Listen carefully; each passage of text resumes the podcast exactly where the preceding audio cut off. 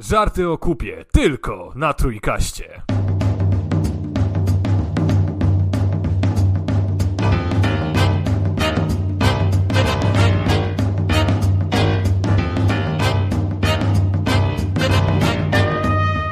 Ja nie wiem, czy wy pamiętacie, Aha. jak wchodziły po raz, po raz pierwszy do Polski takie szampony dla dzieci e, o zapachu coli. Nie wiem, czy kojarzycie. No to ja byłem, ja byłem, no nie wiem, 5-6 lat miałem, może.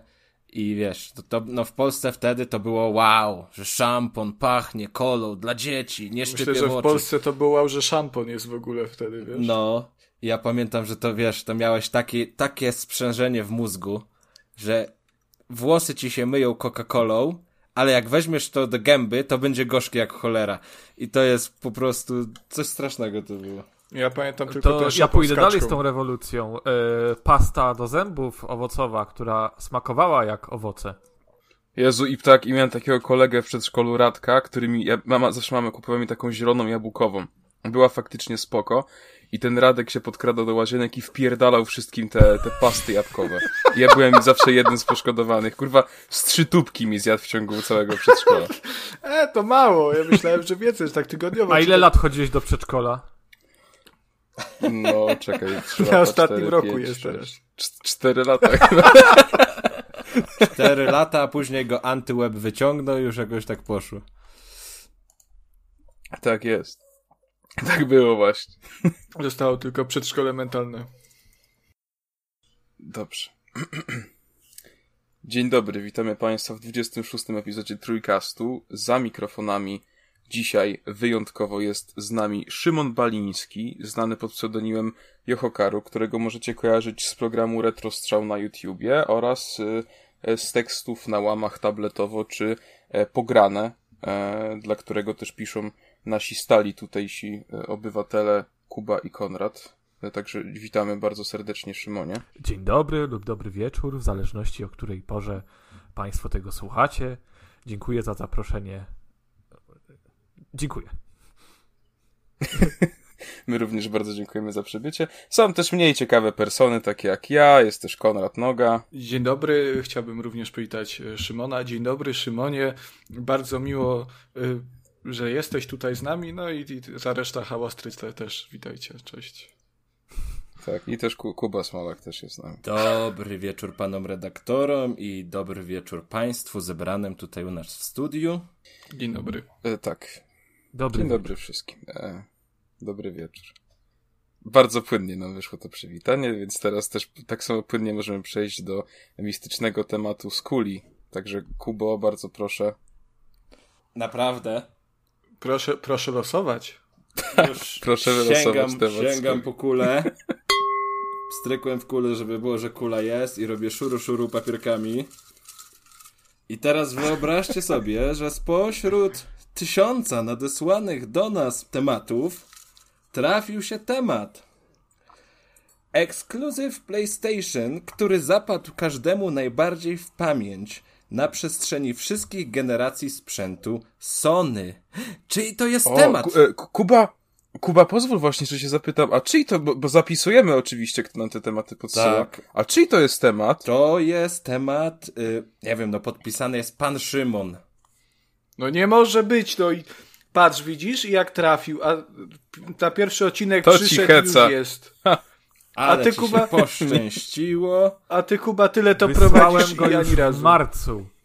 W marcu tak sobie myślę, słucham was, gram w to Art of- of Trail i kurczę myślę, ale bym chciał, żeby pogadali o moim temacie. A teraz nawet jestem z wami! Co za cud. No, Niesamowite. Niesamowite. cuda się zdarzają jednak. To... Ja myślę, że to jest No porównywalny przynajmniej do polityki prorodzinnej Prawa i Sprawiedliwości. Mm. Bardzo specyficznie określone. Dobrze, także proszę, e, panie Szymonie, no może pan zacznie i opowie nam trochę o swoich e, ulubionych ekskluzywach. Znaczy, i celowo dałem jeden tytuł, bo y, tak, no jednak pomyślałem o tych, bo mamy już jakby pięć generacji, tak, no chciałem to ograniczyć do czterech, ale myślę, no okej, dwa ekskluzywy wyszły na PlayStation 5, czyli Ratchet Clank Rift Apart oraz Returnal. Ale taką jedną grą, która tak mi się wybija, bo y, to inaczej, może zacznę od małej anegdotki.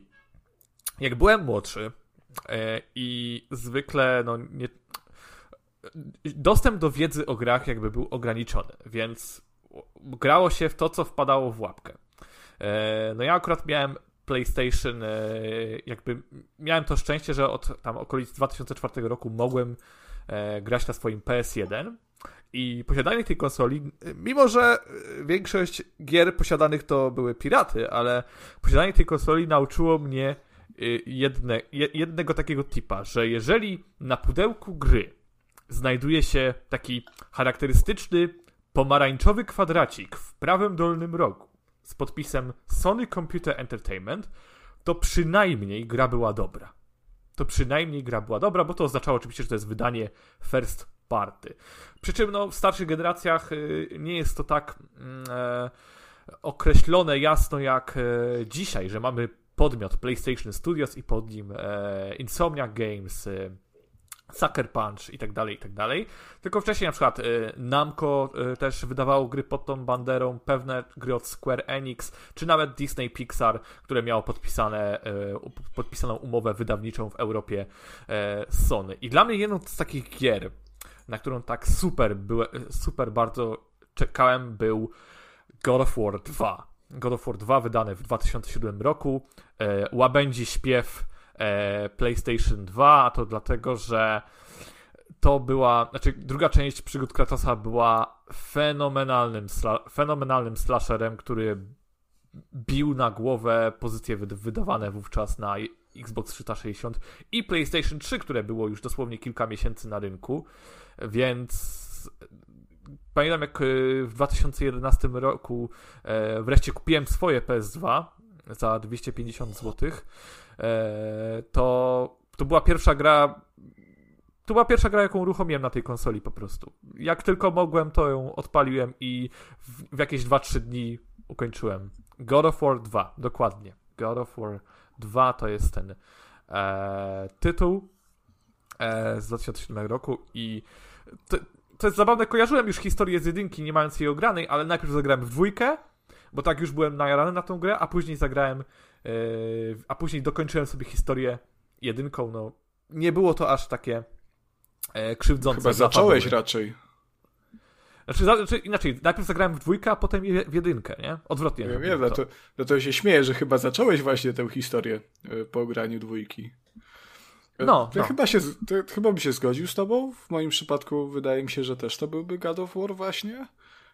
z tym, że bardziej, że chodzi mi tutaj o jedynkę. Czyli 2005, głównie... 2005 rok. Tak, y, o jedynkę, a to głównie z tego względu, że y, o Gadoworze pisałem swoją pracę licencjacką. O proszę. E, bo, o proszę, bo porównywałem pisałem bardziej o, o nowelizacji y, o nowelizacji Gadowora, bo tam te Gadowory dostały książkowe wersje mhm. i, i, i sobie porównywałem jedno z drugim, także ten Gadowor mi bardzo zapadł w pamięci i dlatego też po takiej niesamowitej analizie, e, no jak, jak słyszę, że God of War się zrobił dobry od tej y, czwórki nordyckiej, to no coś mi się no scyzoryk mi się otwiera po prostu w to kieszeni. dlatego ty masz taką traumę. Ja pamiętam jak ja recenzowałem tą pecetową wersję, to ciebie aż, aż telepało tam. No bo po co ten, po co ten Kratos w tych nordyckich kurwa krainach? Wiesz co, akurat inaczej. E, do nordyckiej jakby odsłony nie, nie mam nic, wręcz przeciwnie. Fajnie, że e, jest to przynajmniej jakąś pośrednią, bezpośrednią kontynuacją starych wątków, ale mnie razi coś innego. Ja mam wrażenie, że Sony wstydzi się tych starych gier. Może nie wstydzi, ale jakoś no, tam po tym 2010, 2010 roku, jak już wypuścili tę klasyczną edycję na PS3, tak już, no, nie wiem, no jakby wstydzą się tej swojej klasyki. Jakby coś było z tą grecką sagą nie tak. No, szkoda, po tym, co ostatnio Sony gry. wyprawia, to ciężko uwierzyć, że oni mogą się czegoś wstydzić. Oni się powinni siebie wstydzić. o. E, ale jeszcze tylko powiem, bo właśnie miałem dylemat, jak, jak napisałeś mi, że e, w marcu, jak mi napisałeś, że taki temat nam podeślesz. Na skrzynkę mailową. E, podcastu. Pocztową, tak, nie mailową, pocztową. Pocztową, tak. Do, do Wuhan. Tak, tak ku, Szymon przysłał do mnie, ja przesłałem dalej do Kuby. tak, to tak to działa. E, do naszego biura. Taki, tak. I Kuba musiał to in- dziesięciu innym Chińczykom przesłać, żeby tam jego mama nie umarła czy coś tam. I chyba żyje, więc spoko. Udało się. E, Tak, łańcuszek się spełnił. tak, pacjent przeżył. E, no i właśnie sprawdzałem sobie te e- ekskluzywy i Sony na przestrzeni lat i to jest, tak powiem szczerze, to jest bardzo trudno y, wybrać, e, bo tych ekskluzywnych gier od Sony, które zapadają w pamięci było bardzo, bardzo, bardzo dużo. Mm, Ale jeżeli miałbym wybrać taki, taki, taką moją ultimate grę, którą ja, jeżeli myślę o Sony, przynajmniej tym starym, e, to mi przychodzi od razu na myśl, no to to musi być albo Crash Bandicoot 2, albo Crash Team Racing, bo to są gry, na których się wychowałem i na przedsz- i nie na przedszkolu, w przedszkolu, e, jak byłem, jak uczęszczałem do przedszkola, to ciałem jak głupi zarówno w dwójkę, e, w trójkę też, chociaż chyba ta dwójka mi bardziej zapadła w pamięć e, i właśnie w CTR-a i to dla mnie Sony to jest, to jest Crash, a potem Sony mogłoby już nie być. Masz, kra- masz crasha na Sony. Nie, no, na Sony to nie, na Sony to mam krapa, nie, ale No ja zaczynałem y, z Crashem, y, z Crashem przygody od trójki i potem y, wstecz leciałem. Znowu 2, 3, czyli 3, 2, 1, nie? I się zdziwiłem, jak ta jedynka trudna była, ale też ukończyłem. No, jedynka I była strasznie bardzo trudna, przyjemna. Mm? A jak, a jak ci się podobała ta Insane Trilogy? Ja oraz, byłem absolutnie, absolutnie kurwa zachwycony, przy, y, zwłaszcza tym Insane Trilogy. To jest fantastyczne dzieło. Activision i tak, to jest jedna z niewielu rzeczy, które Activision nie spieprzyło. Tak, to jest, y, to jest jak dla mnie to jest remake idealny. To, to jest dokładnie ta, ta, ta, ta gra, którą ja zapamiętałem, e, tylko no, wygląda tak, jak ją zapamiętałem, a nie tak, jak wy, wyglądała w rzeczywistości. E, tam się po... Bo jeszcze Dead Space nie wyszedł po Jebać i tego The Dead Last of Space'a, Us. jebać go w dupę, no, tym plazma katerem. E, tymi kończynami odciętymi. Obrzydliwe, obrzydliwe jest to, co mówisz. Y, Ale NC Tri- Trilogy było super i, i, i strasznie mi się to podobało. Tam, się- tam narzekali ludzie, że w jedynce było zmienione sterowanie, y, bo ono było podciągnięte tak, jak to później y, wyglądało w dwójce i w trójce. Y, Natomiast no, ja tak jakoś tak nie odczułem. To chyba myśl, wydaje mi się, że to trzeba być naprawdę y, Purystą. Znać, purystą, znać tę grę na pamięć, y, żeby to jakoś przeszkadzało. No ja to przeszedłem, ja się bawiłem naprawdę dobrze. Y, Ten Nitro Fuel CTR też mi się podobał, ale już nie aż tak bardzo. Wydaje mi się, że to przez to, że, że to NC Trilogy miało to efekt wow, że to wyszło, spadły mi gacie, ja już by się czułem jakbym miał znowu 4 lata.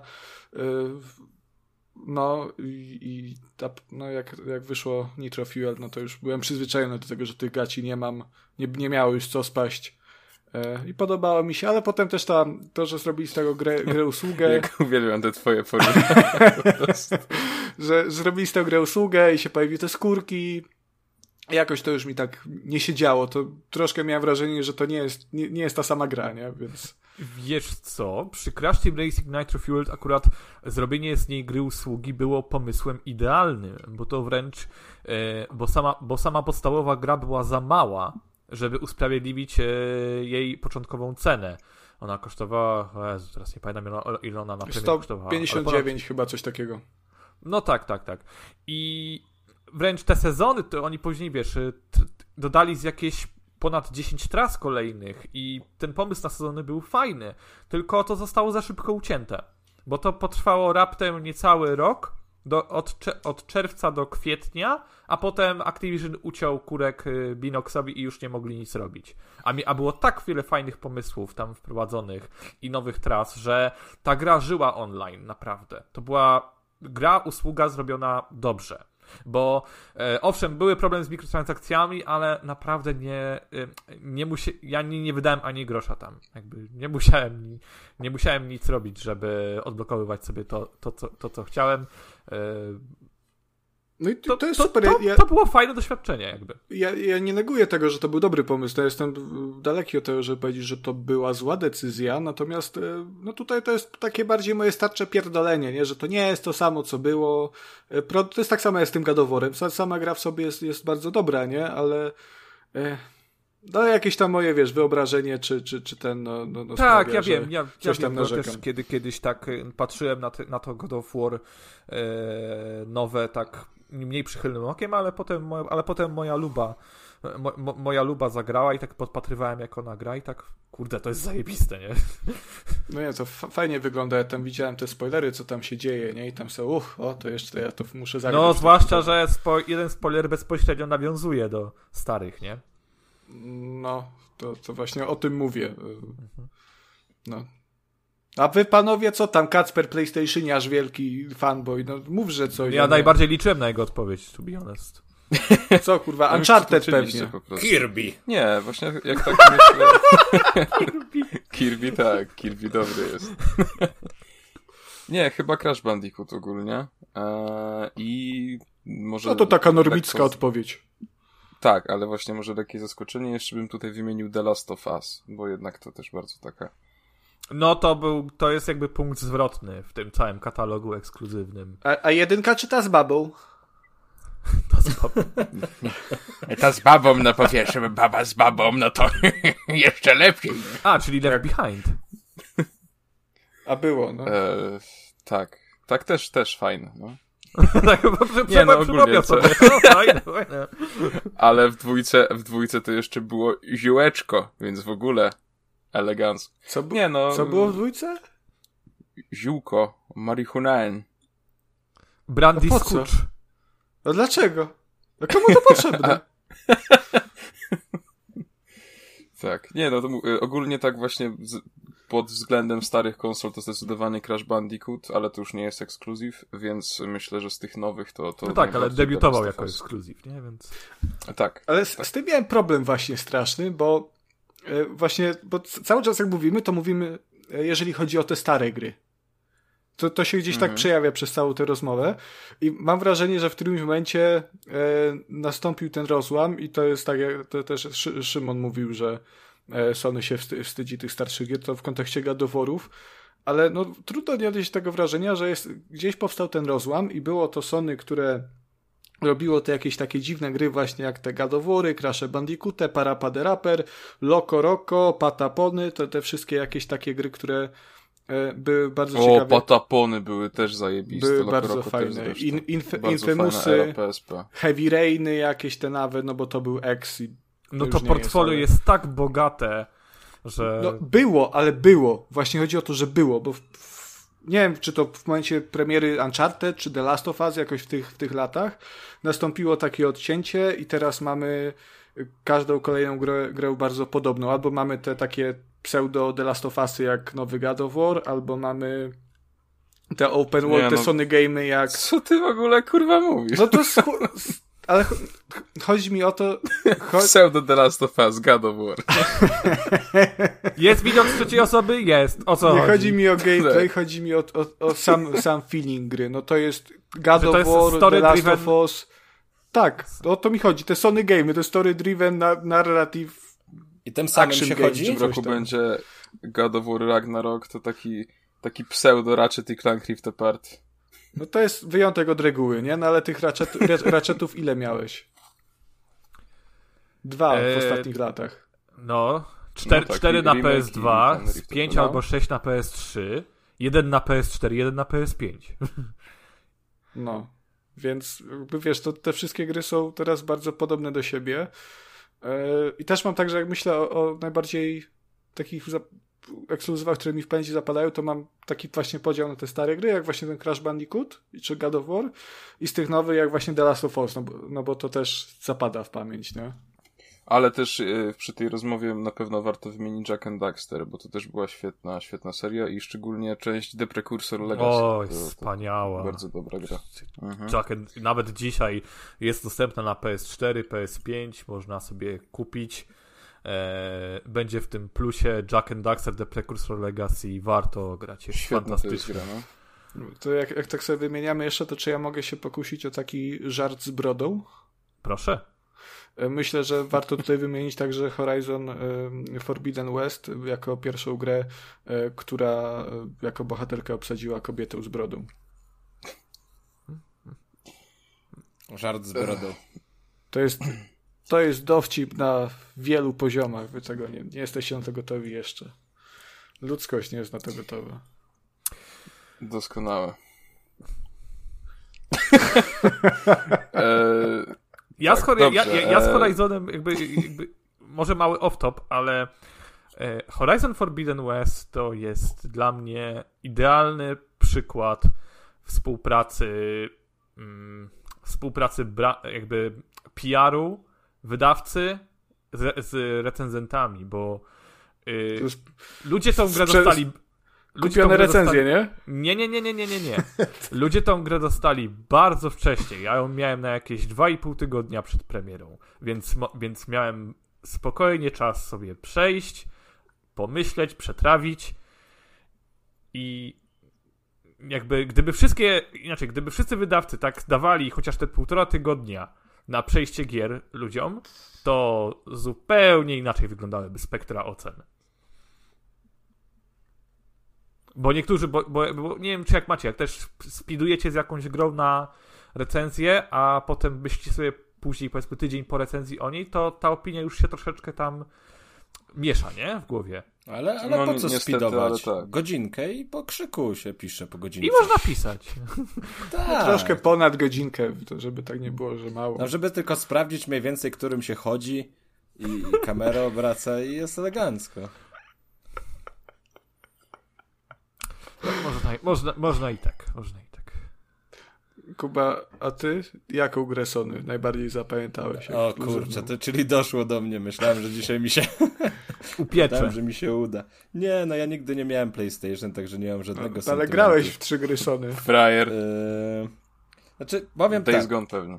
Mm, Jak sobie pomyślę, no tak czasami mam, że już niedługo wracam do Polski i sobie pomy- tak myślę, kupię sobie jakąś tam, nie wiem, PlayStation 4 powiedzmy, e, tudzież jakąś starszą e, e, wersję, żeby sobie tam posprawdzać te klasyki. Ale później tak sobie myślę, że przecież ja nie będę miał na to czasu, bo jest tyle gier wychodzi teraz, obecnie i żeby być na bieżąco, to naprawdę na nadrabianie klasyków nie zostaje za dużo czasu. No I- po co i masz nie być na wiem. bieżąco? Po co, się, po co gonić? Po co się śpieszyć? Po co speedować? No to, to, jest, to jest takie, wiesz, to jest takie błędne, błędne koło. I tak i tak zawsze zaległości się robią i ta hałda wstydu rośnie, tego, tego nie ominiesz. Kuba musi zagrać w Best Month Ever. Ale wydaje mi się, nic nie że będziesz chciał zagrać potem.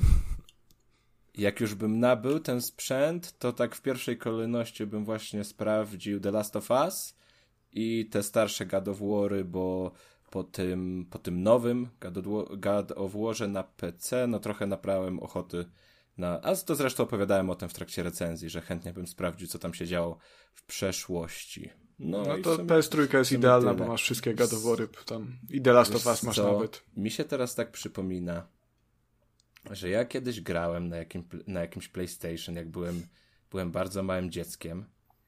I tam było jak. Ja nie wiem, czy to było jakieś, jak, jakaś gra, czy to było demo, czy to był po prostu jakiś filmik, wideo.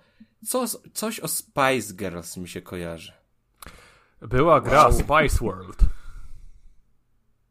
Tak? I to było. Chodzi o, o, ze- o zespół, tak? Cho- się rozchodzi? Tak, to chodzi o zespół, tak. Spa- to była gra na. Gra o zespole Spice Girls, co się nazywało Spice World. To wyszło dość późno w, w cyklu PS1, ale ogólnie krap. Ogólnie krap.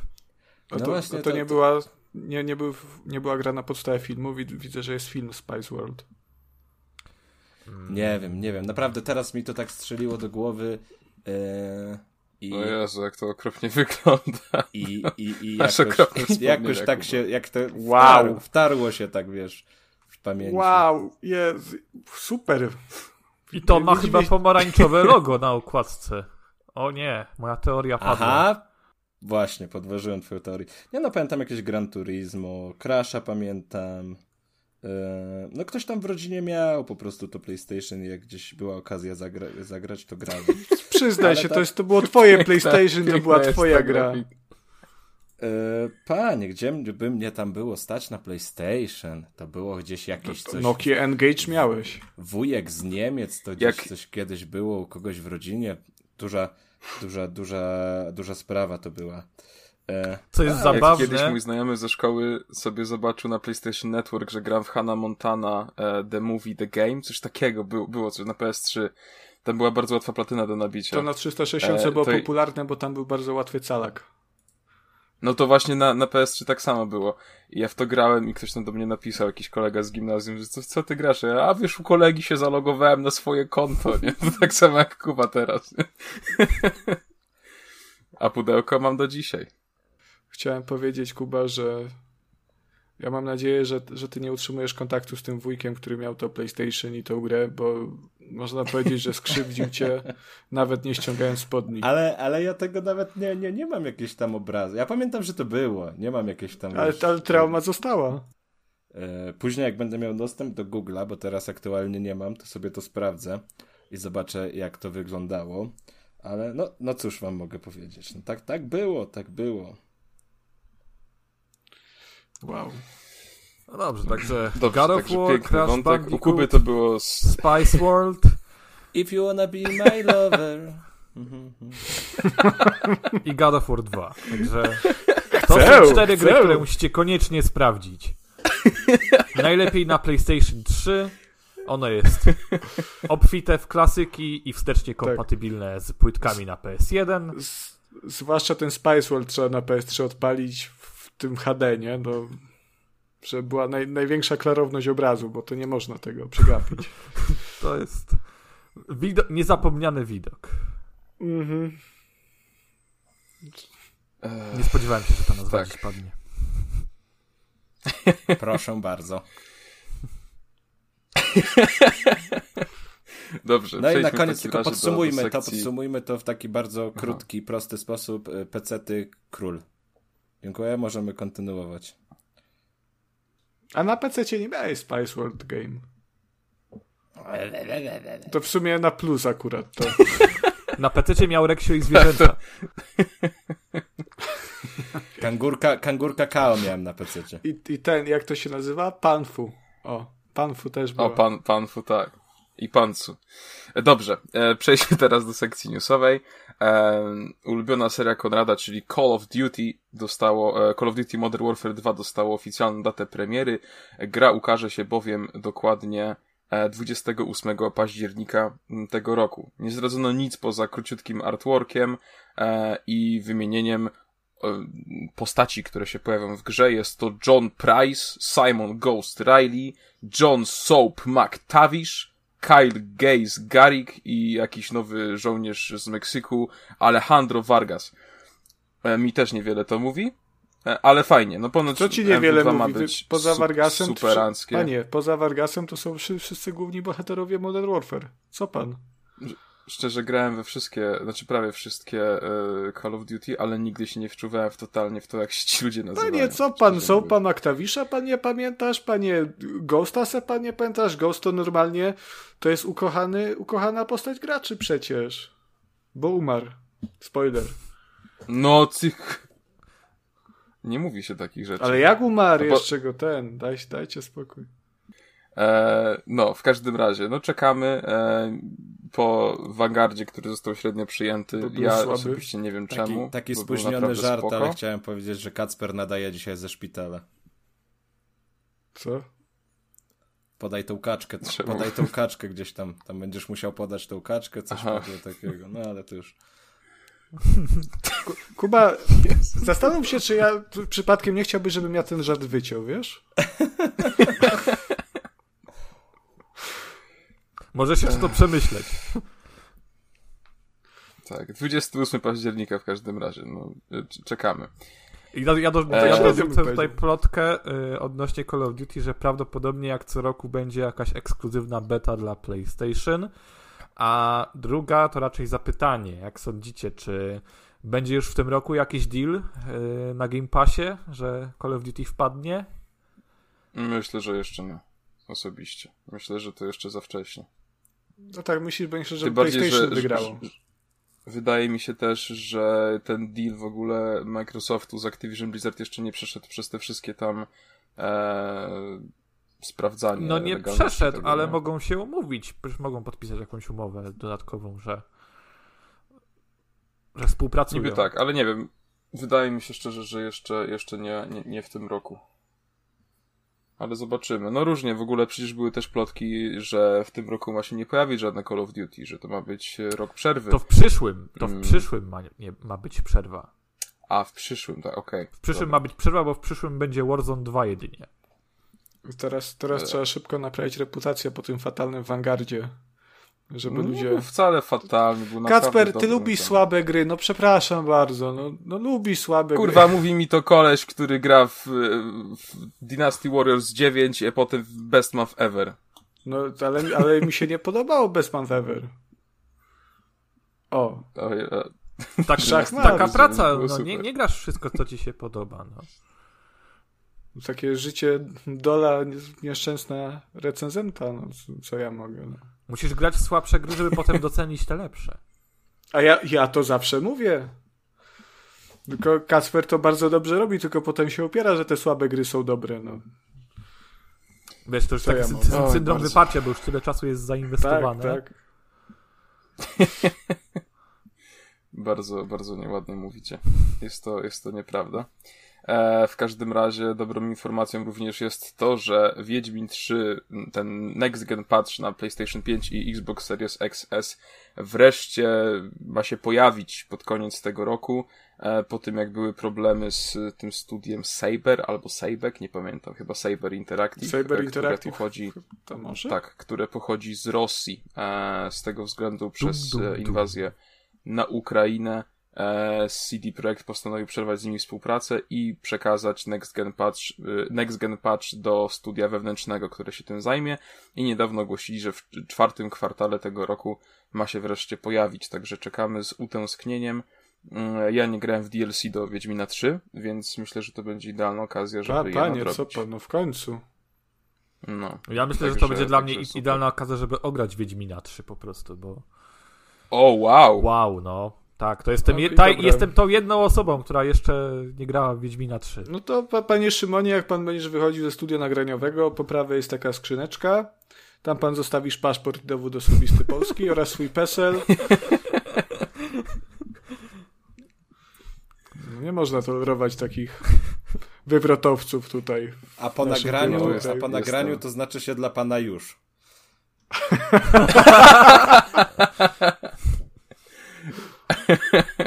No, jestem, jestem zszokowany. Dobra, dawaj dalej, bo potem jeszcze powie, że Martyniuka nie lubi. Albo, że Krawczyka nie zna. No bez przesady. Bardzo mnie to cieszy.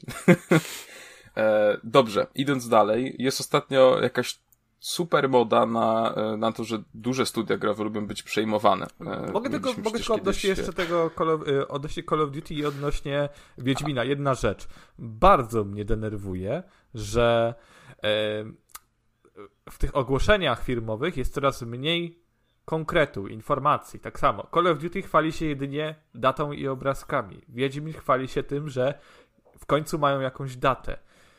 Pokażcie jakieś chociaż jedno porównanie screenowe, jak będzie wyglądać jeden, czy oryginał kontra nowa wersja, albo jakiś minimalny zwiastun, żeby coś żeby coś było w tej treści, a nie bo to takie puszczają te newsy bez konkretów i no fajnie, ale przyjdźcie później z konkretem, no.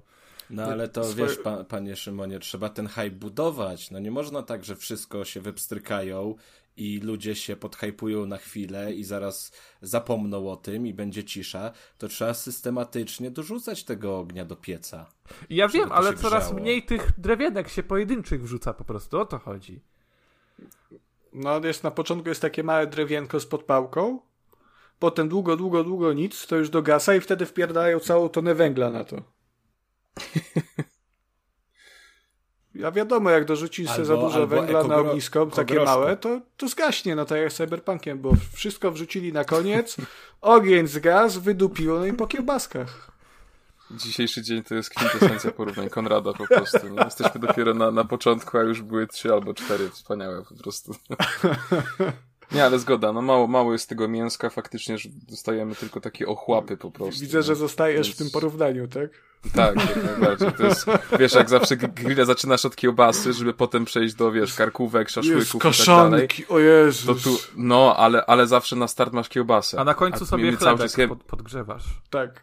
Nie, Tak, no, ale my cały czas jemy tą chleb, kiełbasę, w nie? domu, co tam będziesz na grillu. Oni cały czas nie chcą dać na róż właśnie najesz. żadnego szaszłyczka, żadnych krewetek, nic, tylko cały czas tą kiełbasę nam podają. Z torteksem. To już się robi męczące. Tortex to taka obraza ma być taka, tak? Trzy, Tak, trzy lata Torteksu nie jadłem, odczep się. Najpiękniejsze trzy lata życia twojego zakładam. Ech. No swojego, swojego czasu Tortex był dobry. Tak, no bo nie było wyboru, nie? No, Ja tortek zapamiętam jako dobry ketchup, ale potem spróbowałem Włocławka. Włocławek jest ten, on jest ten błękitny, nie? On jest turbo obrzydliwy. to jebany jest Włocławek, co ty chcesz? Włocławek jest super. Jest okropny. To jakiś macie Jest beef, z- okropny. jakiś macie beef z Włocławkiem w tym Wrocławiu, czy o co wam chodzi? Nie, Włocławek jest po prostu obrzydliwy. Smakuje jak przecier pomidorowy. mały tak. No to nie- dobrze, bo jest pomidorowy właśnie. Ale żeby być, Pomylone ale żeby jest. być uczciwym, Hellmann's też jest z ketchupów bardzo dobry. Jest... Ja lubię kanie z Lidla. Ale to nie O, pytamy o grzyby, no tylko... Nie, kania z Lidla jest, jest sztywnym gitem. Bardzo dobry ketchup. Ja jestem, ja, jestem team... Jestem team Heinz. Heinz to jest przeketchup. O, to u mnie chyba jest Heinz. Heinz też jest akceptowalny. Natomiast no, kania to jest top tier. Heinz mi A brzydnął po hot, dogach, po hot dogach żabce.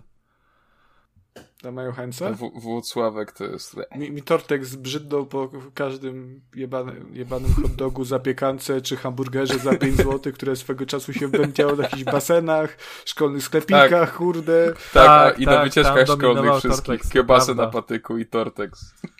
Ej, ale tego już panią. trochę nie ma chyba, nie? A zajedziemy do McDonalda. A czego nie ma? W McDonaldzie też jest kiepski ketchup w ogóle. Ktoś powiedział, że czegoś nie ma i No tych takich hamburgerów po 5 zł, czy takich Są. klasycznych hot dogów. są. Ale- U, nas, u nas w Gdańsku na przykład na Żabiance przy SKMC jest taka ognista buda dosłownie, taka czerwona pomalowana ognie i tam pani sprzedaje takie właśnie hamburgery, hot dogi i kebaby. A to ktoś to kupuje? Ja. Panie, co pan? Nie no, czasami- czasami-? Czasami tak z sentymentu, raz, raz na pół roku sobie kupię. Hamburgery, hot dogi i, i kebaby z ketchupem Tortex. To, to brzmi... Brzmi doskonale. Chyba przyjadę do Gdańska na szamy. No, y, na, przy, przy plaży Jedlitkowskiej też jest jedna taka budka. To jeszcze istnieje, to tylko trzeba szukać. Kurwa, a propos samych kebabów, jeszcze sobie pozwolę na taką, jak już mamy te, ten off-top. Dysku... E. Tak, off-top, no. Pamiętam, jak miałem 8 lat i chciałem sobie kebaba zjeść, ale że miałem 8 lat i byłem w domu i tak średni dostęp do kebabów przez to i funduszy na kebaba, e, to stwierdziłem, że zajebistym Mortadele pomysłem... sobie lepiej. Nie, no to... Ja sobie Mortadele. pełna profeska, nie? Gordon Ramsay, y, ten, y, Magda Gessler się chowają. Wojciech Amaro też, no wziąłem sobie chleba, ukryłem sobie tak z pół, kurwa, bochna. Wydrążyłem, wydrążyłem ze środka tak, tylko zostawiając taką warstwę z jednej strony, prawda? Bo to nie była piętka, tylko to było, wiesz, ucięty z dwóch stron. Wdupiłem do tego chyba trochę sera, parówek, dwie wkroiłem parówki, takie w kawałkach. Zasrałem ketchupem i do mikrofalówki wjebałem. E, nie, by, nie było smaczne, zaskoczę was. To taki hot dog. Ma, mamy hot doga w domu, hot dog w domu. To miał Kacper, być kebab, ale w sumie... Tak narzekasz na te, na te tanie budy z tymi hamburgerami, ale gwarantuję ci, że jakbyśmy tak o trzeciej, czwartej w nocy wracali z imprezy i twoim oczom ukazałaby się ta buda, to byś Ta tam, ognista to Buda, byś no tam to na majątek pewno, to- zostawił. To byłaby Nie, najlepsza buda, jaką byś spotkał o czwartej nad ranem. Te, teraz jest kebab, teraz nie przejdziesz dwóch metrów, żeby się o kebaba nie potknąć. Tak, to też prawda. No to taki news dla was wszystkich. To, to osta, os, tak, ostatnia rzecz z gdańskich atrakcji jedzeniowych.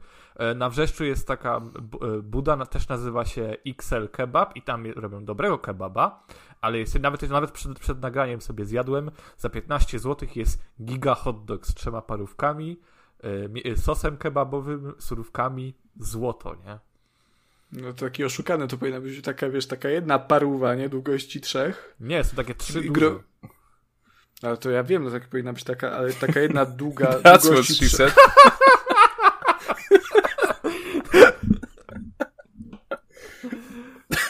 Wow, okej, dobra, Teraz- może wróćmy do tych newsów. Czy tytuł Teraz sobie to wyobrażam, jak wyglądało zaprosza, zapraszanie Szymona na odcinek. Szymon, wpadniesz, a o czym będzie? No ketchup, parówki, hot dogi, tak, takie normalne giereczkowe Ale, sprawy. ale, tak, no more, ale takie no trzy more. duże.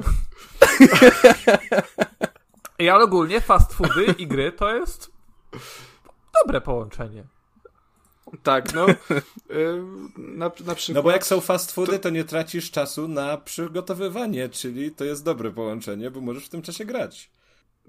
Ja w ogóle widzę porównanie takie, takie na gamesradar.com y, trzy dni temu napisali, że y, ktoś y, uratował porzucone PlayStation 3 z bagna, a takie no, hamburgery i takie hot dogi z but, no to tak smakują jak takie błoto z bagna trochę. Więc tutaj możemy zrobić płynne przejście do reszty newsów na przykład. Taką podbudówkę zrobiłem, sprytną. E, Dobre, nie? Świetna podbudówka. Dobre. Idealnie, idealnie wpasuje się na to, co chcę powiedzieć teraz. E, A chcę powiedzieć o tym, że jest ostatnio bardzo duża moda na to, że duże studia growe e, lubią być przejmowane. I, I po tym wszystkim, jak mieliśmy tam Mojang, Bethesda, Activision Blizzard, potem mieliśmy też Bungie, Sony i tak dalej, mm, były plotki, że Ubisoft ma zostać przejęty jakiś czas temu.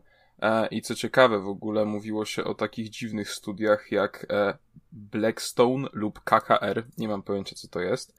E, A teraz w branżonie pojawiły się informacje, że EA chce zostać przejęte i na szali są takie, takie firmy jak Apple, Disney lub Amazon.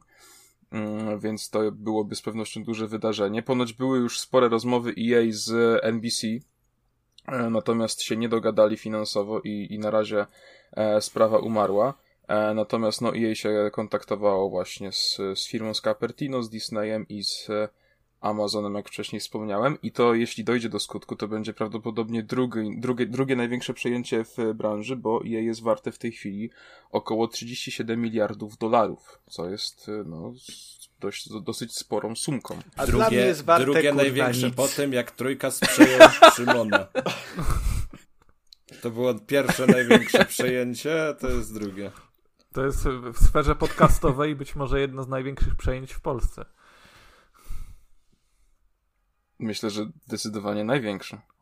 Dziękuję. Ale to troszkę nie, nie powinno być niepokojące, że, że to... Eee, Czy wiesz co? O ile... niepokojące. Inaczej, mo- po, jeśli mogę. E, o ile w przypadku Activision roz, rozumiem ten ruch, bo jednak tam e, bardzo mocno PR-owo się paliło, e, tak, czy Electronic Arts ma jakieś jakby problemy finansowe? O, no ma bardzo dużo problemów. A finansowo to pewnie nie. Marketingowe myślę, że. Wiesz co, marketingowe myślę, że ma trochę. No ale tak no, wiesz, nikt, takie, nikt nie lubi wiesz, o- jej chyba. Wiesz, to, że w porównaniu, w por, e, wiesz, bat, to, że Battlefield nie działa w porównaniu z e, afe, e, molestowaniem seksualnym, to jest pikuś, nie?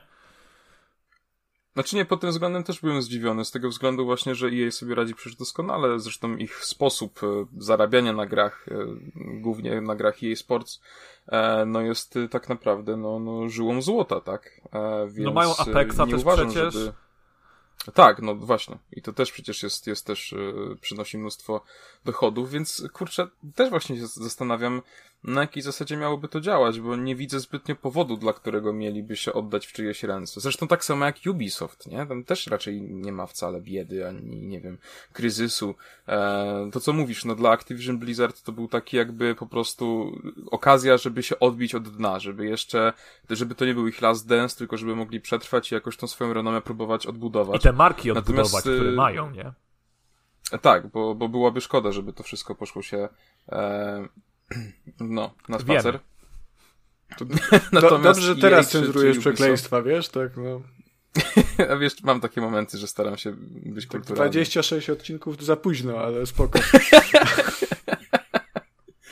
E, także no w przypadku EA czy Ubisoftu to nie do końca to, to rozumiem, no ale, ale cóż, no jest, jest jak jest, no mamy co mamy. Tylko, Z drugiej strony no.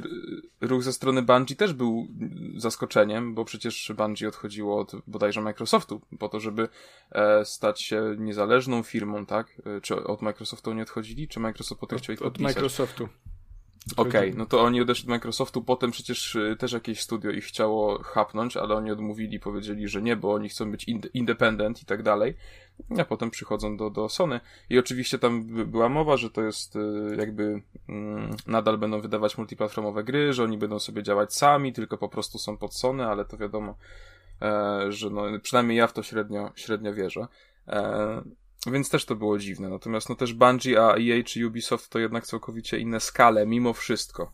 E, więc nie wiem, no dziwna, dziwna sprawa. E, mówię, Ubisoft rozumiem bardziej, bo tam też się pali i, wido- i tak jak robiłem jakiś research jakiś czas temu, to mam wrażenie, że ta firma po prostu nie ma dalszego pomysłu na siebie i swoje marki, więc No to już od dlatego, dawna. więc daleko, no, no, ta, ta, myślę, że od, inaczej, myślę, że jak ta Assassin's Creed Valhalla jest jakimś takim punktem granicznym, e, bo od tego czasu zaczęło się tak bardzo, bardzo sypać, nie?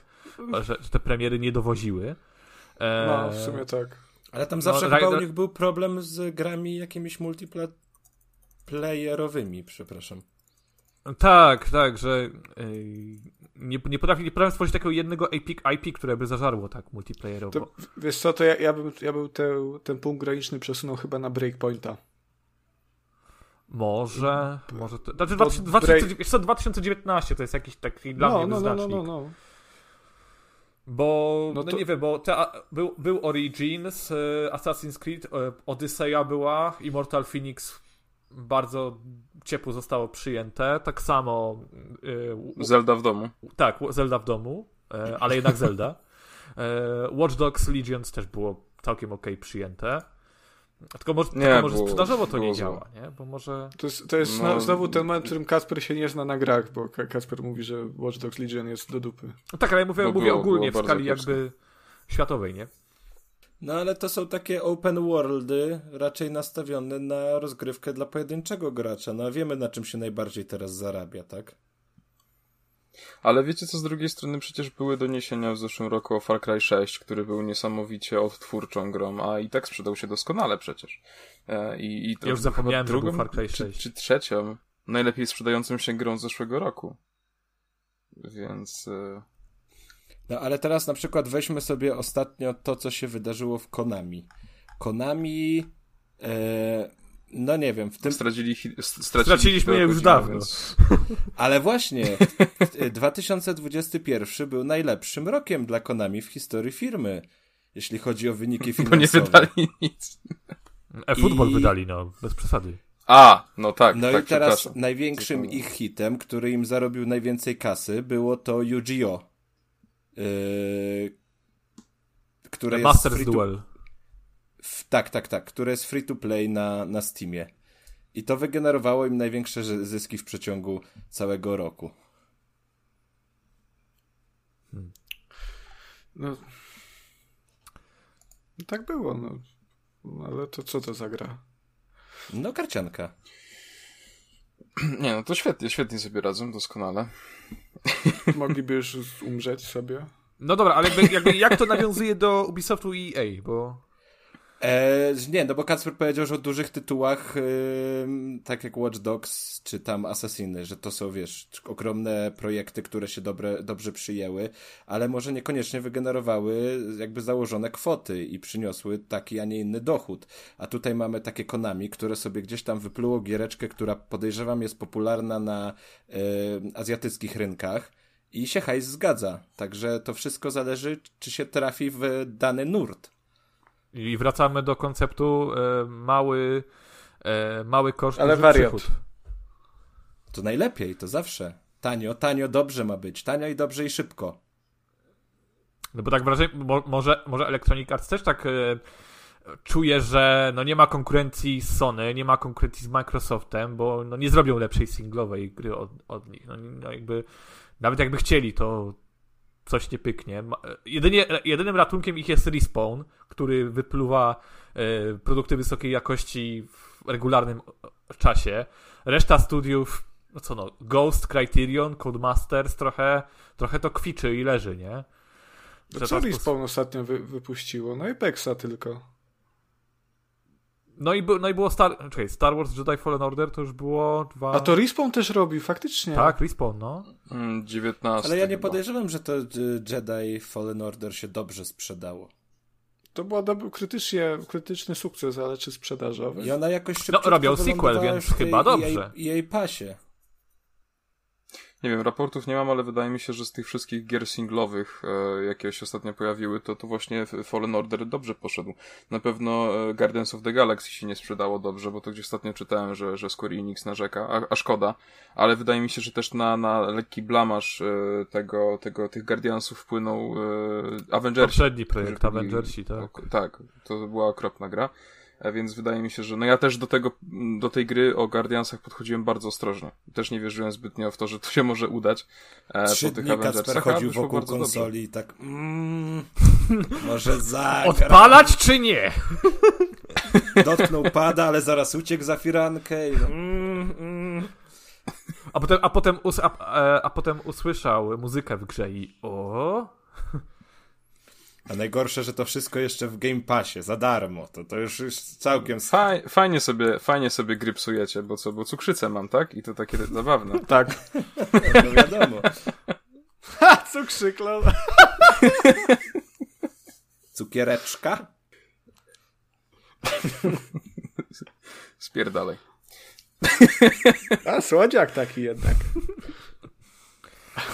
Dobrze. Nasz taki, Teraz, nasz e, taki A jak sądzicie, to inaczej, jeszcze odbiję, od, odbiję pytanie co do tego Electronic Arts. E, w jakich rękach byście widzieli ostatecznie? EA. Microsoft oczywiście, no.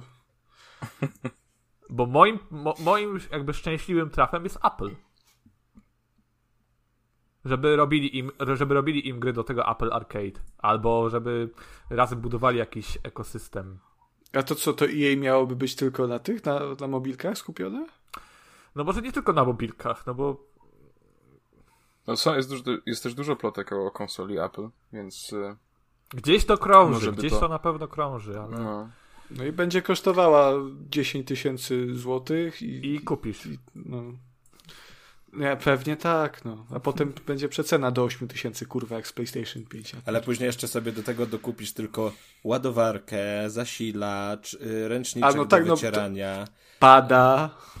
No, Tak. to dbają konsola o- bez pada. to. A to ja bym się nie zdziwił. To jest e, tak 95%, że tak by się wydarzyło. Włącza się, włącza. O co chodzi? A jak szybko chodzi, wirusów, wirusów dla nie ma. biedaków tam. Boże, nie, kurwa, nie mogę was słuchać. Dobrze, może, może, No, ja może następny wiem. news, bo Ja to nie nie, nie, nie brnie nikąd.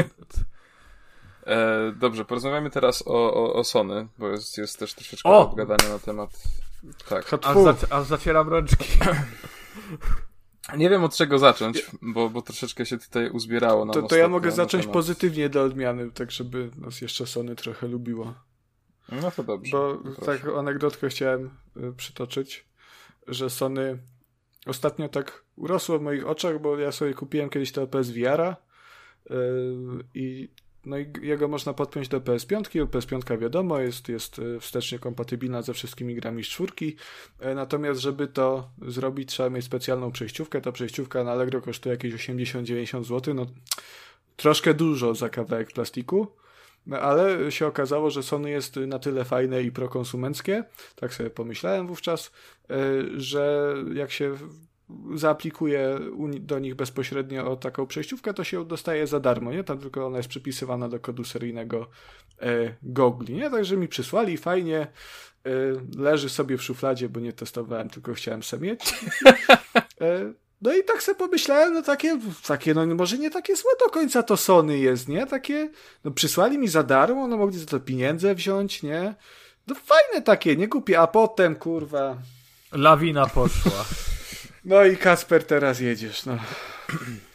Żebym się ugryzł w E, język wtedy. e, zacznijmy może od tego, że e, Sony teoretycznie w, według e, przez pewien błąd e, zrobiło coś takiego, że bo ten nowy PS Plus wystartował już w niektórych regionach Azji, e, co ciekawe jeszcze nie w Japonii, e, co, co jest e, Intrygujące. specyficzny.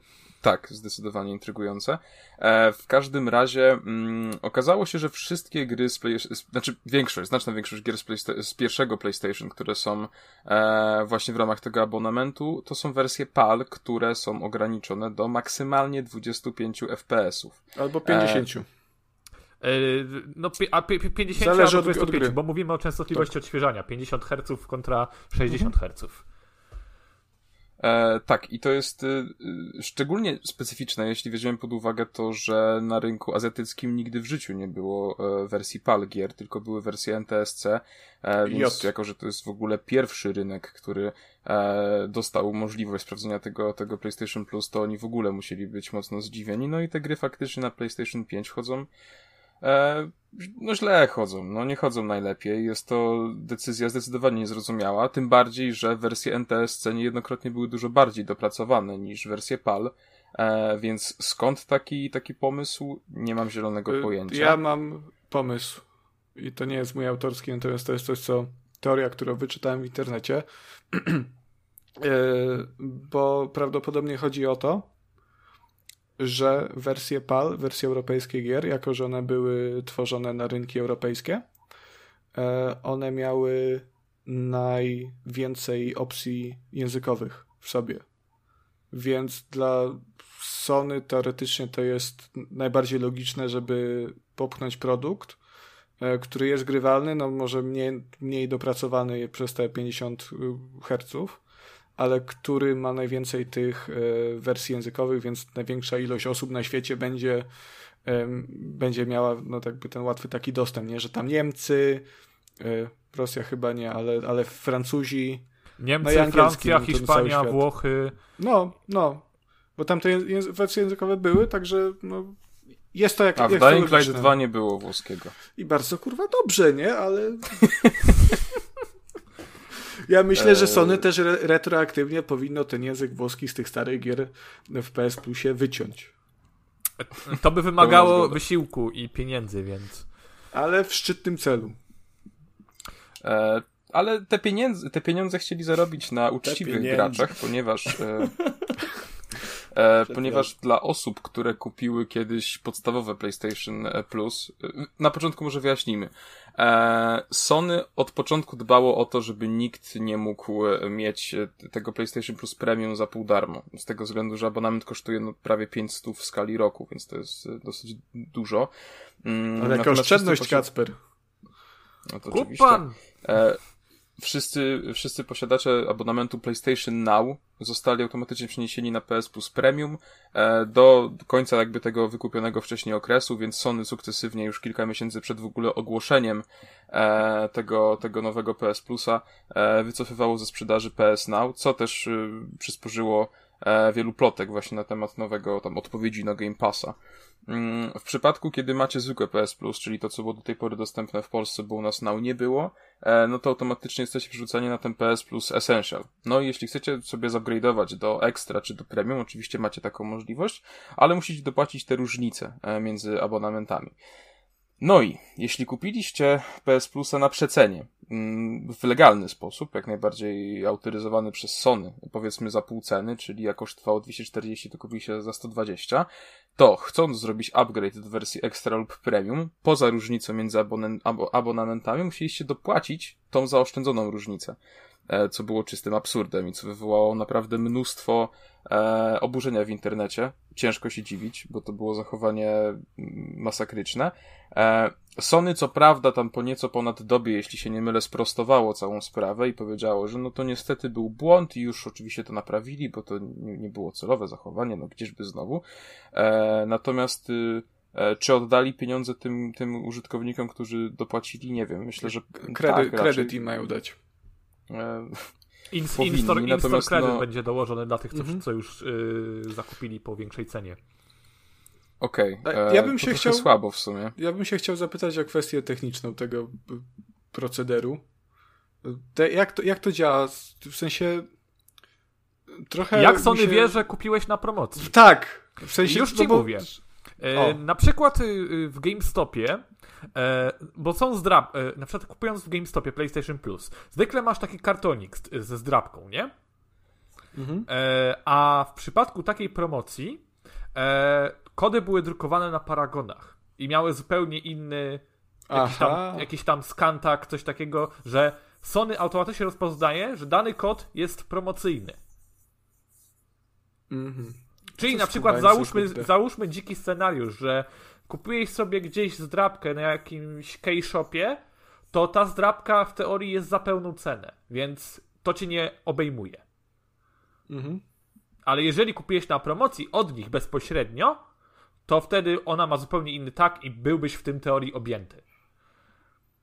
No, to, to warto, warto kupować z... Z, Od z źródła legitymnego razu. źródła. Warto kupować. Jesteś e, uczciwym klientem i dostajesz po batach. Coś nowego.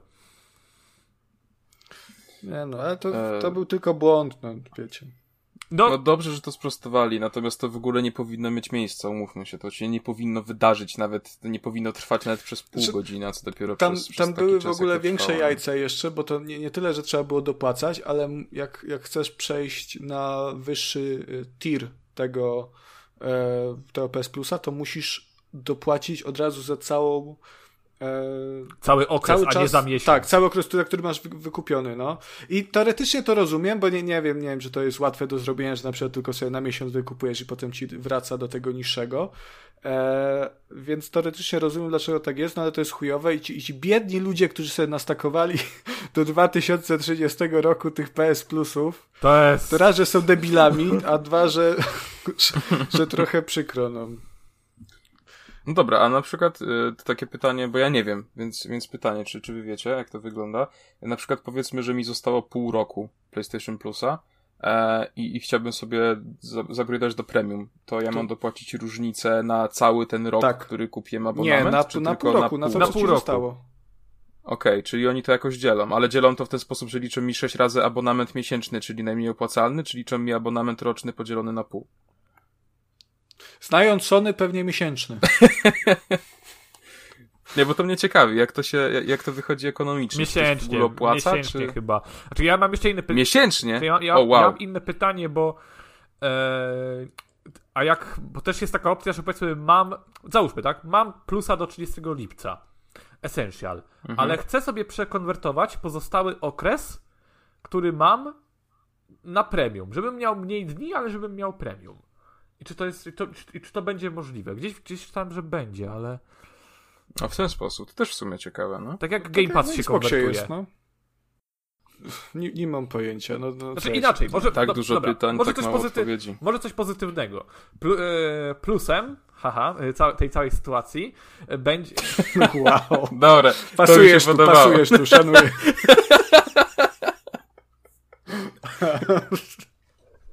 E, tak, plusem tej sytuacji będzie fakt, że część pozycji z e, biblioteki PlayStation 1, jaka się pojawi e, w PlayStation Plus Premium, będziecie mogli e, dodać do swojej biblioteki lub kupić, dodać do swojej biblioteki bezpłatnie lub kupić. Dodać do swojej biblioteki bezpłatnie, jeżeli tę grę w historii kupiliście na tym samym koncie na PlayStation 3.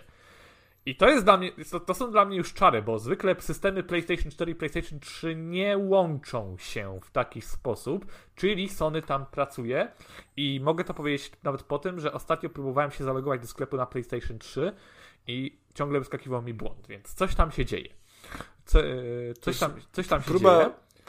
próba wejścia do sklepu na PlayStation 3 to jest przeprawa po prostu. To jest przeprawa, ale da się. Ja pierdolę. Mia, miałem taki... To mi się samo naprawiło, ja w jakimś cudem, ale był taki okres, że musiałem odinstalować cały sklep, instalować go jeszcze raz i dopiero wtedy mogłem wejść do sklepu. Hmm, Także- to, może ja to, to może ja spróbuję to Nice. zrobić. Spróbuj, to mi to poma- pomagało czasem. No dobrze, ale i to jest ciekawe, na przykład, bo na przykład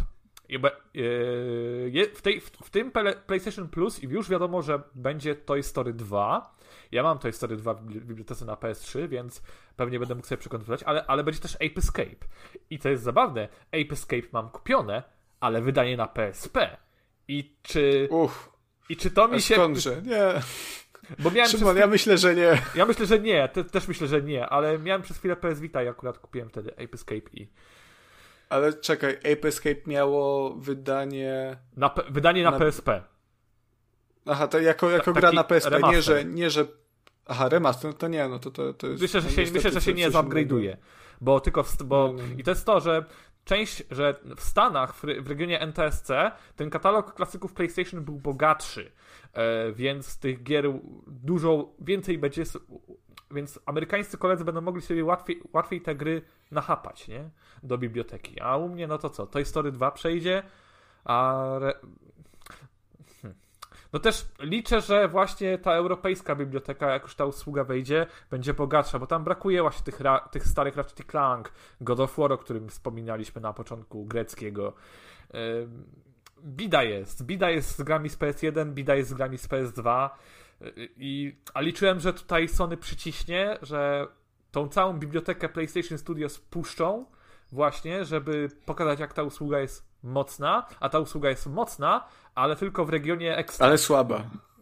Tylko w regionie ekstra, czyli tych gier na PS4 i PS5. W klasykach jest jak na razie bida, chociaż już jest plotka, że Dino Crisis ma się pojawić w usłudze i trzymam kciuki, żeby to się udało, ale pewnie będzie region PAL i znowu wrócę do emulacji. Ale to to 50 Hz to serio tak, aż tak wpływa? Bo... Jest, jest różnica. Inaczej, jak nie widzisz tej różnicy, no to jak, jak nie, nie znasz tej różnicy, no to whatever, nie? No bo wiesz, w Polsce wszyscy grali w, w regionie PAL w większości, no chyba, że No to tak. Ja, ja wiem na czym to polega, nie? I tam wi- widziałem porównania, nie? I te, te gry y, w wersji PAL, one działają wolniej na przykład i, i, i ten, ale to... Tylko to chodzi bardziej nie o wiem, wyda- koncept, że firma, która ma swoje jakby patenty, koncepty, nie potrafi dowieść tego na najwyższym poziomie. Że, emula- że ludzie od emulacji, pasjonaci, którzy robią to za darmo, robią ich robotę lepiej. Cóż, no Sony ma przy, przygodę z emulacją, to jest chujowe, ale, ale też Od, tak od PlayStation trochę, Classic już wiemy, że tak, jest no. problem.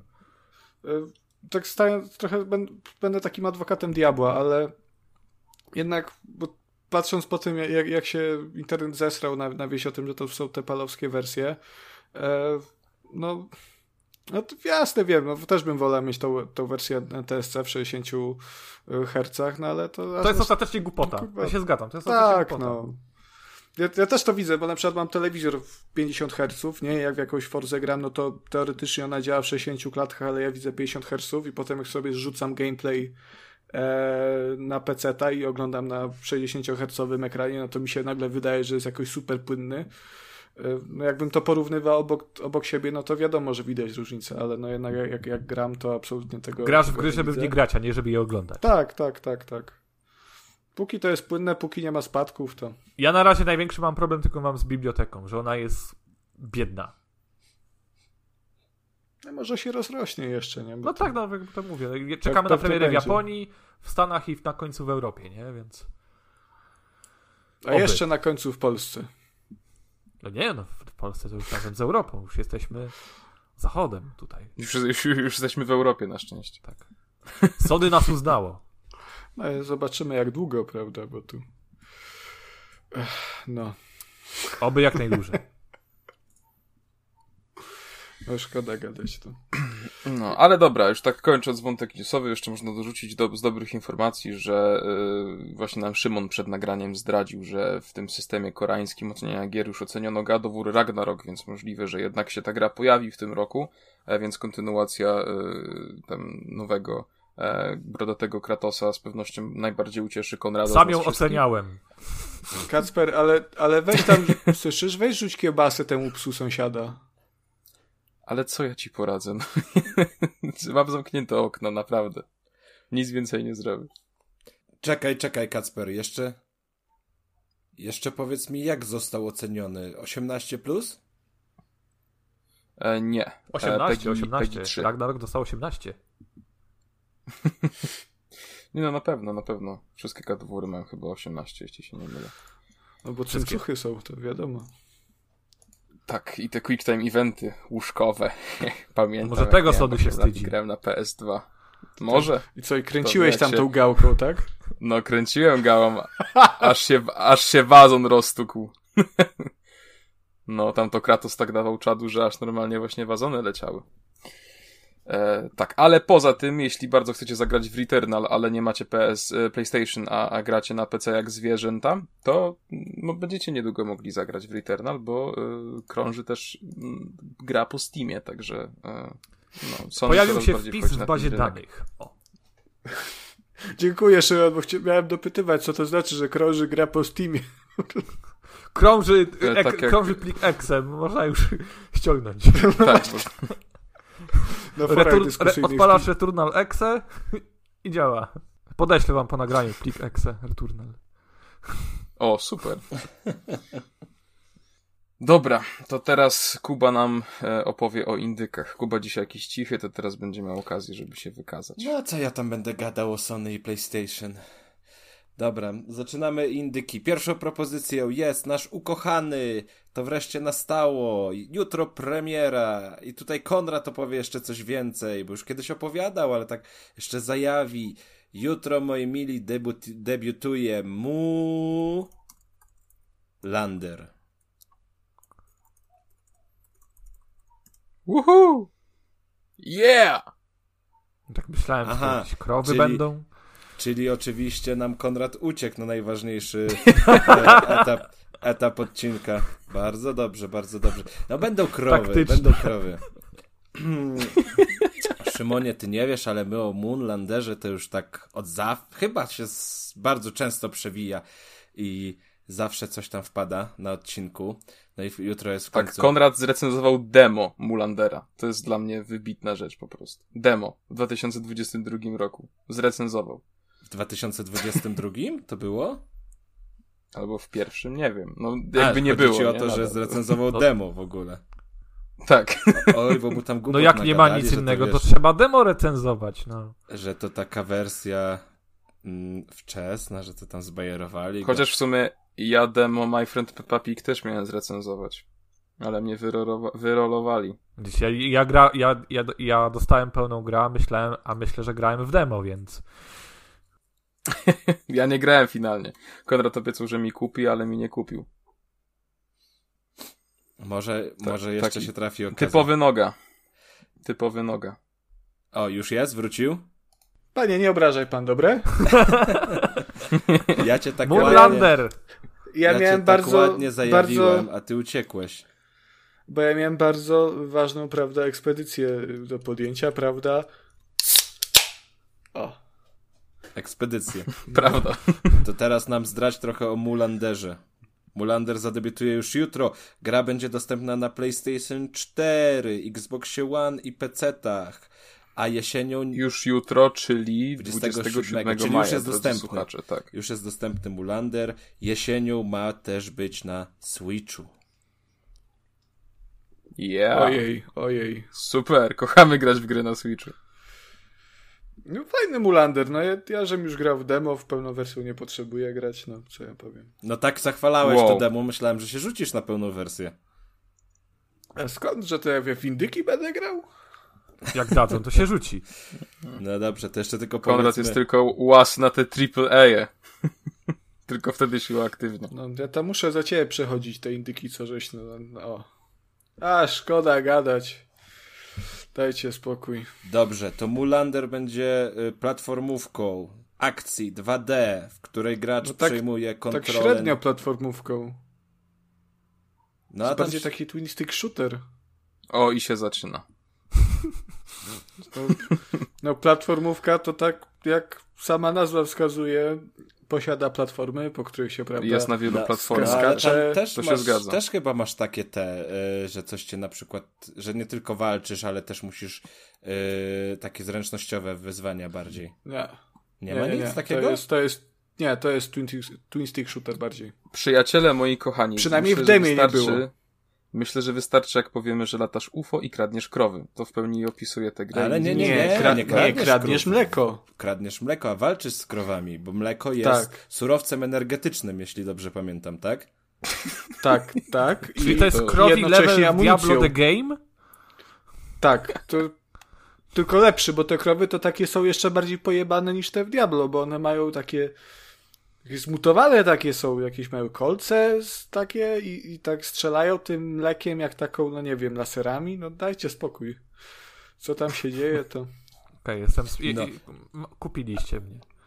A takim głównym celem jeszcze, żeby wam podkręcić stronę fabularną produkcji, I miecze z celem mleka jeszcze. będzie zdobycie e, starożytnego artefaktu, który pozwala na nieograniczoną produkcję mleka.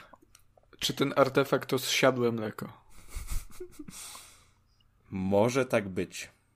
No i w ogóle ja się zdziwiłem, bo według tam tego, co twórcy mówili, to Mulander ma być na 12 godzin zabawy, moi mili. I to będzie, lunie.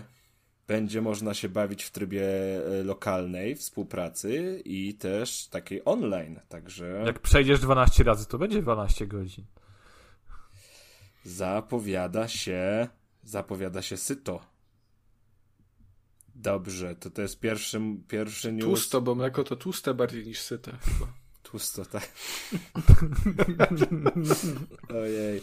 Myślałem, myślałem, że uda mi się z was wyciągnąć więcej emocji na Mulandera, bo to tak dużo czasu już minęło od pierwszej zapowiedzi. Ach, no cóż.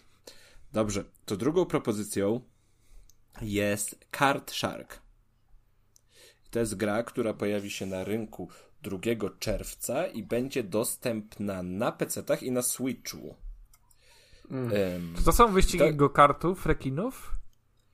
Nie, to jest, to jest gra w karty. Ten card A, jest od kart. Karty. Kardy. E, tak.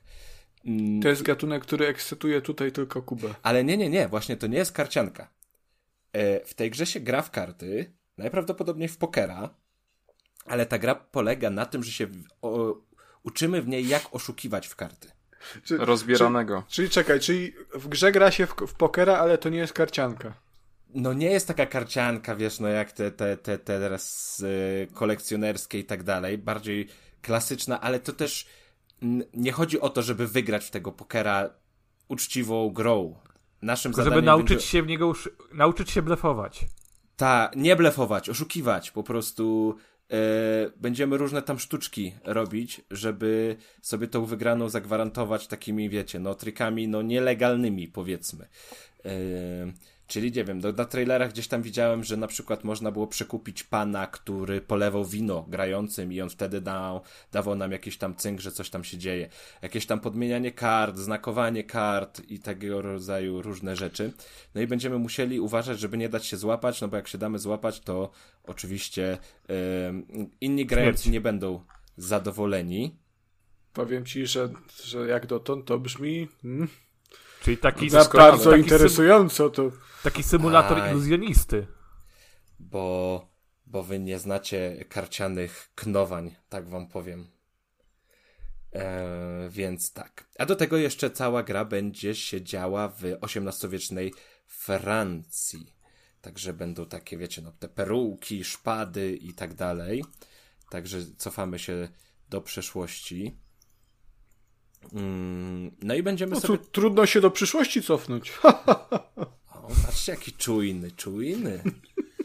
E, Dobrze, że nie cofałeś się wstecz. też mogło się to, mogło się... Będę, jak będę leciał do Polski, to będę cofał się wstecz. I to jest, to jest, to można tak usprawiedliwić. Bo teraz się cofasz do przodu, Teraz tak? się cofam do przodu. E... Tak, tak, tak, tak, tak. Także będziemy sobie tak pomału zaczynać na jakichś tam e, zapyziałych wioskach, grać w te karty, ale będziemy sobie oszukiwać i będziemy zarabiać coraz więcej. I będziemy coraz em, mieli lepszą renomę i będziemy się tak piąć do góry w tym, w tym karcianym półświadku, aż będziemy grali z takimi em, no, Grubymi elitą rybami. Francuską, tak, grubymi, grubymi rekinami, powiedzmy. Rekinami e, kart pokera. czy bohaterami są antropomorficzne rekiny? Nie, ludzie, ludzie, ludzie, no Zmarnowana szansa, dziękuję. Jedyna rzecz, jedyna rzecz, którą Mieli ta jedną, mnie zainteresować, nie? Jedna kurwa szansa. one job. Tak, Ale one zobaczcie, jak to ładnie wygląda, jak to ładnie jest narysowane. Jakie to są piękne, ciepłe kolory. W ogóle to wydaje Devolver, więc też jest jakaś tam e, znacznik... O, i tu nie ma. A, Haha, w ogóle jakiś Trzeba znacznik, tak, tak, tak, tak mnie trzeba. w- Jakiś wydawcę rzucić. O. Tak, o. y, jakości jest zagwarantowany. No, rzekomo nad tym pracował jakiś pan, który pikuniku robił. E, więc, więc... To 80 zł kosztuje? Ile to, ile to by było harnasi? 40. Czy, a Pra- na przedinflacyjne czy, czy poinflacyjne? Nie wiem, jak się zmieniały ceny. Bo na, na przedinflacyjne to by było tak ze... To 34. daje ze, ze, ze 34? No, no to na poinflacyjne to będą ze 2. Aha, aha. Nie no, hardness ciągle w cenie. Jakby ciąg... nie, nie drożeje aż tak. Bo Harnaś to jest OG piwo, które jest ponad jakieś to jest- inflacje. i To jest część tarczy antyinflacyjnej, Jest wiesz? Ale się śmiejecie, a w Chinach jest faktycznie tak, że niektóre papierosy, yy, niektóre no, brandy dostają dotacje od państwa, żeby były tańsze i bardziej dostępne dla, e, dla ludzi. Bo wtedy kupują i Takie się to biznes, biznes kręci. A, No, takie A w pań- Polsce masz brzydkie zdjęcia na papierosach, żeby nie palić papierosów. a w Chinach Jak to, ty są ich nie piękne kolekcjonujesz? paczki i piękne papierosy. Ja ostatnio takie kupiłem kamelę z takim śmiesznym dzieckiem. I to one- Jezus No- Maria, nie. Aż mi wstyd, że się zaśmiałem. Konrad poszedł do kiosku i powiedział, poproszę papierosy, które to ze śmiesznym dzieckiem. Nie, te, te już mam. Te, te z ustami. Ten z dziurą w gardle już Tak. mam. To jest takie, kupujesz, pani wydaje, patrz, kurwa, znowu z tą kawicą. Chciałem też dzieckiem. Ale ty, Konrad, nie palisz, co nie? Czasem palę. Czasem palisz. Na, imp- na imprezach i przed recenzjami sobie taki mam rytuał, że sobie Szluga zapalił. Rozluźnienie. dlatego ty tak dużo recenzujesz, bo ty, ty, O, o, ostatnio zwłaszcza, nie? ty nie, nie Musisz palisz. usprawiedliwiać palenie po prostu. Tak, nie palisz po to, żeby recenzować, tylko recenzujesz po to, żeby palić. Tak, no to dokładnie tak jest. Potem jak to mówi, no już 15 dzisiaj, ale ja mam 15 grę do zrecenzowania. Tak jest. Dobrze. I tego bloga jest. prowadzi, i tu pograne, i tu. Nie, akurat, akurat tylko przed takimi dużymi tekstami. Jeszcze. Kuba, może byśmy na YouTube jakieś takie krótkie recenzje robili, coś tego?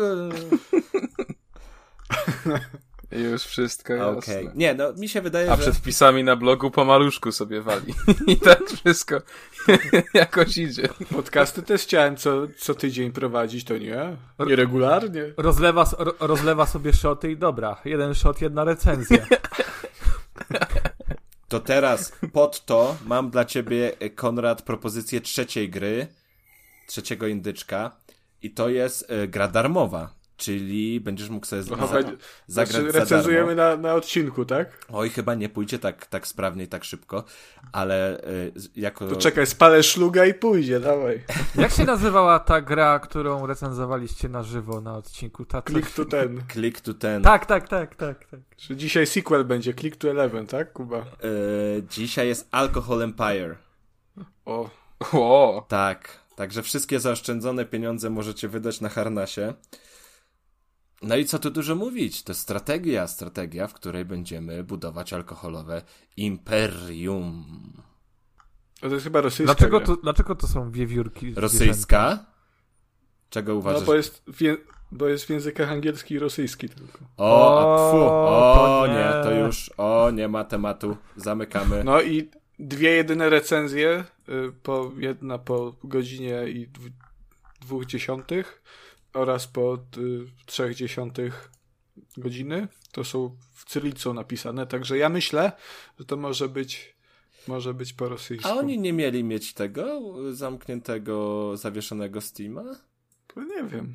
To hapfu. Wyłączone. Nie ma więcej indyków. No, Proszę się rozejść. Wiesz co, w sumie nie musiałem schodzić na, na komentarze, bo jak się wejdzie na zdjęcia, to tam wszystkie zdjęcia są, wszystkie napisy na tych screenach z gry są napisane cyrylicą, także... No to dzisiaj tylko w takim razie dwa indyki mamy To i weźmy- możemy przejść to do weźmy segmentu. opowiedzmy Nie, jeszcze ten, raz czekaj, ten obśmiewamy, to, do, to można. A, zwierzątka grają w ten, alkohol pro, robią, rosyjskie. O stópkach z poprzedniego epizodu jeszcze trochę pogadajmy. No to zostały ci w głowie te stópki, widzę. Ja tylko pozwolę No tak tak przerwać. no. prze, ja po, pozwolę przerwać dywagację, bo jest news z ostatniej chwili. Oho, Bioshock Remastered Collection w Epic Game Stores za darmo. O, nice. O. Muszę nadrobić swoją drogą. Muszę newsa napisać. Czyli zapalone i wypite.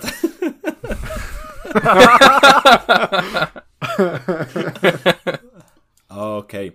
Dobra, to kończymy ten indyczy segment. Mm, Naprawdę uważam, że wa- warto zainteresować się Card Shark. Dajcie szansę, sprawdźcie, bo.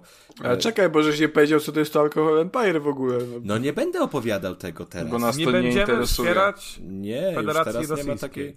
Ale to jest, ale to jest kwestii obśmiewania i że głupie gry proszę nie grać. No halo. No to już wystarczy. Myślę, że w głupie gry proszę nie grać. Obśmieliśmy. No ja bym powiedział. Że tu są, o, zwierzątka są, furrasy i, one, i to jest taka strategia, że tam se się alkohol y, produkuje i, i że ona jest No brzydka. to za w dobrze brzmi, to rosyjska. za dobrze brzmi, Konrad. Nie, nie można, głupie jest.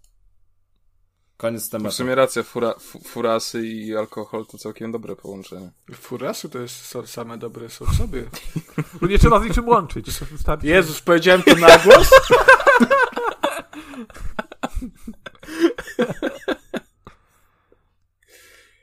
Oj, dobrze, teraz przechodzimy do segmentu recenzji, który rozpocznie Szymon, opowiadając nam o grze Sniper Elite 5. Dokładnie, dokładnie. Dosłownie przedwczoraj udało mi się y, skończyć Sniper Elite 5 i to jest ciekawy koncept, bo znaczy, op- opowiem wam backstory. Y, y, Myślałem, że w tym w maju będę raczej grać tylko w Kangur Kakao, a na zapytanie o Kangur Kakao dostałem kod na Sniper Elite 5, więc myślę, cóż no, dają y, cytryny, trzeba robić lemoniadę. E, Było na ja Steamie nie- gry podobne do tych, w które grasz. Takie, kangu... Grałeś w Kangurek Chaos, podoba ci się na pewno to. I, I tam snajper. Myślę, że jak grałeś w Kangur Kakao, to ci się cokolwiek spodoba. A, do tego za chwilę przejdziemy, aczkolwiek e, zostańmy przy Sniper Elite 5. E, od razu dodam, że nie grałem e, w poprzednie odsłony wcześniej, e, nawet w czwórkę, którą, która kisi się w mojej bibliotece na e, PlayStation e, Store. Ale cóż, e, jestem tą grą bardzo, ale to bardzo pozytywnie zaskoczony. E, Sniper Elite 5, Elite 5 wy, wyszło na e, konsole starej i nowej generacji e, oraz komputery PC z wykluczeniem, z wykluczeniem Switcha. E, gra kosztuje 259 Chwała Bogu. złotych i muszę powiedzieć, że to jest naprawdę e, grałem tylko kampanię singlową, choć w tytule znajduje się również e, tryb e, inwazji na styl Defloopa, e, czyli w każdym momencie ktoś może mi wbić do kampanii i spróbować mnie zabić, dołączając do e, sił osi, ale może od początku. Sniper Elite y, 5 to gra, która dość ciekawie łączy perspektywę pierwszo- i trzecioosobową.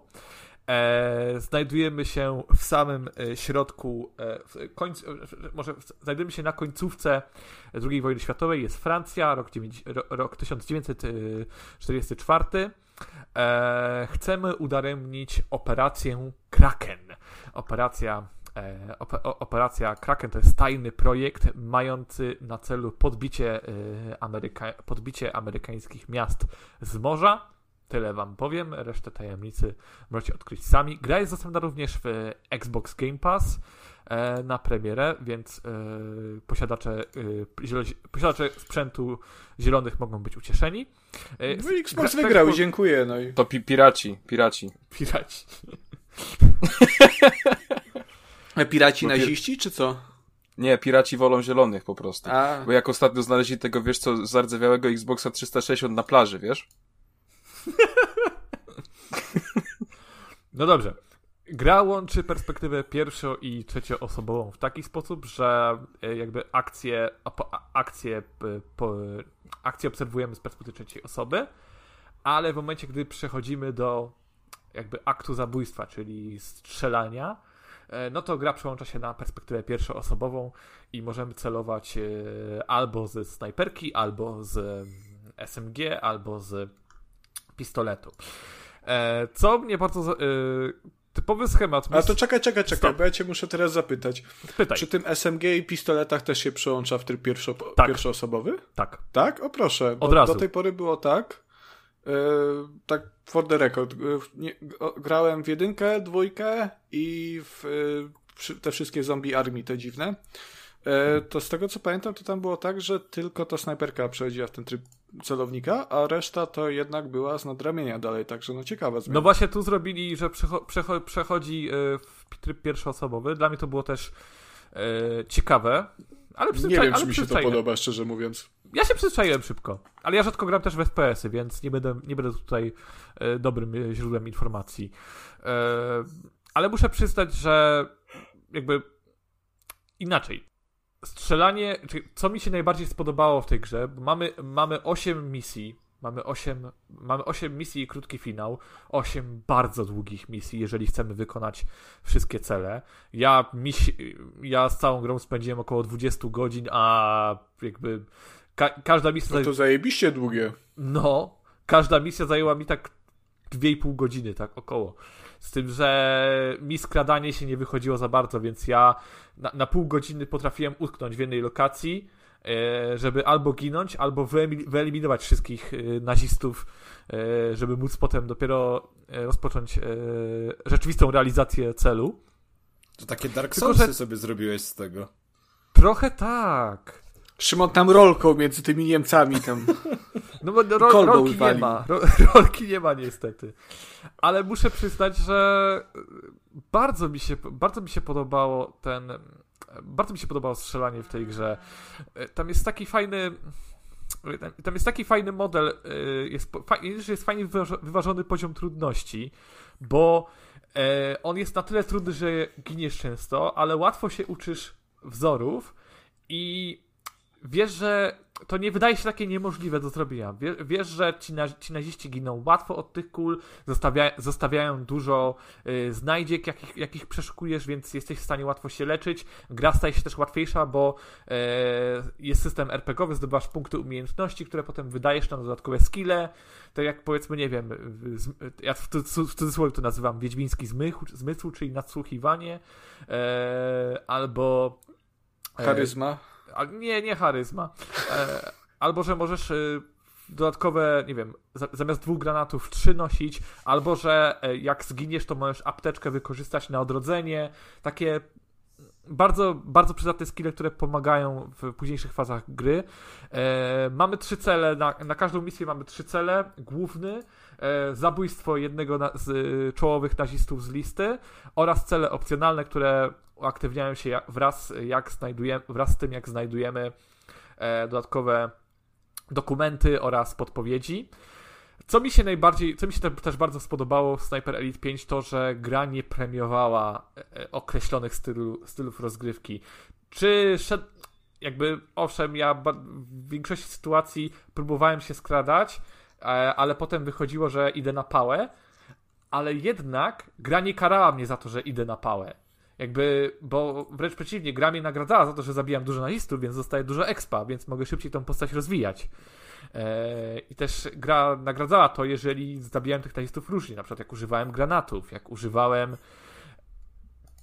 eh, jak używałem granatów, jak używałem e, trotylu, e, żeby albo podkładałem miny e, w, mm, podkładałem miny, żeby ich wołać gwizdkiem i potem, że jak przeszukują zwłoki, to ząg, bo zwłoki były zaminowane, więc y, kolejne trupy lądują w tym samym miejscu.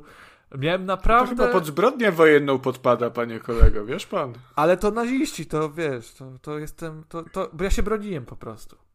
To była Ale obrona. To troszkę tak brzmi, jakby tak trzonem tej gry już nie było to snajperowanie, tylko yy, rozrosło się to na inne obszary rozrosło się. Moim, czy moim To, to, zdaniem to już dawno chyba.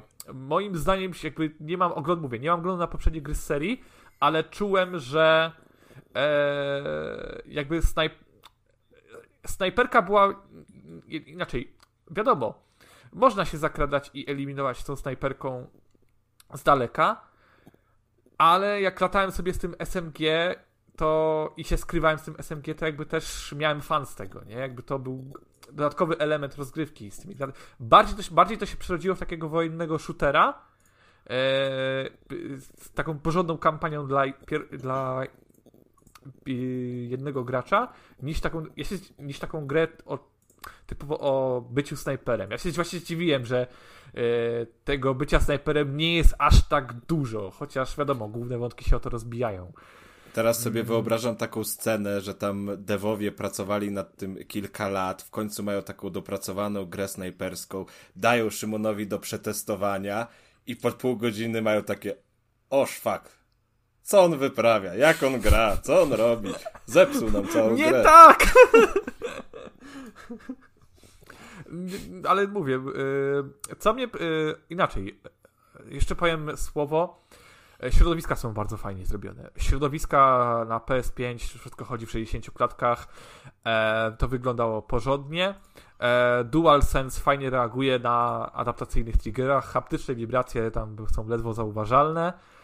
E, To tak w każdej grze. no nie, bo w Returnalu, Re- Returnal, Gran Turismo, Horizon robią świetną robotę z tym. I tutaj będę bronił akurat DualSense'a. Yy, ale na przykład modele postaci są bardzo słabo zrobione, ale no mówię, ta gra wyszła też na PS4, więc... I widać, że to jest taka gra, która bardziej celuje... Chce być, chce być AAA, ale ostatecznie wychodzi AA. Więc... Więc te na, cierpi na tych modelach postaci, dialogi są dość słabe, eee, a ja zwracam, zwracam na to wysoką uwagę, ale ta, roz, ta rozgrywka, ta, ta, ta swoboda, ta swoboda w kampanii i realizowania celów eee, i fan, jaki miałem z, tych zabijania tych nazistów. Jest bardzo klimatyczna muzyka symfoniczna, wbrew pozorom w każdej misji. Eee, tu muszę pochwalić twórców. Miałem taki fan. Yy, już dawno jakby też nie szukałem jakichś, nie szukałem specjalnie strzelanek, żeby mieć w nich fan, ale bardzo odżyły mi wspomnienia z takich medal, z, z tych Medal of Honor na PS1. Yy, Wspaniałe gry. yy, Medal of Honor i Medal of Honor Underground i Mhm. będę naprawdę byłem zaskoczony tym, jak ciepło będę wspominał Sniper Elite 5. Mo, mo, może macie jakieś pytania, bo tak popłynąłem wszy- wszystkim po trochu. Jest dodatek z Hitlerem? I Jest dziesiąta misja jako DLC. y, U mnie była nie, niedostępna. Pewnie będę musiał sobie ją dokupić, ale coś To jest. bez Hitlera ci dali? No to jak? To tak. No. No. Już ocena dwa oczka do dołu. W ramach ciekawostki, w, ramach ciekawostki swojej recenzji wystawiłem 8,5. Tak, tak byłem zaskoczony, jak mi się spodobało. Czyli, czyli 6,5 bez Hitlera, dobra. To wysoko, to bardzo wysoko. Ja jeszcze chciałem podpytać o sztuczną inteligencję. Jak tam sobie poradzili z mm, zachowaniem przeciwników i tak dalej? E, AI, powiem ci tak, jak AI mnie, zau, jak AI mnie zauważy, e, to jak tylko może od razu, od, od- od razu biegnie, e, od razu ludzie biegną na alarm. Oczywiście alarmy, alarmy można też wyłączać, można też się przekradnąć i wyłą- od, odciąć im tę drogę. E, Zauważyłem, że e, kolektywnie AI reaguje lepiej. E, w sensie, jak ci żołnierze działają w grupie, to łat, łatwiej mnie znajdują, jak już, jak już polują. Bardzo trudno było mi się. Bardzo, bardzo było trudno yy, mi się mm, jakby ukryć, jak już szukali mnie, ale jeżeli e, znajdowałem ich pojedynczo, to byli bez szans. Jakby nie. e, Widzę, że to kolek, kolektywnie lepiej to działa. E, kolektywnie to lepiej działa niż pojedyncze, po, po, pojedynczy żołnierze. Tak, Tak, czy to jest tak rozwiązane, że jak zaczynasz sobie misję i załóżmy grasz tego cichego snajpera, e, więc tam eliminujesz wrogów tak, że nie zostajesz zauważany, ale w momencie, gdzie wykryją cię po raz pierwszy, to już całkowicie do końca danej misji się zmienia rozgrywka, że już wtedy wiedzą do samego końca, że ty tam jesteś, już ich patrole i tak dalej, to wszystko całkowicie inaczej wygląda? Czy po jakimś czasie też zaczynają, że o, no był, tam dwóch nam zabił, ale to w sumie wracamy do normalnego życia. Jeżeli, e, powiem tak, e, ogólnie patrole, patrole siebie nawzajem informują o e, bo one są zawsze takimi kółeczkami na, e, na mapie i jak zapali się jeden na żółto, to zaraz obok dwa kolejne się na żółto zapalają, albo jak jeden, albo jak na czerwono się zapali, to od razu kolejne obok już są na żółto. E, ale też jeżeli, w, e, bo te mapy są naprawdę duże, e, jeżeli w określonym okręgu wyeliminuje wszystkich i jeżeli jest jakiś patrol dalej, to on już jest normalnie na biało, że on, on, on nie wie, co się jeszcze wydarzyło. Także chyba, że okay. ktoś znajdzie ciało, no to zaczną szukać, nie? To jeszcze tak, jeszcze tak dodam od siebie, w Sniper Elitach, przynajmniej w tych, które grałem, te, te, te drugowojenne, zawsze było tak, że ta mapa jest też tak posegmentowana, więc to nie jest tak, że jak wywołasz raz alarm, to potem... To cała mapa się zlatuje misję, Tak, tak, bo to... Sniper Elite pod względem skradania jest naprawdę dobrze wykonany, bo to raz, tak jak mówi Szymon, że to nie jest tak, że cię wykryją, to od razu giniesz, tylko masz jakieś tam szanse na e, odkucie się, e, a dwa, że nie zmusza cię po wykryciu do całego strzelania. Właśnie, tylko możesz, jasne, tę sekcję E, ten dany posterunek będziesz musiał ogarnąć na Jana, ale, ale już później gdzieś tam, no... Ale też gra ci daje jakieś minimalne pole manewru, żeby się gdzieś schować i... Tak, tak, tak. Żeby się gdzieś schować, zamienić ten status czerwony na żółty i sobie tam ich po cichu podstrzeliwać, nie? Dobra, to jeszcze jedną rzecz byś mi powiedział. Jak wyglądają cele misji? Czy to jest... Yy... Jest tam jakaś różnorodność, czy na ogół wyeliminuj tego i FedEx. tego, albo wy... Na ogół to jest FedEx. Y, generalnie y, cele misji to na przykład znajdź, znajdź jakiś dokument, e, czy, znaczy inaczej, dzielimy wszystko na trzy cele. Y, niebieski, żółty i czerwony. Czerwony to jest zabij konkretnego funkcjonariusza SS, nie? I trzeba go znaleźć, zabić najlepiej po, najlepiej po cichaczu, bo cały posterunek się zleci na ciebie. E, żółty cel to jest cel główny. E, albo trzeba coś rozwalić, albo podłożyć gdzieś bombę, e, albo znaleźć jakieś e, dokumenty i informacje. E, cele niebieskie mm, wiążą się też zazwyczaj z, destruk z destrukcją artylerii niemieckiej, która przypadkiem jest zostawiona tak sobie żeby leżała.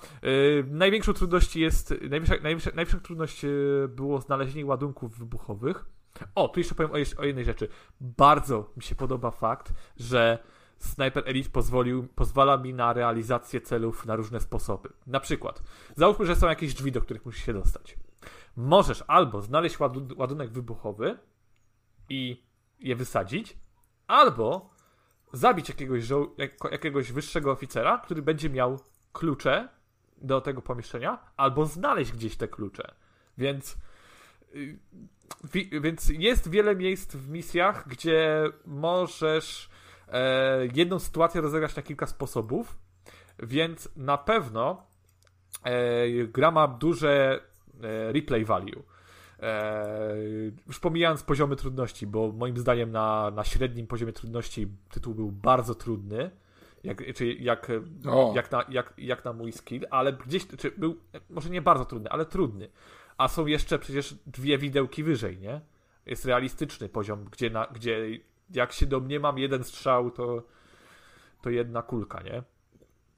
Tam chyba te poziomy trudności się różnią też tym, e, co wpływa na celownik Y, przy strzałach snajperskich, z tego co pamiętam. Yy, przyznam szczerze, ale, tak ale głowy nie. Przyznam szczerze, nie miałem czasu tego zbadać, ale jedną misję próbowałem zagrać z celowniczkiem mechanicznym, bo tam też jest spory aspekt modyfikacji początkowego zestawu, z jakim wychodzisz na bitwę. Możesz podnosić bronię od wrogów, yy, ale twój zestaw jakby rdzenny możesz, mo możesz modyfikować. Nawet w trakcie misji możesz sobie znaleźć warsztat i, i zmienić coś, jak ci nie pasuje. E, ale na przykład możesz sobie ustawić lunetę w karabinie, który będzie miał ośmiokrotny zoom, a możesz ustawić celownik mechaniczny, który w ogóle go nie będzie miał, ale za to gra będzie cię promować większymi punktami doświadczenia za zabójstwa. Więc, tylko, że to jest bardzo trudne zabijać bez tego ośmiokrotnego czy tam sześciokrotnego zoomu, nie?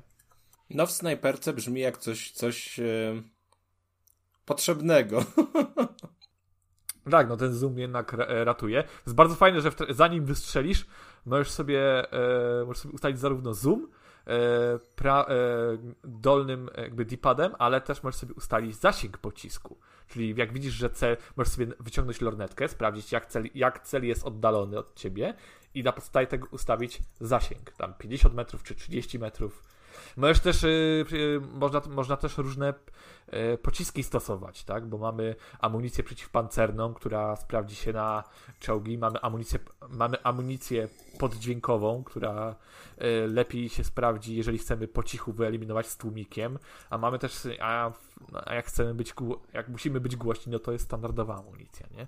I co ciekawe, rodzaje amunicji nie dotyczą tylko snajperki, ale również broni zapasowych, więc tam jakby tam jest tyle opcji modyfikacji, że ja mógłbym jeszcze godzinę mówić, nie? Ale to jest, ale to jest, to jest co, bardzo mi się, co bardzo mi się spodobało, yy, nie musiałem się w to zagłębiać, żeby mieć fan z tej gry.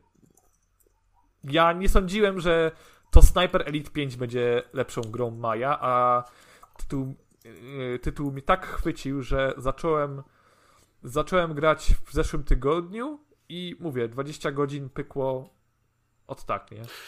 No ja właśnie widziałem na Discordzie, że ten Szymon cały czas w tym Sniper Elite 5 siedział. No dzień, noc, co nie spojrzę, to tylko Sniper Elite i Sniper Elite. No, jakby nie, nie wziąłem sobie, jakby no, są dowody. Czyli zaraz Game Pass, Game Pass znowu zacznie być wychwalany. A jak, jak ci się podobało, Szymon, powiedz, e, bo zakładam, że to też wraca z poprzednich części, ten rentgen przy zabójstwach. E, a właśnie, no widzisz, właśnie jeszcze o tym nawet nie wspomniałem. To jest super. Ja, e, dla mnie to było jak oglądanie powtórek w FIFA. Po, po golach. Ten rentgen e,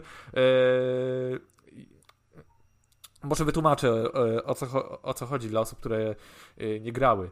Jeżeli Sniper Elite ma taki feature, że odpala, jeżeli traf, trafisz dobry strzał w narząd, to odpala tak zwanego kilkama i widzisz jak kula, prze, jak, jak pocisk e, przebija dokładny narząd, jest dokładna pokaz, dokładnie pokazana animacja.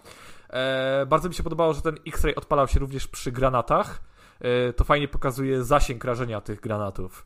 E, jakby aż mi się chciało rzeczywiście z nich korzystać, e, jak tylko miałem opcję, żeby kogoś e, granatem zabić. Mm, bardzo mi się podobał ten feature, jakby...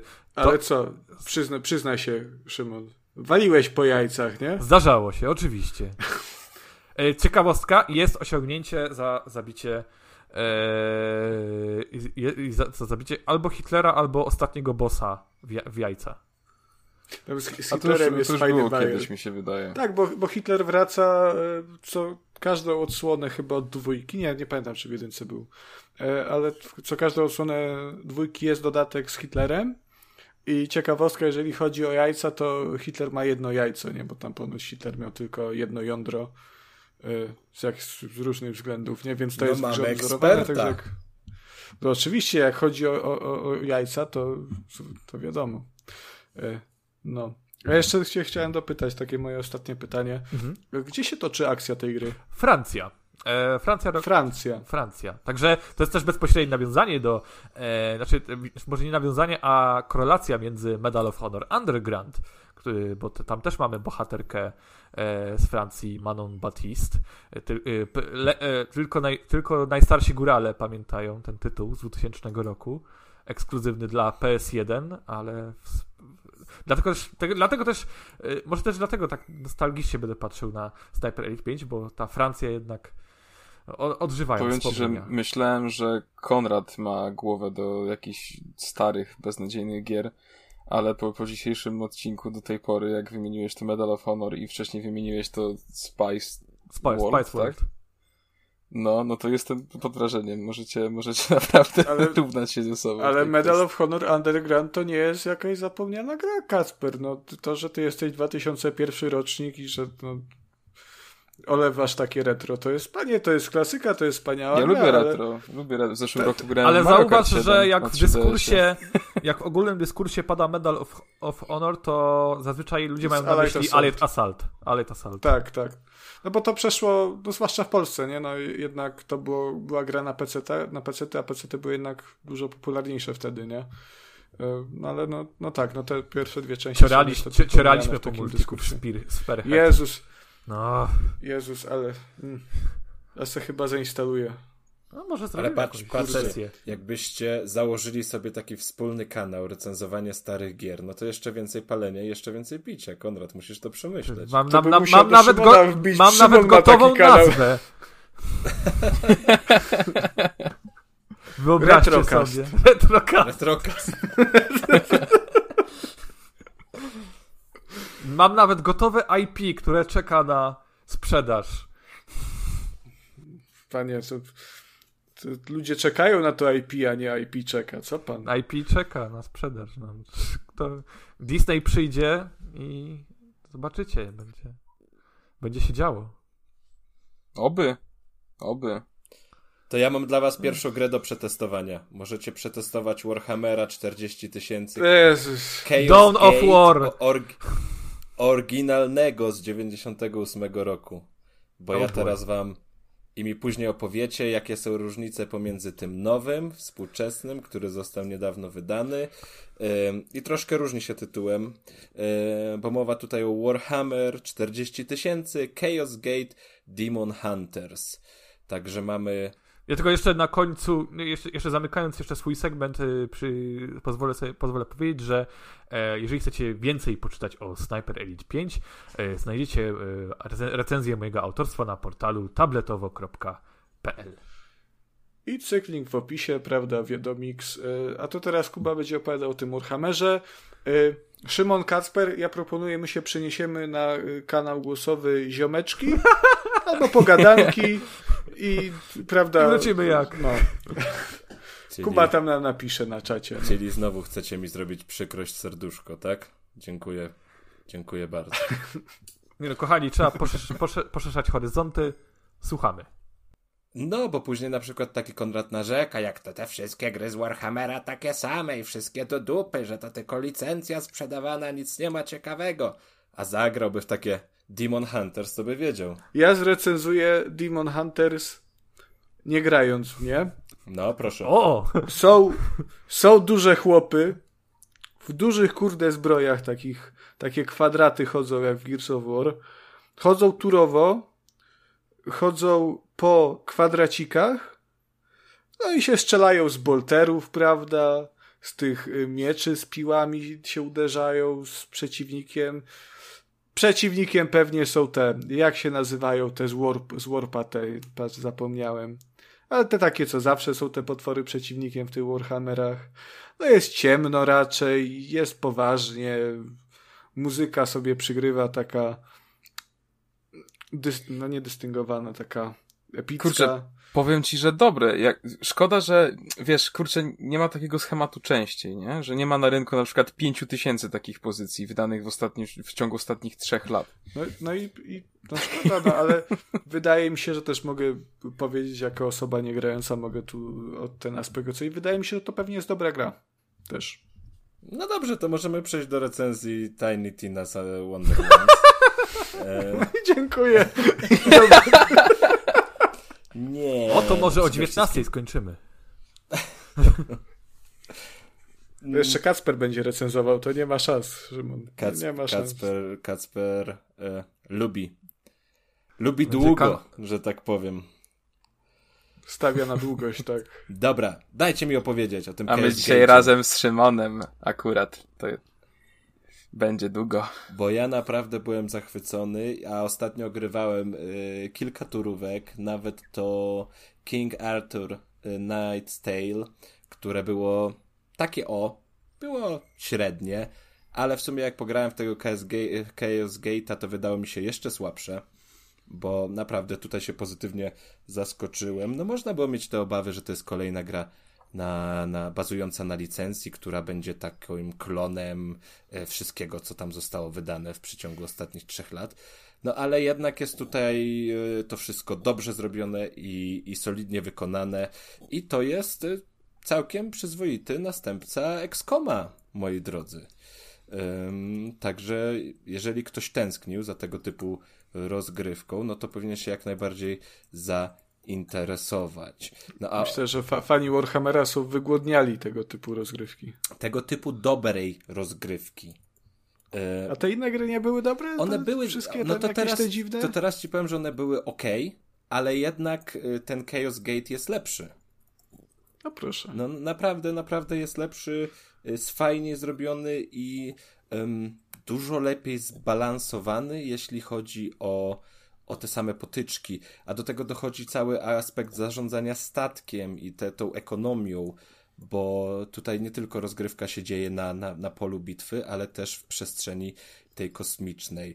Um, no, tak jak powiedziałeś, duże chłopy. Tutaj wcielamy się w e, dowódcę zastępu szarych rycerzy mamy pod swoją komendą taki ten dupny statek. Y, on na pewno ma swoją fachową nazwę, której teraz nie pamiętam, ale nazwany jest zgubnym edyktem. Mm, no i cóż, my sobie musimy. E, w momencie, w którym przejmujemy nad nim dowodzenie, on jest w krytycznym stanie, także praktycznie do niczego się nie nadaje. I teraz naszym, y, jednym z naszych zadań jest to, żeby zadbać o. Mm, no po prostu stan tego statku, czyli będziemy musieli tam go naprawić, będziemy go musieli ulepszać i będziemy go y, musieli wzmacniać, żeby był coraz szybszy, miał coraz więcej dział, coraz lepiej sobie tam radził y, w tym kosmosie. A do, jakby opozycją do tego jest wątek badań. Też fabuła się kręci wokół tego, że siły chaosu y, mają tam nowy plan na zawładnięcie. Mm, galaktyką i zrobią to przy pomocy wykwitu, czyli takiej. E, no, on się rozprzestrzenia z ziaren i rośnie dość szybko. E, z tym, w co zejdzie, wejdzie w interakcję, mutuje, także mm, no, biorąc pod uwagę jego rozrost, staje się on e, w bardzo szybkim tempie coraz to bardziej, coraz to bardziej groźniejszy. No i na początku to nie jest traktowane poważnie. My staramy się udowodnić, że to jest naprawdę duże zagrożenie dla ludzkości. No ale mm, musimy jakby to dopiero krokami swoimi i badaniami, które wykonamy, udowodnić i przedstawić, że faktycznie tak jest. No i ta fabuła jest tutaj no, spoko, to jest takie warhammerowe, no jest tak jak też mówiłeś, mroczne i ta e, muzyka patetyczna gdzieś tam przygrywa. Także, także jest to takie typowe dla, dla Warhammera. Troszkę się tutaj gryzą animacje i wygląd postaci, bo e, no ten Warhammer jest taki lekko cukierkowy, szczególnie jeśli przychodzi do twarzy. To ja nie mogę grać. Słucham? Mówię, że ja nie mogę w takim razie grać. A, bo cukierkowy, tak. Aha, spryciarz.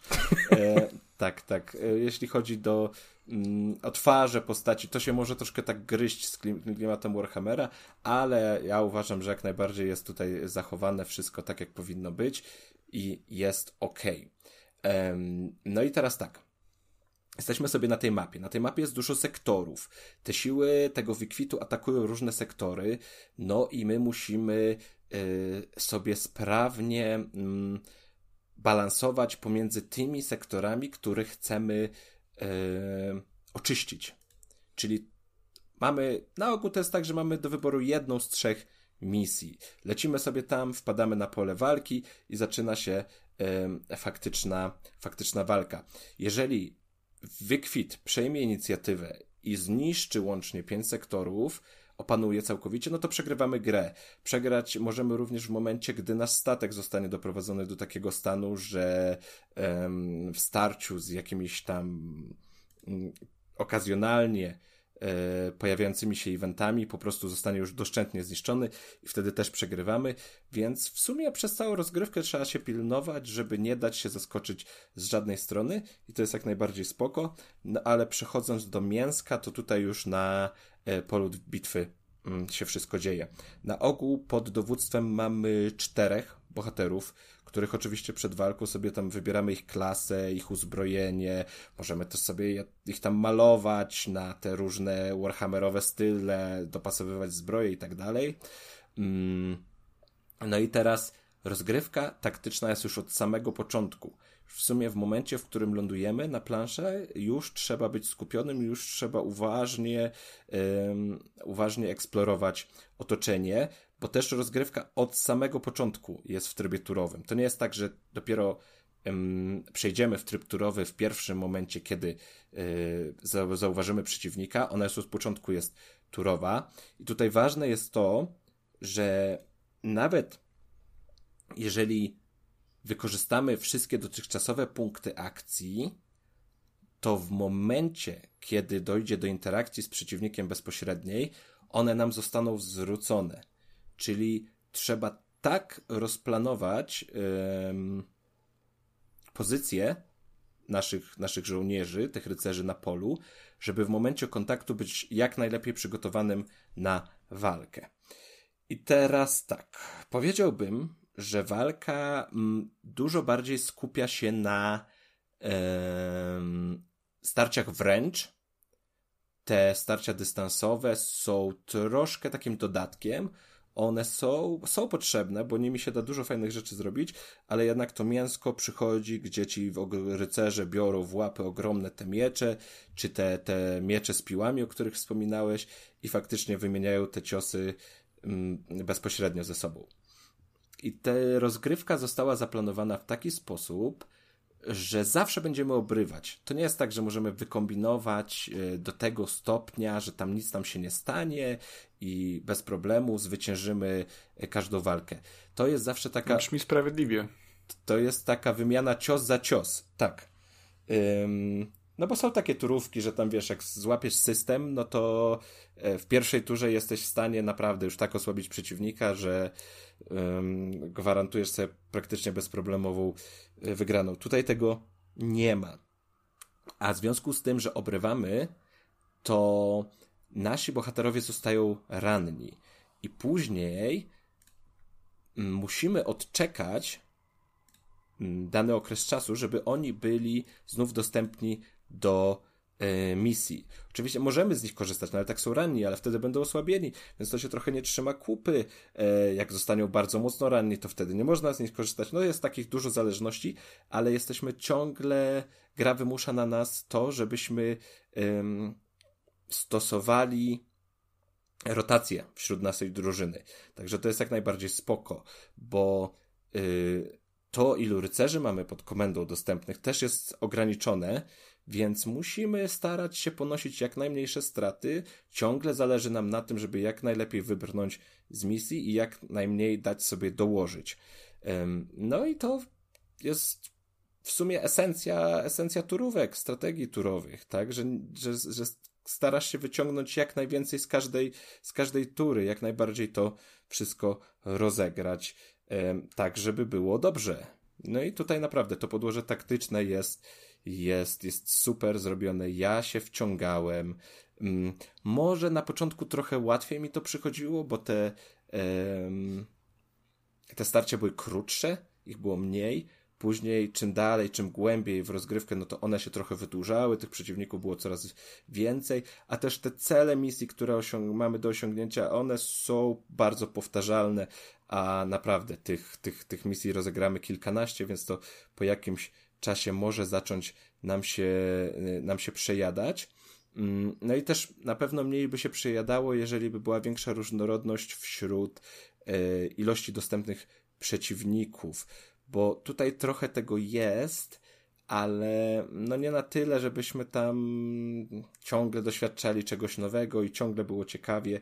Twórcy starali się tutaj taki system zaimplementować, że ta zaraza, ten wykwit, on wchodzi w interakcję i mutuje z przeciwnikami, dając im tam dodatkowe y, zdolności w zależności od tego, który szczep tej mutacji ich dotknie, ale to też troszkę sprowadza się do, te, do wszystko do tego samego i, i finalnie wychodzi tak o. Ale jest jeszcze jeden fajny system w trakcie misji, mm, który dodaje takiego troszeczkę animuszu do tych rozgrywek, a mianowicie napełnia nam się pasek. Mm, co każdą turę stopniowo. Jeśli on osiągnie 100%, no to takie nachodzi wydarzenie losowe, czyli coś tam się dzieje. To może być, nie wiem, posiłki przeciwnika, albo wszyscy przeciwnicy dostają ileś tam do obrony, albo nasze jednostki nie mogą się leczyć przez trzy rundy. No i że one się dobierają losowo, no to zawsze mm, powoduje, że coś jest innego i może nas spotkać sytuacja, na którą nie jesteśmy gotowi i musimy improwizować. Także dla turówek to też jest fajna sprawa, że e, zawsze jest tam coś, nad czym trzeba pokombinować. Szczególnie, że ten wpływ na ten pasek mamy też my bezpośrednio, bo korzystając z ataków specjalnych, dokładamy do niego. Czyli czym częściej korzystamy z e, tych najlepszych zdolności, tym mm, on będzie szybciej rósł. Czyli mamy coś za coś. E, bardzo, bardzo fajna mechanika, która się sprawdza za. Tak słyszę, że mi ciągle pipkacie na tym Discordzie. Słyszę, że nie ma, nie ma zainteresowania w ogóle. Ehm... Bo, bo, Kuba, bo się stała wielka tragedia, nie wiem czy ty wiesz. A co się stało? Ray Liotta zmarł.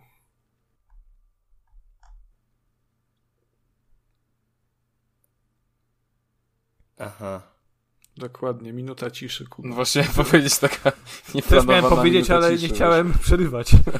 Bo... No ja, ja, ja, właśnie też chciałem powiedzieć właśnie. Konrad, Konrad to wydłuży do minuty w mm, montażu. Y, odtwórca jednej z głównych ról w Chłopcach z Ferajny. E, no i odtwórca roli e, Tomiego Versietiego w Grand Theft Auto Vice City. Zmarł w wieku 60, 67 lat. Ja myślę, że to jest perfekcyjny sposób, żeby zakończyć recenzję Warhammera 40 tysięcy. Hmm. jak to się dalej nazywa? Już się nic więcej Warhammer, nie Warhammer 40 tysięcy e, House, Hell's Gate Demon Hunters, tak? Tak. Tak. tak. Ja myślałem, że numerek w tytule to jest y, ten numer odsłony. Ja wiem, ich tyle wychodzi, ale nie. No Kuba, no co, co ci no, mogę co, powiedzieć? To brzmi jak, jak, pogadał, jak, pogadałbym jak z miłośnikami, z miłośnikami turówek, a nie tutaj e, e, jakieś Ale ja, ja lubię turówki. Chuje, muje, ja, dzikie ja węże. E... Ja se, panie, ja se lubię turówki, no ale to ten Warhammer, no to no, umówmy się, no. Uprzedzony pan jest. Warhammer... Tyle, tyle panu powiem. Trochę jestem. To jest, to jest duży problem, bo to jest bardzo duże uniwersum, w które niesamowicie trudno wejść tak ze, ze strzała. Czyli, Oj, o, nie, to inaczej, nie, nie, nie, inaczej. O, o, dobra, to zapytam, do, bo, bo, bonusowe pytanie. Totalnie nie znam nic z Warhammera, jakby z gier. Ja, po, po jaką jakby pozycję powinienem sięgnąć, żeby tak łagodnie wejść w to uniwersum? Wydaje mi się, że... Że po wideo na YouTube. Z gier, czy w ogóle w życiu, tak ogólnie w kulturze? Hmm? Możesz powtórzyć, bo... Chodzi ci o gry, czy o... O grę, o, o, grę. Powiedzmy, chciałbym zagrać w coś z Warhammera, tak, żeby wejść w to uniwersum łagodnie. No ale to też zależy od gatunku, co byś tam chciał, no bo są, tak jak są tyturówki, e, są strategie, Marines, takie RTS-y typowe. Także no te, te turówki są faktycznie ostatnio najpopularniejsze, ale ja też, ja też nie jestem, wiesz, jakimś ogromnym fanem Warhammera, który zna te wszystkie tam zależności i ja nigdy w te bitewniaki nie grałem, ani nic takiego, ale to jest takie, to jest taki Warhammer. Ten Warhammer taki jest, wiesz, e, oczywiście tam zaraz mnie ktoś nakrzyczy, e, ortodoksyjni fani, że to jest takie i takie i takie, ale to, to jest a, takie umowne wszystko. Szczerze powiedziawszy, bo w kilka ty, tych gier Warhammerowych yy, grałem. Grałem w, w, tego Dawn of War 2, w Space Marina, w jakieś tam Space Hulki. natomiast najwięcej o samym świecie i o tym, jak to wygląda, dowiedziałem się tak naprawdę z książek, bo tam przeczytałem dwa tomy herezji Horusa.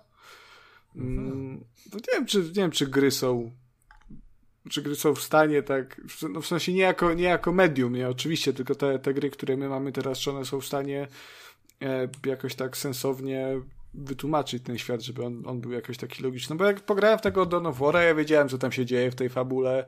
To samo ze Space Marinem, ale, ale jakoś poza tym, co tam się działo, no to no, no duże chłopy chodzą i biją. Nie? No. Ale wiesz, tutaj też y, ta, ta, ta, ten wątek fabularny jest tak poprowadzony, że w y, przerywnikach pomiędzy głównymi misjami możesz sobie porozmawiać z najważniejszymi członkami załogi. I y, oni ci pozwalają zadawać głupie pytania pod tytułem A kto to są w ogóle ci ci? I tam dostajesz odpowiedź oto ty tego nie wiesz, jesteś tam dowódcą szarych rycerzy i tego nie wiesz, czy sprawdzasz moją wiedzę? No ale i tak ci tam wyłożą te takie podstawy, że będziesz wiedział mniej więcej e, o co w tym wszystkim chodzi. Także e, nie ma się co za bardzo tym przejmować, że się tam nie zna, nie zna Warhammera. Można się jakby no, skupić na poszczególnych historiach, poszczególnych wątkach, czy jak tutaj na przykład tej właśnie relacji Space Marines z tym chaosem. Także to wszystko, to wszystko jest do zrozumienia i to nie jest tak trudne, jak mogłoby się wydawać. Nie można się tego bać. A jak można rozmawiać z tymi towarzyszami? No. Czy są e, opcje romansowe? E, to teraz przejdziemy do recenzji. Co? Co, czyli, czyli nie ma. No nie ma. No, to nie jest, to nie jest Dragon Age i Mass Effect. No, no i Mass Effect lepszy i, i BioWare wygrało, dziękuję. No. A propos wygrywania... Ja se, ja se znajdę inny podcast. Czyli Retrocast powstanie.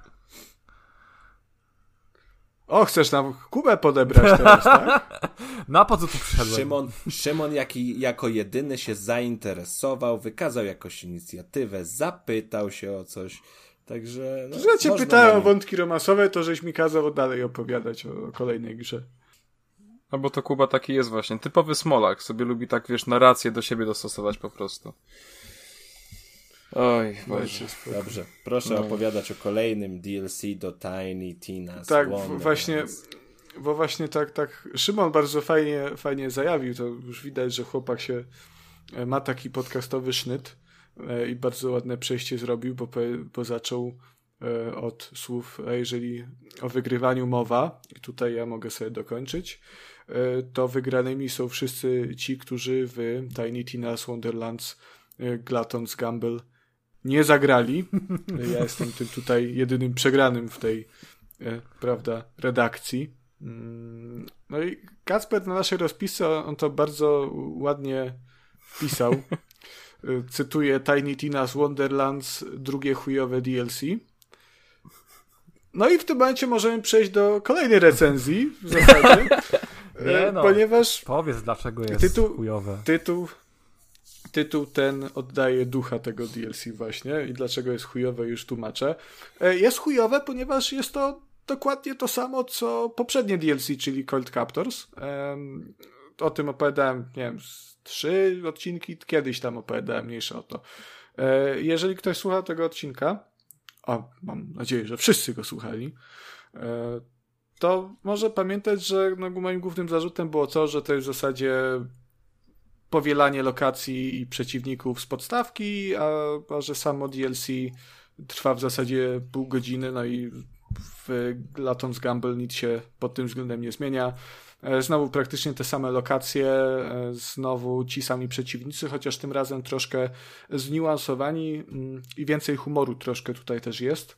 Mm, chociaż samej Tiny też nie ma. E, więcej humoru pod tym względem, że niektórzy przeciwnicy są tacy śmieszni, bo samo DLC ma w ogóle z jakiegoś dziwnego powodu e, taki klimat halloweenowy. Także walczymy tak, ze szkieletami, tak za które, wcześnie trochę. które są no, no tak ze z pół roku za wcześnie. No. no bardzo to jest dziwne i na przykład szkielety, które biegają, e, one się nazywają Ginger Dead i bardzo mi się podoba ta gra słowna, e, ponieważ, a dlaczego to jest śmieszne, no bo one są jakby w takim ubraniu takiego ciasteczka e, korzennego, nie? Czy tam, no takie jak są te ciasteczka, takie imbirowe, o. E, na przykład Biedronce to, to one... Jak to piwo, w takim ubranku. Tak, no i takie jest, wie, śmieszne, takie jest fajne, ale to jest, to jest wszystko, co, co jest nowego w przeciwnikach praktycznie. Dalej to jest Rogal, także jak w, te, w, te, w ciągu tych 30 minut zginiemy, no to trochę kurde lipa, bo trzeba powtarzać 30 minut. Na szczęście tylko 30 minut. Y, Lepszy jest ostatni boss, bo ten poprzedni to, no, to on był smutny w sumie. To było jak takie usypianie z wyniszczonego nowotworem psa. Y, Tutaj to jest jednak, jednak troszkę lepiej, ale też z drugiej strony jest ten boss dużo bardziej upierdliwy, zwłaszcza jeżeli robiło się builda na ataki wręcz, ponieważ no, no skubany siedzi cały czas z 50 metrów od nas na jakiejś półce, e, czy tam platformie bardziej takiej, takiej drewnianej i z zabeczek do, w nas rzuca pociskami i trzeba go dystansowo e, ciepać. Długa walka i taka trochę O, to taki Donkey Kong. e, to taki Donkey Kong, no tylko, tylko, tylko chujowy. No, bo te wszystkie E. gry, te Borderlandsy, to wszystkie takie same. Tak właśnie zastanawiałem się, jak to się stało, że. Bo Tiny Tina Wonderlands wyszła w lutym? E, Jakoś tak, no. I jak to się Koniec. stało, że już jest drugi duży dodatek? A to się okazuje, że on nie jest duży. To nie, właśnie to nie jest duży dodatek. No, y, ja miałem bardzo duże zdziwko, kiedy wyszło Cold Captors, bo ono się ukazało w niecały miesiąc po podstawce i, i w zasadzie z dnia na dzień je zapowiedzieli, ono się pojawiło, to było takie wow, nie? Halo, co się dzieje? E, Potem jak zagrałem, to zrozumiałem, że to jest po prostu gówno dodatek na pół godziny za 42 zł, podobnie te, tak samo jak ten. Więc, ma- no, ma- zrobiliśmy mały rogalik na tym silniku i. P- proszę, proszę miejcie. E, Natomiast w ogóle bardzo fajnie, że to pytasz, ponieważ to jest coś, o czym ja też miałem wspomnieć. E, Jest, pojawiła się w internecie pewna teoria, dlaczego te dodatki są takie chujowe. E, No bo dodatki do Borderlandsów zawsze były spoko, nie? One były takie całkiem rozbudowane, zabawne, ze swoimi fabułami, nie? No tutaj dostajemy takie gówno. I no, o co kaman? E, Zresztą dodam tylko, że nie łudzę się, że kolejne dwa dodatki, które były zapowiedziane, cokolwiek w tej kwestii zmienią. Mm, Będzie gówno, ja, ja myślę. I dlaczego tak się dzieje? Teoria brzmi następująco. E, W skrócie, te DLC, które dostajemy teraz, według teorii miały być darmowymi eventami, które są po e, tam w trakcie tego roku po premierze Tiny Tina's Wonderlands e, wydawane za darmo do, do gry. Mm, I na poparcie tego y, ludzie, ludzie e, podają to, że w plikach gry e, oba te dodatki są oznaczone jako PLC, e, co można odczytywać jako post-launch content, mm, a nie jako DLC, nie? Czyli tutaj, prawda, tu znowu się wespnę na wyżyny swojego języka angielskiego. E, Downloadable content. Mm, I właśnie według tej teorii, z jakiegoś dziwnego powodu, te DLC, które mieliśmy dostać wcześniej, to miały być duże, takie potężne, fajne DLC, jak dostawaliśmy zawsze, e, to w obecnej wersji gry one są, tylko one są jako, jako dodatkowe misje. I ma to trochę sensu, e, ponieważ są cztery takie lo- lokacje w podstawce, które są kompletnie oderwane od y, głównej fabuły. Tam, tam żadna misja głównej fabuły y, nie, ma, nie odbywa się. E, natomiast one mają y, jeden taki główny, duży quest związany z tą lokacją, który jest podzielony na kilka segmentów i na końcu jest zwieńczony jakimś tam bossem, e, plus szereg pomniejszych questów dookoła tego. I to są lokacje takie jak Crackmast, Crackmast Cove, Sunfunk Oasis, e, Mount Claw i Tangle Drift. E, Także to można ograć za darmo w podstawce. I z jakiegoś. Zresztą nie, wi- nie wiadomo dlaczego tak, tak jest i czy w ogóle tak jest, no, bo to jest tylko teoria. E, ale tak jak o tym myślę teraz, zwłaszcza po zagraniu w Tinę, to ma to bardzo, bardzo dużo sensu i no, to jest kurde dziwne. E, z tego, co tam pisali, pisali ludzie, e, jak to interpretowali i ich przypuszczenia brzmiały tak, że mogło się tak stać dlatego, że Gearbox stwierdził, że bo chyba wyszła Tina w końcu za pełną cenę, już nawet, nawet nie wiem, e, że trochę za mało kontentu było jeżeli chodzi o, no za tę cenę, za którą oni mieli wołać, za pełną cenę, bo faktycznie Tina jest, jest dużo, no o tym rozmawialiśmy nawet na odcinku, że Tina no to jest gra na jakieś 15 godzin, więc to jest dużo, dużo mniej niż, e, niż wszystkie inne Borderlandsy, także... Y, Tina za pełną cenę wyszła, 329 na No. PSN-ie. No, no, no, no to tym bardziej, nie? Że twórcy stwierdzili, za mało kontentu, DLC wrzucamy jako sidequesty, a te pierdoły wydamy w Season Passie jako, jako, jako DLC. No, czy tak jest naprawdę? Nie wiem. A mamy jakieś Ma dane na temat sprzedaży? Yy, a sprawdzę, wiesz? Bo to może A wiele dodatków, podpowiedzieć. Ale podpowiedzieć w jakim sensie? No bo, no bo ten Season Pass był chyba zapowiedziany jeszcze przed wyjściem y, Tiny. No podpowiedzieć, czy sprzedało się dobrze i jest to DLC sens dla kogo robić, czy... Czy, wiesz co, no też, no to DLC to już nie jest tak robione w tych czasach chyba, że, że ten, to jest, to jest planowane wszystko wcześniej, nie? No, no w sumie tak. E, No weźmy takie Forspoken na przykład. Nie, to nie Forspoken, czekajcie, pomyliło mi się. Y, co to teraz, to takie MMO, co nie wyszło? Eee, Lost Ark. Nie, to wyszło, Lost Ark wyszedł. Y, kurczę. Takie, co miało... World of Warcraft. Takie, co miało tam, tam jednego gracza. Te nowe dodatki nie wyszły podobno. Wiesz co, nie, nie ma For pojęcia. Honor?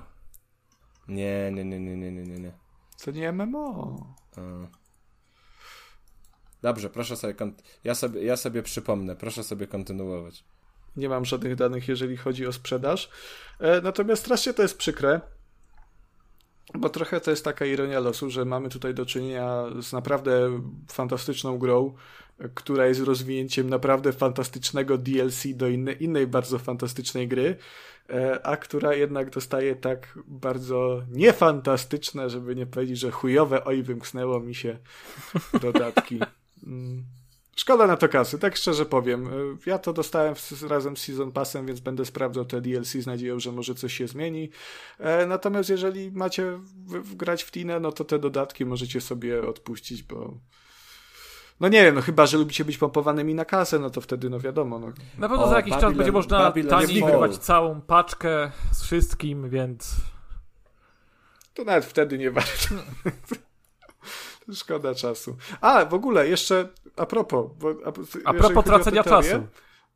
jeżeli chodzi o tę teorię, to teoria mówi że też, że wszystkie te cztery dodatki miały być w pewnym momencie, mogły być w pewnym momencie i tak naprawdę jednym dodatkiem, który rozdzielono na cztery części, bo wszystkie, bo wszystkie one, przynajmniej te dwa, które wyszły, gdzie y, zaczynają się w tym samym miejscu, czyli to jest tam jakby ta taka cyrkowa e, kraina e, i do, do tych do tych misji, tych, tych rogalikowych dungeonów wchodzi się poprzez lustra, także każdy kolejny dodatek dodaje po prostu kolejne lustro, nie? Także... mm, Tak jak gry bakusiowe.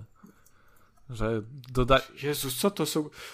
Dobra, Kasper, ja ci przyznaję rację. Szymon jest po prostu, jeżeli chodzi o jakieś dziwne gry z przeszłości, jest mistrzem. Nie no, to jest... Bakusiowe akurat doskonale znam, bo, bo to były... Bakusie to są takie OG serki. Takie Ja wiem, pół- co to jest Bakus. puszyste. No. I oni kiedyś dawali takie gry, pamiętam, za dzieciaka się, się w to grało. I Czy koncept, koncept jest taki, że e, jakby to była jedna gra, ale każda płyta łączyła tą zawartość w całość, nie? Więc tak jak, to, dla- dlatego Tak. porównanie tutaj rzuciłem. Natomiast dobra. powiem ci, że to jest porównanie bardzo dobre nawet y, w przypadku nowego Kangurka Kao, bo, bo grając w nowego Kangurka Kao troszeczkę, troszeczkę czułem się jakbym grał w gry bakusiowe. Okej, no dobra, no to e, może słowem wprowadzenia. E, je, jest 2022 rok, a, a my rozmawiamy o Kangurku Kao, całkowity reboot e, polskiego IP e, studia e, Tate. Teraz pytanie jest jak wymowa, Tate czy Tate Multimedia? E, no załóżmy że, załóżmy, że jesteśmy w Polsce, więc Tate Multimedia. Daddy Multimedia. Teddy Multi. O, o, termo, jeszcze lepiej. E, tak. E, e, mały rys historyczny. W 2000 roku w 2000 roku wychodzi na komputery PC oraz konsole Sega Dreamcast gra Kangurek Kao, która staje się na przestrzeni dwóch lat e, głównie za pośrednictwem e, wydania w, w magazynie e, nieaktywnym już, oczywiście Komputer Świat Gry, staje się w Polsce legendarnym tytułem platformowym. W swoim, w swoim cenowym progu 7,90 za e, w cenie magazynu jest bezkonkurencyjna wobec, e, nawet, nawet wobec takich tuzów jak e, Crash, Bandicoot, Spyro the Dragon czy Rayman. Kangurek Kao podbił całą Polskę i kilku posiadaczy konsoli Sega Dreamcast. Potem mieliśmy drugą część, która już trafiła na, na konsolę, między innymi na konsolę PlayStation 2, PlayStation Portable w postaci KO Challengers oraz oryginalnego Xboxa i Nintendo GameCube. E, mówi się, mówi się w fandomie, że to ogólnie to jest najlepsza część Kangur Kakao. No i był też trochę spalony e, KO3 Tajemnica Wulkanu z 2005 roku, lekko, niedoczy, lekko niedopieczony z ograniczonym budżetem. No i wtedy, wtedy wydawać by się mogło, skończyło się żywot naszego polskiego kangurka, ale po latach błagań od polskich fanów Tate Multi Multimedia ugięło się i mamy, no, chcielibyśmy powiedzieć, że pełnoprawny reboot, ale prawda jest taka, że studio Tate Multimedia dokonało czegoś niesamowitego, oddając w 2022 roku feeling gry z gazety. Co jest ciekawe przy, pri przy price tagu, yy, który oscyluje w okolicach 150 złotych. I to jest chyba główna rzecz, która broni tego kangur kakao, mi się wydaje, szczerze mówiąc, bo mi się Ale wydaje, gazetę? że... Nie, bez gazety. Bez to gazety. nie broni. Mi się wydaje, że ja do, ja do tej gry troszeczkę źle podszedłem, bo ja ogólnie z kangurkiem Kao mam mnóstwo wspomnień, z tego względu, że to chyba tak naprawdę była, yy, jak nie tak naprawdę autentycznie pierwsza, to z pewnością jedna z pierwszych gier, w które zagrałem w swoim życiu. Ja byłem nią mocno zajawiony wtedy, mając te parę lat i, i grając w to na, na komputerze jeszcze, byłem naprawdę e, przyzachwycony i e, cóż, nostalgia to szmata. I, I to jest niestety prawda, bo ja miałem bardzo zaburzony obraz y, tego kangurka KO. E, nawet, wcześniej, jak oglądałem gameplaye z tych starych kangurków przed, y, przed wydaniem tego rebootu, to sobie myślałem, kurczę, no naprawdę spoko to wygląda, naprawdę, naprawdę jest to fajne. Z tego względu miałem mnóstwo oczekiwań względem tego, tego rebootu. E, miałem nadzieję, że to będzie naprawdę doskonała platformówka. E, I gdzieś tam po cichu liczyłem, że może to osiągnie właśnie chociaż trochę poziom e, wcześniej wymienionych przez Szymona gier w postaci Crasha Bandicoota czy Spyro.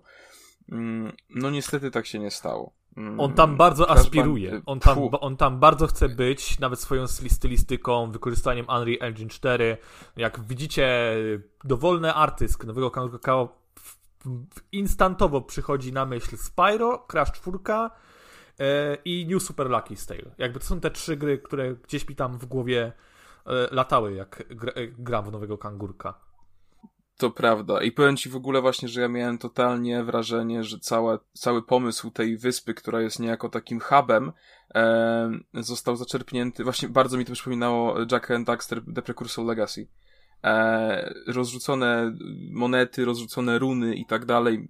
Totalnie miałem wrażenie, że gdzieś tam jakieś właśnie takie pomniejsze znajdźki, totalnie mi przypominało to ten klimat. No niestety, niestety kangurek KO nie dowozi. Ja w ogóle spotkałem się z wieloma błędami podczas rozgrywki. E, na to też może powinienem delikatnie przymknąć oka z tego względu, że, że gra jeszcze oficjalnie nie trafiła do sprzedaży. E, natomiast no, e, jeśli nazwa Questa to jest Quest Name. A, też, tak też, też miałem ten mod, tylko wiesz co? E, inaczej. E, mm, ty recenzowałeś Horizona, nie? E, tak. Tak, no to wiesz, że my mieliśmy, my mieliśmy wersję jeszcze wcześniejszą niż ta, która trafiła do, e, do, do, do sprzedaży i tam, były, i tam było troszeczkę czarów, ale patch na premierę był dobry. I teraz tak, e, wiesz, no, wychodzę z tego założenia, że wersja gry, którą dostaję, to jest to, co trafi do publiki. Jakby no, no i jakby oceniam to, co widzę, no proste. I jeżeli Ka i Kao ma niestety Tak, dużo takich, tak, dużo takich błędów, jak mówisz. E, quest name, to są pierdoły oczywiście, ale na przykład e, kojarzy, w, w późniejszych światach e, pojawiają się takie e, e, czerwone, e, cze- czerwone wazony i często jak zbijasz je w powietrzu, to one, o, one zostają, to o, z nich monety wyskakują, ale one zostają, e, by za chwilę tak, Tak, zniknąć nagle. tak. Moim, najwię- mówię, tak mówię, moim największym problemem z tym kangurkiem jest to, e, że owszem, on kosztuje, sto, mówię, maksymalnie 150 zł. To jest jakby fajny price tag, ale to dalej nie jest jakość, która się z nim wiąże. Tak jakby on, on, on jakby kosztował 60 zł. To totalnie bym mu wszystko wybaczył, nie? Oj, Tak, to ale prawda, ale wydaje właśnie mi się, że jest- przepraszam, że się wtrącę, ale Proszę. niezależnie od tego, ile by kosztował, tak fani nie wybaczą tego, że on został zepsuty. To wiesz, y, nie będzie dla nich usprawiedliwieniem, że macie tutaj grę za 60 zł, dlatego jest kiepska, ale płacicie tylko 60 i macie być zadowoleni. To no to nie przejdzie, bo jednak y, ludzie oczekują em, może dostaną to, co dostali te naście lat temu, tak? Że, że, że ten sentyment będzie i, i, i to wróci, i dalej będzie fajne i się świetnie będą przy tym bawić, a y, takie, takie usprawiedliwienie nie przejdzie. Może inaczej, to nie, to, że e, inaczej. E, może chodzi o ten. fani oczekują, że nowy kangurek, tak, tak mi się wydaje, nowy kangurek będzie tak samo kompetytywny w stosunku do e, współczesnych gier, tak jak był kiedyś. Że ta różnica nie będzie aż tak duża. Między kangurkiem e, starym a Raymanem na przykład, dwójką, a, a kangurkiem nowym, a Sackboy The Big Adventure. Gdzie, o, ho, ho, ho. Sackboy to jest coś niesamowitego, nie? To ci powiem, że takie porównanie, żeś trochę z kapelusza wyciągnął.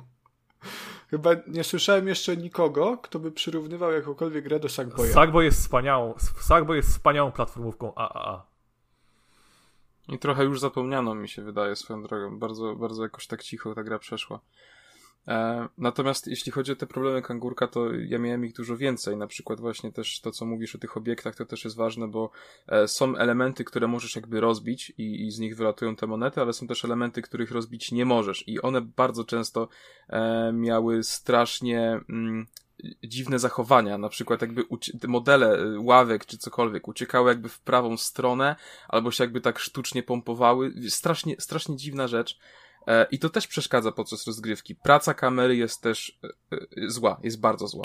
E, wielokrotnie e, w jakiś tam, nie wiem, jak powiedzmy, jak wchodziłem do jakiejś jaskini, tudzież przechodziłem przez wodospad do jakiegoś ukrytego pokoju, to po prostu kamera się nieraz gliczowała i mi pokazywała wnętrze ściany e, lub cokolwiek. I to niestety, w ogóle praca kamery w grach platformowych jest niesamowicie e, istotna.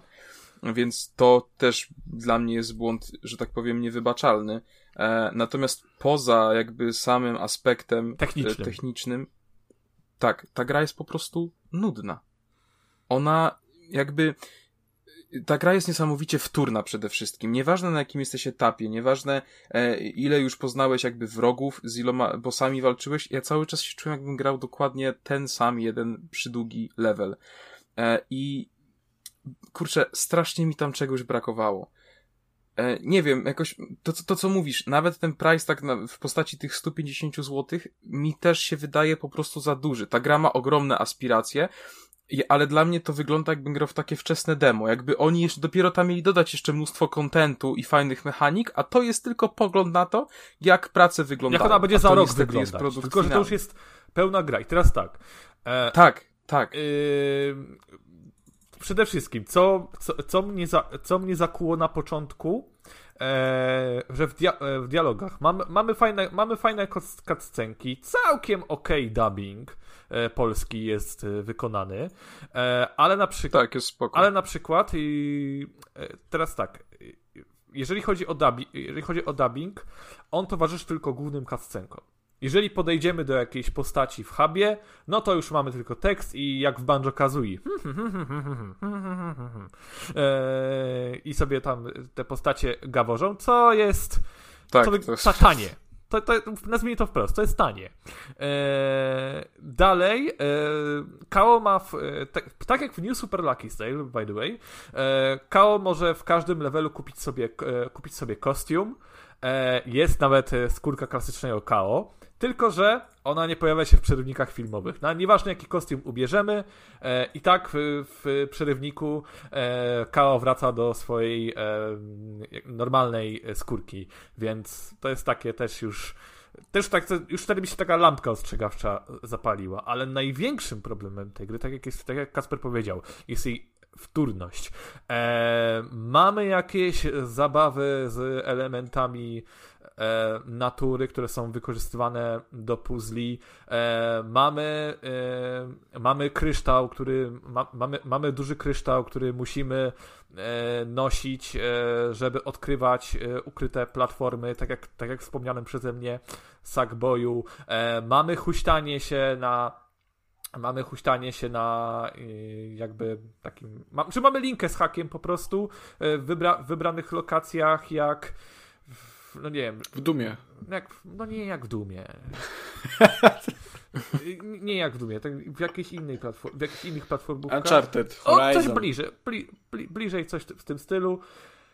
E, mamy, kojarzycie jak w Crashu e, są te poziomy, gdzie Crash e, musi chodzić po takich e, znaczy, wspinać się, ale wspinać się, ale poziomo w tych takich e, arabskich e, poziom, e, levelach, że... A, tak, tak, tak, tak. Tak, tak to tak, jest... Że jest pod, podwieszony. Tak, jest taki, taki, podwieszony. Musi te, kto jest też w Kankurku Kao, ka, ka, Kao się tak na uszach yy, śmiesznie wiesza. E, dużo animacji jest niedopracowanych. Na przykład jak e, mamy taką mechanikę, że Kao rzuca bumerangiem i ten bumerang może nabrać jakiś żywioł. I jak nabierze on żywioł lodu, to on może na przykład wodospad, e, e, e, może on na przykład wodospad e, zamienić w lód, żeby stworzyć z tego platformy. Ale to nie jest jakaś płynna animacja, e, żeby, ten, żeby ta, że ta woda ładnie się zamienia w lód. Nie, to jest, to jest jak pstryk, tak pyp, i, pyp, i ta woda automatycznie się zamienia w lód. To jest jedna klatka animacji, nie? I to, i, i te, i te i ten zbiór tych takich pierdół. No to odstrasza po prostu, no to sprawia, zostawia takie okropne, okropne To jest niedorobione. To jest po prostu niedorobione. A powiedzcie mi, czy to mogło być zrobione celowo, żeby zarobić na sentymencie do marki, a wykonać samą grę e, no jak najmniejszym kosztem? Nie, moim zdaniem to nie była intencja. Mm. E, moim, jakbym, no, jakbym miał strzelić wydaje. jakoś, to e, wydaje, wydaje mi się, że ambicja była, e, ale potem coś się pieniężnie nie zgrało. I stwierdzili, że okej, okay, sklecimy coś z tego, co, z tego, co mamy. A potem, bo no nie wierzę, że chcieli zrobić taką grę. Jednocześnie bądźmy szczerzy, gdyby to nie nazywało się kangurek KO, to no nie sprzedałoby się to. Nie wiem jak to się sprzeda. Zakładam, że nieźle, bo cena nie jest bardzo duża, e, sentyment jest ogromny, zresztą mówię, według mnie to jest gra typowo właśnie nostalgiczna. E, natomiast, no, gdyby to było jakieś, nie wiem, nowe IP wykonane w ten sposób, to wydaje mi się, że spokojnie moglibyśmy już to IP skasować. E, tak, tak. Tak, to myślisz, tak. że będzie sequel teraz, mimo że to jest nie, Ej, wiesz, to będzie one Co wątpię szczerze. Mhm. Chyba, że będzie jakiś wielki plan łatania tego, ale nie, nie wiem, czy to się im będzie opłacało przy, przy tym, ile ta gra kosztuje i tak dalej. No, wątpię, żeby to był drugi Cyberpunk, gdzie naprawa będzie trwała rok, bo za rok myślę, że ta gra będzie tylko niemiłym wspomnieniem. I oczywiście ja to mówię, ale jest mi jednocześnie strasznie przykro mówiąc to, bo ja naprawdę miałem, może miałem aż za dużo oczekiwania względem tej gry, nie wiem. Natomiast, no, tak jak powiedział Szymon, aspiracje były ogromne, efekt końcowy jest po prostu rozczarowujący. No. To, ja powiem, że ja nie ukrywam, jestem w szoku, bo e, czytałem, Szymon, twoje te pierwsze wrażenia. I one były raczej pozytywne, nie? Z y, tej wczesnej wersji. No bo były, ale co, y, wspomina... no. O właśnie, no to może tutaj wrócę. Bo wspominałem tam w oryginalnym wpisie na, w oryginalnym wpisie na pograne wspomniałem, że jest dużo elementów Link w opisie. E, elementów bitem, bitemapowych, że to gdzieś tam chciałoby być bitemapem. E, tylko, że to, co zobaczyłem w demie, to jest wszystko. Nie ma, e, KO nie dostaje jakichś e, nowych e, mechanik bicia, kombosów, finisherów. Nie, to co, to co zobaczyłem w demie to jest wszystko. I demo, by the way, to jest, de, demo to jest drugi poziom gry. Jakby to, co oryginalnie ogrywałem demo i e, jedyna pochwała względem dema, a produktu, który dostałem do recenzji jest taka, że poprawiła się optymalizacja na PC, że teraz w 720p mogę wycisnąć rzeczywiście 60 klatek na swoim y, podstarzałym laptopie gamingowym, a w demie krztusił się, więc to jest jedyna pochwała, jaką mam co do optymalizacji ale brakuje jakiegoś rozwoju postaci, żeby ten KO. Nawet w, na, nawet w Crashu Bandicoot 3 Warp w, w grze z 98 roku za ukończenie każdego świata Crash dostawał nową zdolność. Tutaj dostaje. Bazukę dostawał. Bazukę dostawał na koniec. Yy, I też tutaj, owszem, są te zabawy z elementami natury, ale one służą tylko, żeby po, tylko yy, po to, żeby yy, pokonywać sytuacje platformowe bitemapy, element bitemapowy nie wprowadza jakichś oryginalnych przeciwników, ataków, walki z bossem są, walki z bossami są super łatwe y, i brakuje w tym jakiej, jakiejś krzty takiej takiego cienia jakiejś kreatywności, żebyś zobaczył, że coś no jest właśnie, nowego, właśnie nie? kreatywności. Żeby właśnie to, zakręcić to, tymi mówisz, znanymi, ale... znanymi mechanikami, nie? To jest tak od kolana zrobione no nie wiem, New, inaczej, y, New Super Lucky Stale to jest indyk, ale przy kangurku on wygląda jak AAA. Jeżeli graliście w Luckiego na przykład.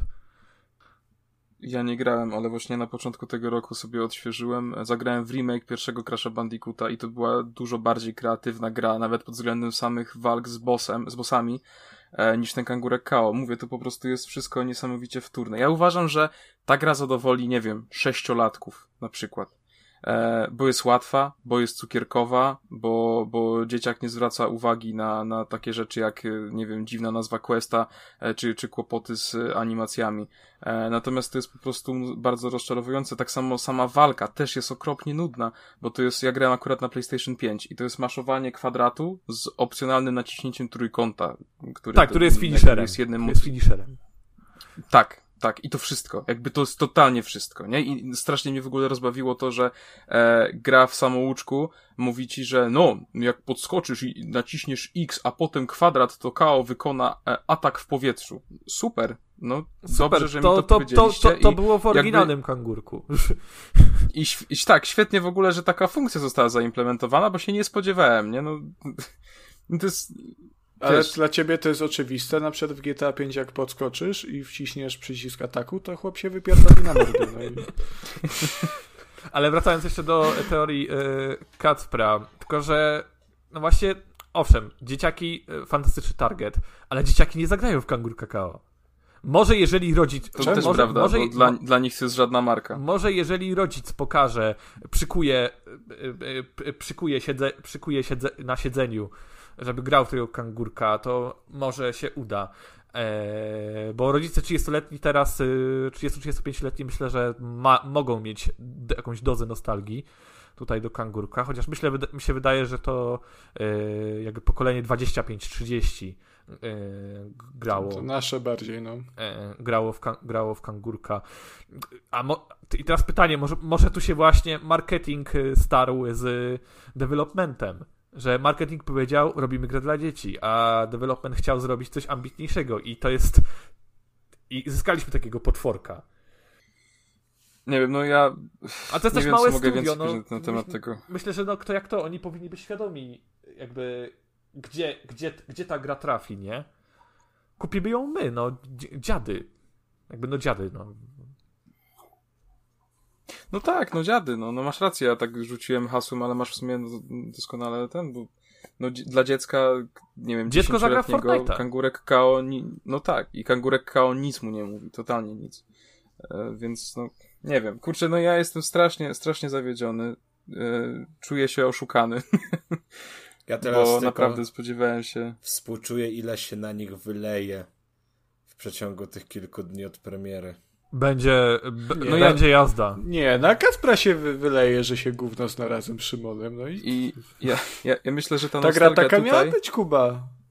Tak, tak, dokładnie. Ja myślę, że ten, ta nostalgia tutaj to jest miecz obusieczny. I to jest okropne dla graczy i okropne dla deweloperów właśnie, bo nie, oni dostaną teraz bęcki za to, że no ta gra po prostu niestety nie wyszła e, i że zniszczyli ukochaną markę coś tam, coś tam, a gracze się, tak jak ja i Szymon też zresztą, czujemy się smutni z tego względu, że no marka, która wzbudza wiele Pozytywnych e, emocji. emocji i, i tak, i mnóstwo świetnych wspomnień, no a tutaj jest tak... E, no słabo, słabo, no.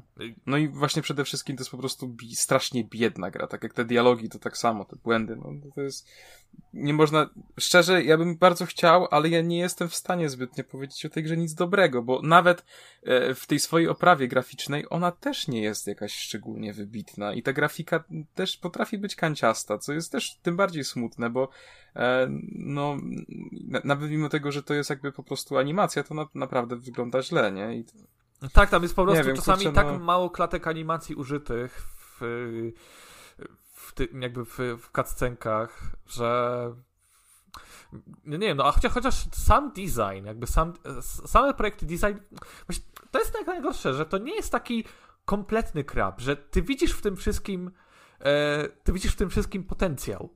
Że widzisz, e, e, grając w to, zdajesz sobie sprawę, jaka to mogła być gra. Już rysujesz sobie ten pewien obraz. I gdyby, nie wiem, też mam wrażenie, że to był bardzo krótki czas developmentu, bo od, od, od, od, od ogłoszenia do rzeczywistego tam, nie wiem, moim zdaniem to jeszcze powinno tak rok poleżeć. Rok poleżeć, niech to, niech to dopieszczą, ale żeby to IP bo to jest dobra inwestycja w przyszłość, kurczę, no, że jakby, jakby zrobili porządną grę na, na skali tego, no nie mówię już o tych big boysach, nie? Typu Sackboy. Ale na skali typu A Hat in Time, Yuka Laylee The Impossible Lair, albo New Super Lucky State, to by takie fajne IP mieli na crossovery z Fall Guysami, z Fortnite'em. To, wiesz, to, to jest gra, która mogłaby katapultować to studio w, w rejony Techlandu, a, a, a CD Projektu, ale tak nie będzie. Chyba, że jutro będzie jakiś magiczny patch, że, który to co, to będziemy musieli jeszcze raz nagrywać? Tak. Cholera. Szymon, wspomniałeś o Ukulele and uh, the Impossible Lair. Tak. I czy, no bo to jest trochę analogiczna sytuacja, nie? Bo pierwsze Ukulele jak wyszło, też był olbrzymi hype, to miało być nowe Banjo-Kazooie. E, wysz, wyszło i się zrobiło Yy, więc te, też to gdzieś tam, to jasne, to nie była ta sama marka, ale to żerowało na tej nostalgii.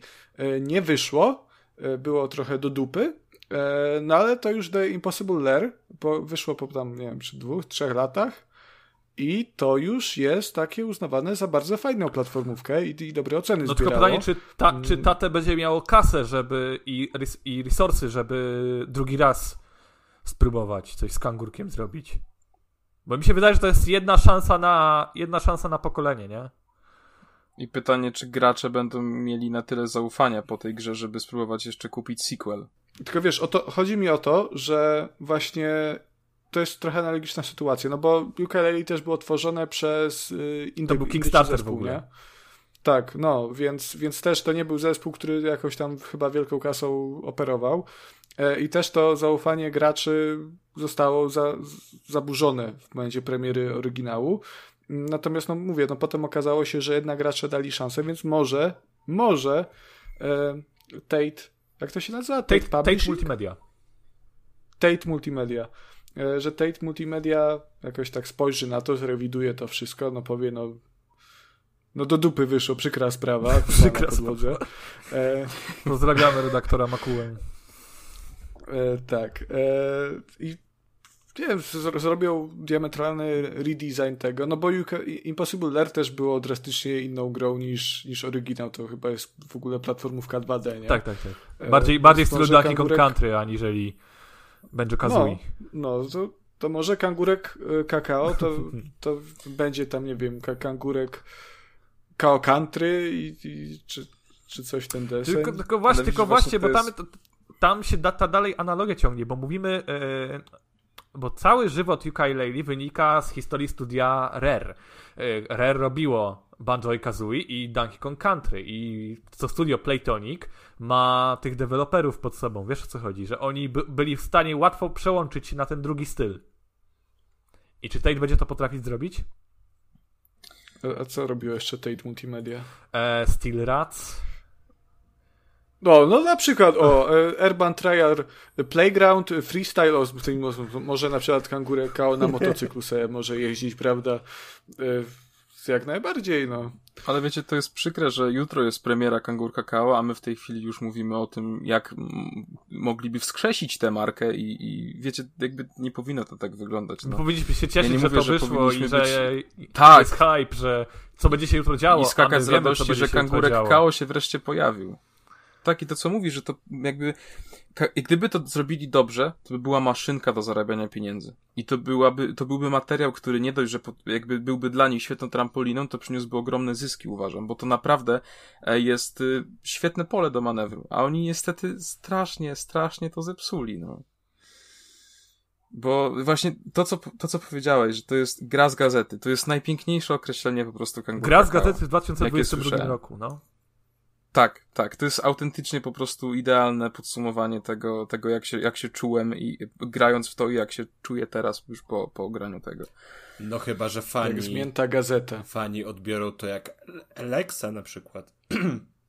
że ma być drewno i to ma być drewno, jest dobrze drewno zrobione i Alex jest najlepszy i teraz Alexa trzeciego trzeba, bo gry Pirani to jest drewno i my kochamy drewno i zawsze gry Pirani to były drewno, także super jest Alex.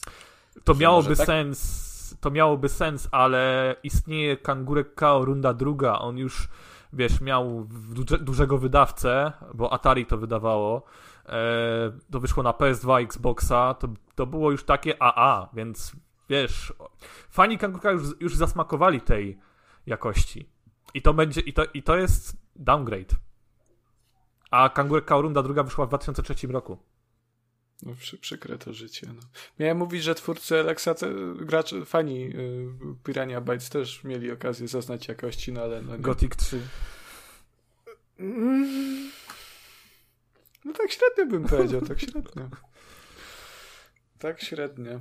No można, mówię, ty, y, tak szukam jeszcze w głowie czegoś, co by nie wiem, tak bardziej pozytywne światło ujarzmiło. Bo to Ja myślę, że to się nie da znaleźć, to szkoda to się pastwić nad tym. To już, panie, to już nie żyje, to się nie urodziła, nie żyje. To... no. No niestety, no, No, no, ja, no będziemy, ogromne, będziemy jeszcze recenzję i- dzisiaj pisać. Zarówno ja, jak i Kacper, także coming soon.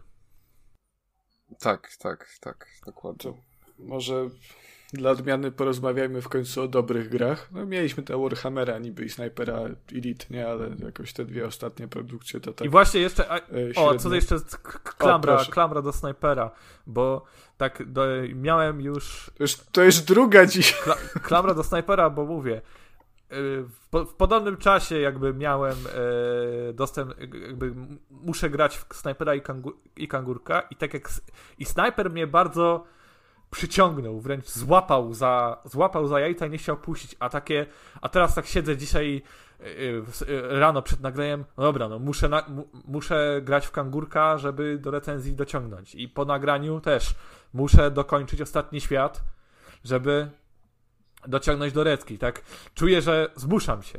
I to jest Tak, tak, tak. Ja miałem dokładnie to samo. Ta gra w ogóle nie zachęcała. Wręcz przeciwnie, odpalałem ją zmuszony i po 20 minutach już miałem takie. Eh, czy mogę wyłączyć? tak, tak. Czy, czyli, czyli tak pozostając y, w, w tej metaforze y, Szymona, że Sniper Elite go z- złapał za jajca i nie chciał puścić, to mo, można po, w takim razie powiedzieć, takie ładne podsumowanie, że y, granie w Sniper Elite 5 to jest takie mm, przyjemne mizianie po jądrach. Y, Natomiast granie w Kangur Kakao to raczej przypomina taki skręt tych jąder, tak? Nie, to bardziej y, y, wspomnienie o toksycznej ex. Ale Konrad chciał o jądrach analogię. A, a też może być, słuchaj, z jądrami. No. No tak ogólnie, związkowo ty- ty- chciałem za... zahaczyć. no to przejdźmy do jakiejś dobrej gry. E, i tu będę znowu ja mamrotał i, i gaworzył. E, porozmawiamy sobie. A zanim wyjawię tytuł, tak będę tutaj taki bardzo tajemniczy. E, tajemniczy, tak. Czy oglądaliście może kiedyś e, filmy z serii Evil Dead, tudzież po polsku Martwe Zło? Niestety nie. Eee, nie kojarzę. Czy to jest to Ash kontra Martwe Zło, czy to jest jakieś inne e, Martwe Zło? Ash kontra Martwe Zło to jest serial kontynuujący historię z trylogii Martwego Zła no sama Raimiego. Ja tam Asha trochę widziałem. Chłop, który ma piłę mechaniczną zamiast ręki. Fajne. A nie zawsze miał. Oj, widzisz. No i także pozwolę sobie tak wprowadzić was, was w klimat, bo będziemy rozmawiać o grze w e, uniwersum. No, ona się nazywa Evil Dead The Game. Bardzo taki jest tytuł, wiecie, zmyślny, nie? E, sprytny, można by tak powiedzieć. Można pomylić z jakąś Ktoś grą na starsze konsole. E, tak, a było kilka, było kilka i to takich fabularnych. E, tak w skrócie, jeżeli mam podsumować całą serię, bo jako, że jestem bardzo profesjonalnym recenzentem, e, to ja sobie filmów też nigdy tak jak wy nie widziałem, natomiast o, o, tej, o tej serii dużo słyszałem. W skrócie to jest, to jest pierwsze, pierwsze Martwe Zło to jest w ogóle debiut sama Raimiego, którego możecie kojarzyć chociażby z filmowych Spider-Manów. A nie wiem, czy też tego nowego Doktora Strange'a on nie reżyserował czasem? Tak jest, sam Raimi dokładnie. Jest. Tak, tak, no. I on zaczynał od, od takiego bardzo e, filmu budżetowego, to jest taki horror klasy B, to pierwsze martwe, martwe zło. Grupka nastolatków se do chaty e, w pośrodku lasu jedzie po cimci rimciać, czy po pochlać, co tam robią nastolatkowie, studenci. Recenzje pisać e, No i... No, pewnie tak, nie? No i nagle, wiesz, wiadomo, znajdują książkę, prawda, napisaną krwią obitą w ludzką skórę, Necronomicon się nazywa i nagranie, gdzie profesor jakąś tam inkantację odczytuje. No i wtedy jak nie huknie, jak nie dupnie, tu ziemia się zatrzęsła, demony powychodziły. I to jest bardzo ciekawa seria, bo ten pierwszy film jest takim no, zwykłym horrorem, E, natomiast wszystkie kolejne, jakby Kacper teraz nie poszedł kupy robić, jak napisał na Discordzie, e, to, by, to by potwierdził, że e, aż, aż kontra Martwe Zło też to jest już taki dużo bardziej komediowy serial. E, no i tak było dwójki. No, no, dwójka, Martwe Zło i potem zwłaszcza Armia, Armia Ciemności. Też były takie komediowe horrory. Mm, bardzo dobre, polecam, ja sobie je nadrobiłem w ramach przygotowania tej recenzji. E, to jest naprawdę dobre kino, natomiast no niestety nie ma tego nigdzie na VOD, no to trzeba e, wypożyczyć no, na przykład na Apple TV to jest. E, bardzo fajne filmy i warto je obejrzeć. Przed zagraniem w Evil Dead The Game, e, głównie z tego powodu, że to jest no, gra oparta na tych filmach, to ona to nie jest ekranizacja, żadnego z nich, ale jest tutaj bardzo dużo nawiązań, bardzo dużo smaczków. Mm, no i większość z nich wyłapią tylko gracze, którzy z, to, z tymi filmami i z serialem jakąś tam historię mają, no bo to są no, nie tylko nazwy, nie tylko bohaterowie, ale też jakieś powiedzonka, jakieś, jakieś tam detale gdzieś w otoczeniu i to wszystko jest, e, jest bardzo fajne. Mm, natomiast jeżeli filmów nigdy nie oglądaliście, to poza tymi to poza tymi nawiązaniami e, nie stracicie wiele, ponieważ Evil the Game to jest, to jest e, naprawdę solidny slasher e, z nastawieniem na tryby sieciowe w, tej, w, w takim module 4 kontra 1. Mm, bardzo, bardzo łat, łatwo to nawiązać do Dead by Daylight. To jest, to jest ta sama formuła, czyli mamy czterech ocalałych, którzy znajdują się na bardzo dużej, otwartej mapie E, ich zadaniem na tej mapie jest e, znalezienie najpierw trzech kawałków mapy, e, potem odzyskanie sztyletu kandaryjskiego i kandaryjskiej bodajże księgi czy manuskryptów i na końcu pokonanie bossa i, i, i zniszczenie zniszczenie Necronomiconu, co prawda mm, kończy rozgrywkę zwycięstwa dla nich. Piąty gracz wciela się E, natomiast w demona, jednego z kandaryjskich demonów, i to są właśnie też postacie, e, potwory z filmów, e, mamy na przykład Henriette, którą uznać mogą oso osoby oglądające jedynkę i dwójkę, ale jest też Warlord z Armii Ciemności, a także jest Puppeteer, E, I to są te potwory z Aż kontra Zło już, którego nie widziałem, także tylko się posiłkuje wiedzą. Natomiast bohaterami ludzkimi, no to wiadomo, jest, jest każdy możliwy Ash Williams z każdego filmu, e, ale też jest Scotty z jedynki, e, jest Król Artur na przykład z Armii Ciemności i wiele, wiele różnych postaci z tych, z tych nowszych filmów również. E, także tutaj też warto znać te filmy przede wszystkim dlatego, że jak się spojrzy na te, na te postaci, no to człowiek tak. Tego Asha Williamsa to jeszcze można kojarzyć, bo to już jest kultowa postać. Natomiast jak się spojrzy, tu jest jakiś Scotty w zwykłych takich łachmankach, tutaj jakaś pani z książką. I dlaczego tu jest rycerz pełnej zbroi? Nie wiadomo, no trzeba obejrzeć filmy. Eee, no i sama rozgrywka jest, jest naprawdę, naprawdę bardzo e, solidna. Mm, granie, granie jako jedna z tych 13 ludzkich, ludzkich postaci mm, jest taka właśnie trochę horrorowa. E, to jest, to jest slasher, ale z tym mówię, horrorowym sznytem. Jest ciemno, e, słaba widoczność, latareczka trochę pomaga, ale też nie jakoś bardzo. Mm, udźwiękowienie jest też takie bardzo klimatyczne, no więc jak leci na nas ten przeciwnik, e, to no można się czasami wzdrygnąć. Zwłaszcza kiedy przeciwny gracz, czyli grający tym demonem, mm, wykorzystał umiejętność takiego no jumpscare'u, bo tu też informacja, że są w tej grze jumpscary, kiedy ten, e, ten grający demonem wykorzysta tego jumpscare'a, tam się straszna morda pojawia na ekranie e, i krzyczy na nas, nie? I to nie wpływa tylko, że my, nam tu palpitacje serca się zaczynają, ale też bohaterowie się straszą i wtedy na przykład demon może ich opętać, e, no bo to jest też tak samo jak w filmie, no te, te potwory potrafią opętywać Mm, no, ludzi to przede wszystkim, ale też, ale też drzewa na przykład. E, Kobiety. I, i wtedy mogą atakować. Też, no, tak, mówię, bardzo, bardzo przyjemny gameplay. E, so, walka jest prześwietna. E, chciałbym powiedzieć, że ta walka jest taka trochę solsowa, ale tak, ja chyba w poprzednim odcinku Kuba powstrzymam się od ale tego, bo to się, się tak sprowadza tak naprawdę... na usta w ostatnim czasie. Ale tak, ale wiesz czemu? Bo to już ale jest wiesz tyle czemu? elementów jakichś to takich, że masz jedno drobne skojarzenie tak. i już a, solsy, solsy, solsowa walka.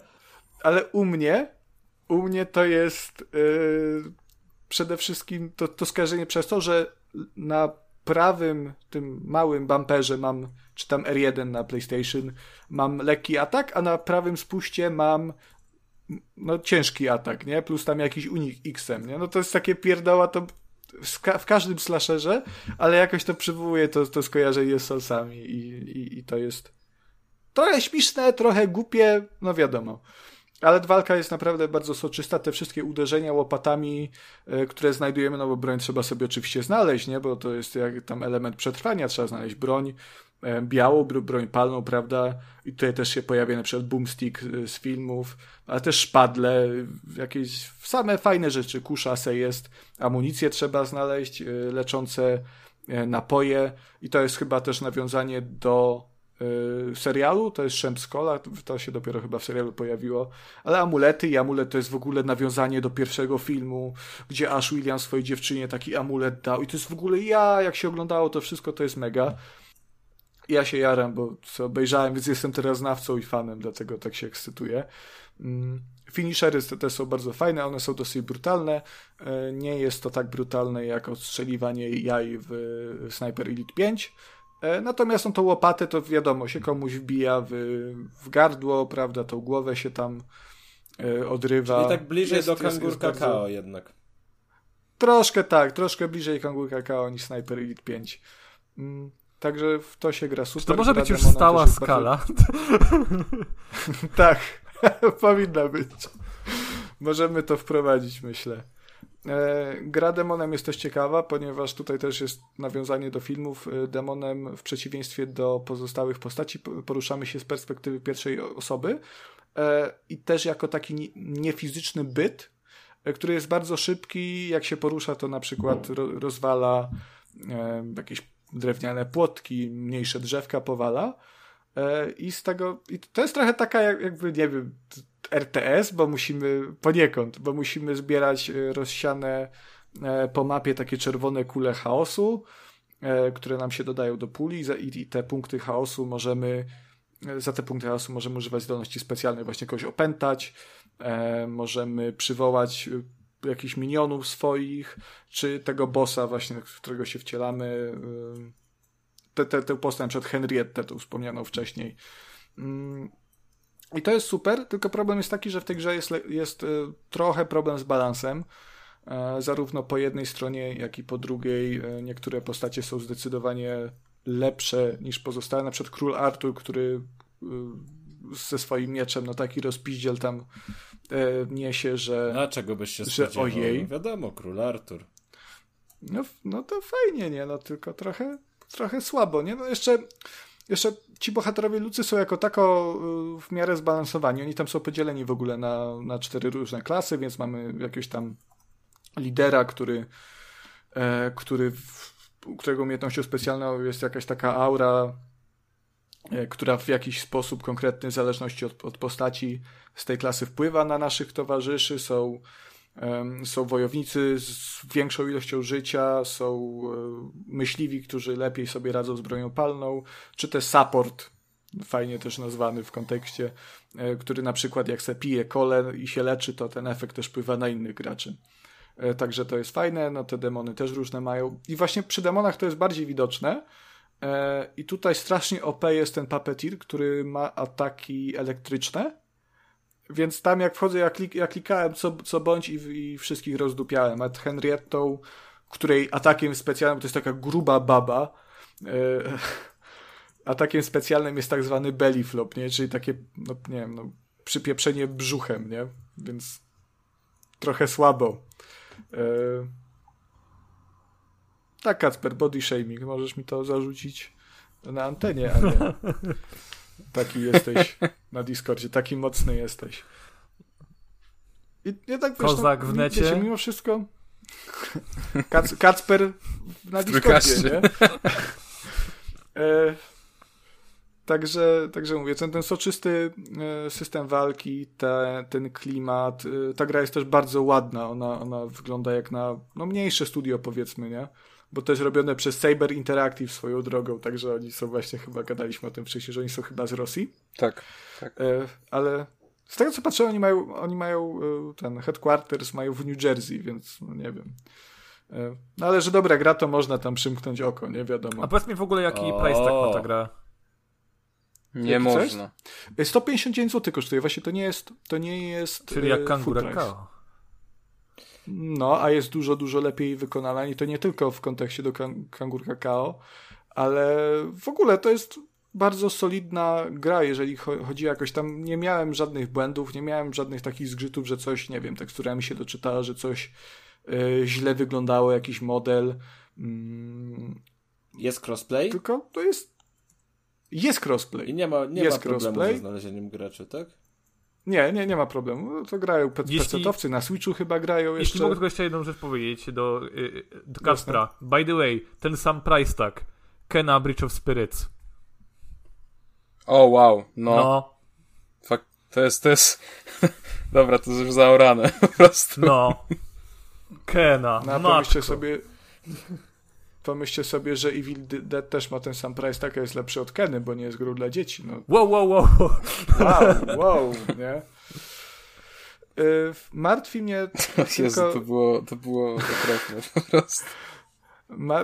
Przy tym Evil Deadzie martwi mnie tylko jedna, jedna rzecz, yy, bo ta... No można jej zarzucić to, że ta zawartość jest trochę uboga, bo mamy w zasadzie 13 bohaterów, 3 demony, i jedną mapę. I ona jest duża, tam są e, zróżnicowane są lokacje z, róż, z różnych filmów i serialu, e, więc spoko. Natomiast no, nawet po tych kilku meczach ona się robi dosyć wtórna, bo to jest też przez większość czasu las tak naprawdę. Te chatki wyglądają dość podobnie, no bo to jakieś drewniane chatki po środku lasu, jakiś tam tartak, nie? No gdzieś tam jest jakiś samolot, który się rozbił, nie? Lot 666 to też myślę, że może być nawiązaniem do serialu. Natomiast no, na dłuższą metę to wydaje mi się, że będzie za mało i ta gra będzie potrzebowała nowej zawartości, e, jakiejś nowej mapy.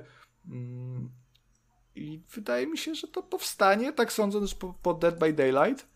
E, no o ile ta gra nie umrze, bo Cyber Interactive tworzyło kiedyś grę, ona się nazywa Friday, teraz to jest też kolejny zajebisty tytuł, e, Friday the 13th, The Game e, na podstawie piątku 13. Dobrze, że oni no tak podkreślają, że to o grę chodzi, bo jakbyś sobie tak, wszedł nie? Na, no te, na, tego Epika, czy na to PlayStation, byś to, nie, to byś wiedział. nie wiedział. Bo to... E, to, ta, ta gra miała bardzo smutną historię w ogóle, bo przez jakieś problemy z serwerami ze strony chyba wydawcy, przez chyba miesiąc gracze nie mogli się połączyć nie? i mimo, że to była naprawdę dobra gra, e, to, no to ona zdechła, bo jakby minął miesiąc, no już potem nikt nie chciał wracać, poszła fama. Mm. No i w przypadku Evil Dead no na, na razie tak nie jest, także, także super i gra się fajnie, ale jak będzie w przyszłości, e, nie wiem. Ostatnia rzecz to dla Kacpra, bo ja wiem, Kacper, ty bardzo nie lubisz gier, które mają tylko online. E, I no, Battlefield ci się z tego powodu nie podobał. Najgorsze gry, które są tylko sieciowe. E, Evil, Dead the, Ga- Evil Dead The Game ma też tryb single player. Obecnie to jest 5 misji. One są lekko fabularyzowane, natomiast to, mm, trudno to nazwać jakąś tam kampanią. E, to nie jest też na, na bazie jakiegoś konkretnego wydarzenia z filmu czy serialu. To jest jakieś takie bardziej e, fikcja i fantazja autorów. Natomiast one są spoko. E, Fajnie się w nie gra. Szósta jest w drodze. E, po przejściu się odblokowuje oczywiście jakieś tam expa się dostaje, za, za którego se można coś tam, nie wiem, odblokować nowe umiejętności. E, nowe, nowe postacie, na przykład tego króla Artura się e, odblokowuje w ten sposób i, i fajne są. E, jedyny minus e, to, że ta gra wymaga stałego połączenia z internetem, nawet jeżeli chce się zagrać tylko w tryb dla pojedynczego gracza. O, tak jak Gran Turismo 7. Nie lubimy. No, no niestety. O, Gran Turismo 7. A w Warhammerze tak nie było. Czyli Warhammer no, grą, odcinka. Wiesz, tak, na, na, ska na, skali od Sniper Elite 5 do Kangurek KO to jest zdecydowanie Sniper Elite 5. Dobrze, to ja wam teraz, moi mili, przybliżę kolejny tytuł, który miałem okazję przetestować, ale tutaj taka ciekawostka, jak pamiętacie, to było w zeszłym roku dostałem ofertę pracy jako tester. I, i wtedy podjarany byłem, już tam prawie wszystko było dopięte, ale... A potem zobaczyłeś wynagrodzenie. Nie, nie, to nie tak. Formalności po prostu stanęły nam na drodze tutaj e, związane z tym moim pobytem w Chinach. E, no i się niestety współpraca e, zakończyła, zanim się zaczęła. A, a ta oferta pracy była od Ice Code Games i najprawdopodobniej przyszłoby mi wtedy właśnie testować Hardwest 2. E, I o tej grze będzie mowa. Stop! Stop! Czy to jest sequel do tego Hardwest tam tak, z tak, jakichś... tak, tak, tak. Z tych lat 2015, 2015 roku. A, to nie, to myślę o jeszcze. Turówka. Creative Forge. A może to jest to? Może to jest taka, to? Nie wiem ta, taka, taka turówka na dzikim zachodzie, takim dziwnym zachodzie, gdzie tam magia, demony. A, i, poczekaj, i tak bo aż muszę sobie. No, to nie ma problemu. Bo mam wrażenie, sobie. że jest starsza gra jeszcze taka. No, jeżeli może... o, o, o, starsze gry chodzi, to ty, tu pan jesteś ekspert. No, no widzę, widzę na Gogu 2015, więc może to to. Okej. Okay. Kontynuuj. Tak. A ja sobie eee, po, po, po Więc więc Ice Code Games robi ten sequel, czyli zupełnie inne studio. Mm, no, ale oni starają się zachować tożsamość tej, tej pierwszej części. No i udostępnili nam wersję preview, która tam trwa no lekko ponad godzinę. Oficjalnej daty premiery jeszcze nie ma, ale, ale ja się po tej wersji testowej całkiem pozytywnie nakręciłem na tę grę. Ale już wiem, że teraz nie będziecie chcieli słuchać, bo to jest kolejna turówka, a przecież turówki są B, bo musi być akcja i szczelanie musi być, żeby się dużo Arcade! Automaty! Samochody szybkie! Seks! Brum, brum. Kuba. Tak. Właśnie, ja, wystarczy nie, sobie bimbały i ja jestem kupiony. No.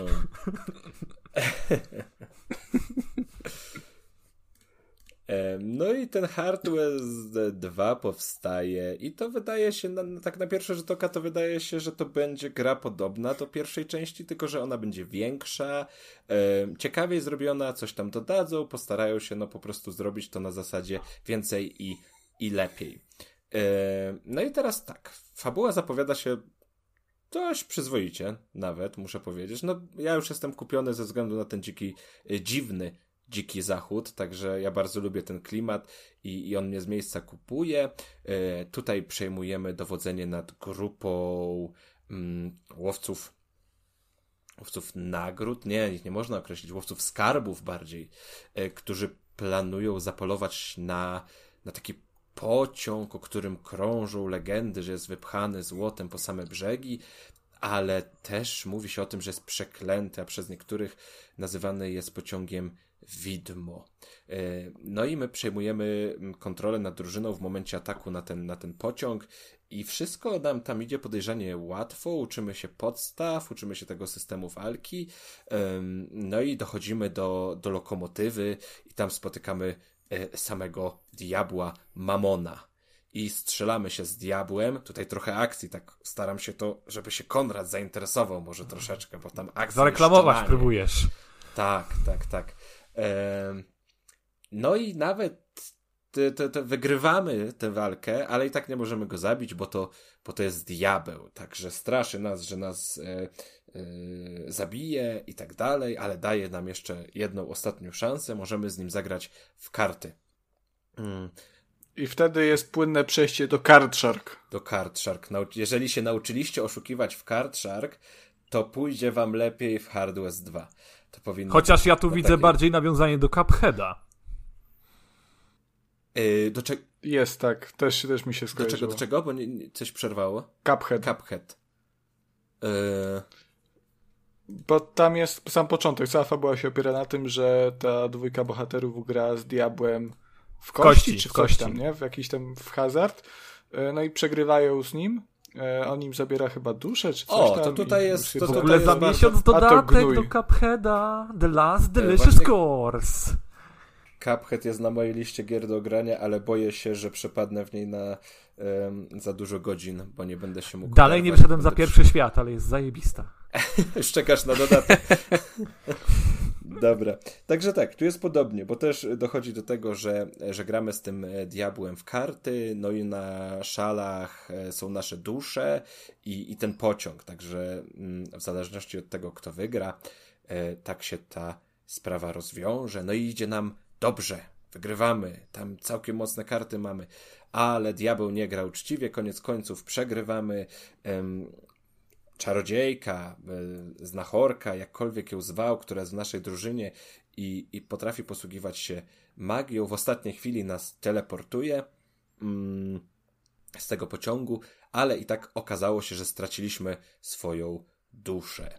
I zabawa zaczyna się w takich śnieżnych klimatach.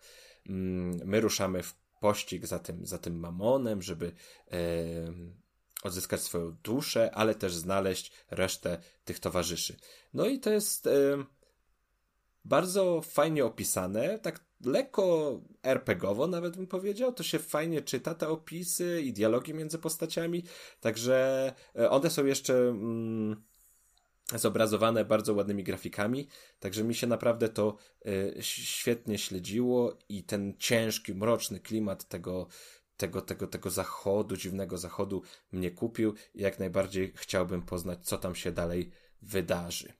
Mm, I teraz tak, jak wspomniałem, to jest turówka, ale to jest inna turówka niż to, co na przykład znamy ze wspomnianego Warhammera. E, bo to jest taka turówka, ja bym ją określił bardziej mianem turówki logicznej. Że tutaj e, musimy bardziej planować swoje ruchy, niż zdawać się na taką mm, improwizację. Tutaj mamy system stworzony do takiej rozgrywki, żeby w każdej turze postarać się wyeliminować jak najwięcej przeciwników. Mm, I tutaj takim głównym elementem jest to, że za zabicie wroga odblokowują się wszystkie nasze zużyte punkty akcji u danej postaci. Także to jest bardzo takie do pokombinowania na zasadzie gry logicznej, że ten zranie, tym zabije, tym się ruszę i to tak, tak się kręci e, wszystko, wszystko dookoła. Dodatkowo ten system walki jest o jakieś tam strzelanie z rykoszetów wzbogacony, także nawet jeżeli przeciwnik gdzieś jest ukryty za zasłoną, to możemy tak sobie wymierzyć od jakichś elementów otoczenia, że ta kula go dosięgnie. I, jeszcze takim jednym mm, charakterystycznym elementem tego systemu walki jest e, poziom e, farta. Czy farta czy fartu? Jak to się odmienia? Farta. Farta. Pierda. Tak. E, tak, tak by się zgadzało. Teraz. Czyli tak bliżej kangur kakao. Dzięki, dzięki temu zapamiętam. E, zapamiętam, jaka jest poprawna odmiana. Także jeżeli na przykład oberwiemy to ten poziom, wskaźnik farta wzrośnie i w następnej turze możemy y, wykorzystać go do popuszczenia. Tak, zwiększenia naszej szansy Jezus na Maria, trafienie. błagam. e, że... Już przez Szymona już ten poziom farta już mi się z niczym innym nie kojarzy, już przepadło, tyle. Żarty, żarty o kupie jak najbardziej zawsze. E... No i co? Żarty no i o kupie, są... tylko na trójkaście. O, jest intro. Dzięki. To, nie, to będzie jingle do każdego odcinka po prostu, nie? Czyli co, czyli teraz mamy te żarty o kupie opatentować, tak? Zdecydowanie. Dobra, jeszcze takim, yy, taką jedną istotną mechaniką jest to, że świat gry zwiedzamy już sobie w trybie dowolnym, tam sobie po prostu konikiem e, patata, patatajamy po mapie, możemy zwiedzać różne pomniejsze... Czy zagalopowałeś się? Pomniejsze miejscówki. Chciałbym się zagalop, zagalopować, ale jeszcze nie ma pełnej wersji. E, tak, także możemy tam sobie e, różne takie zadania poboczne też będą. E, mają być śledztwa, czyli będziemy gdzieś się, uda u, jeśli udamy się w jeden fragment mapy, to dostaniemy wskazówkę, gdzie powinniśmy się, się udać później.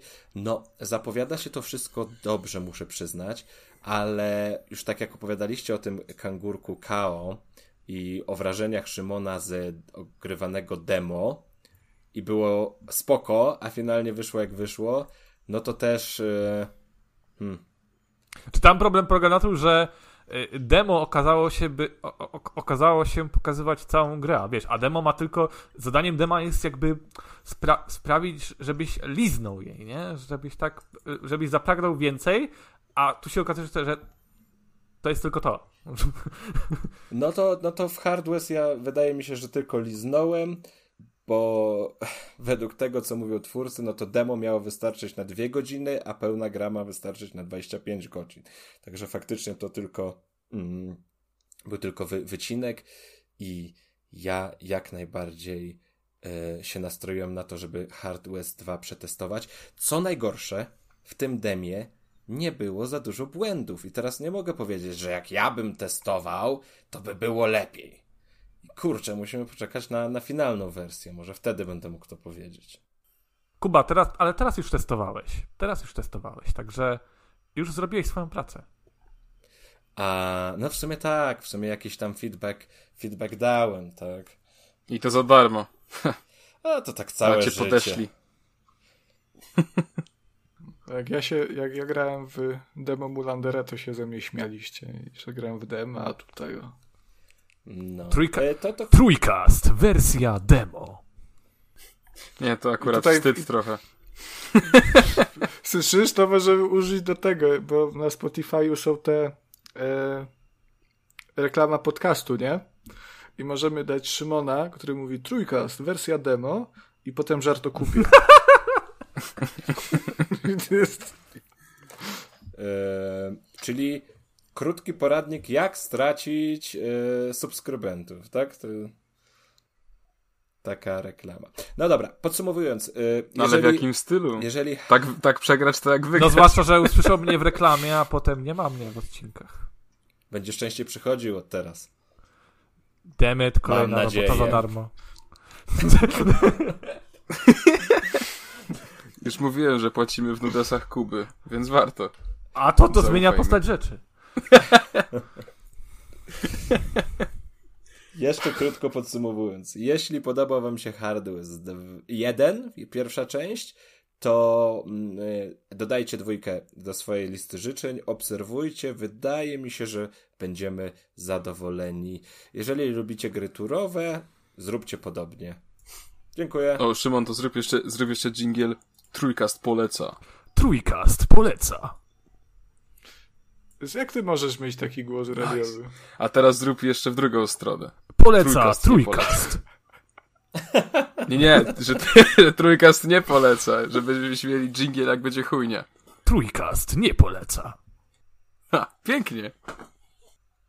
Widzisz? To fa- Widzisz? fakturkę, Warto. fakturkę wystawisz później, yy, Kacper opłaci.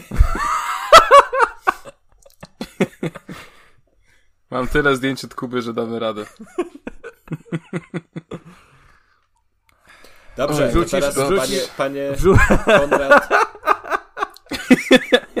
Opowiedz, panie Konrad, co tam pan żeś nagotował?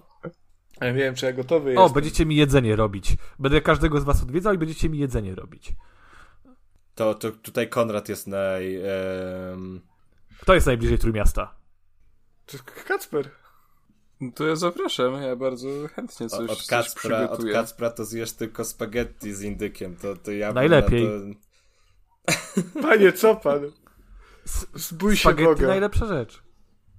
Ale z indykiem? a z indykiem? Mięso bielone z indyka. Zwierzę?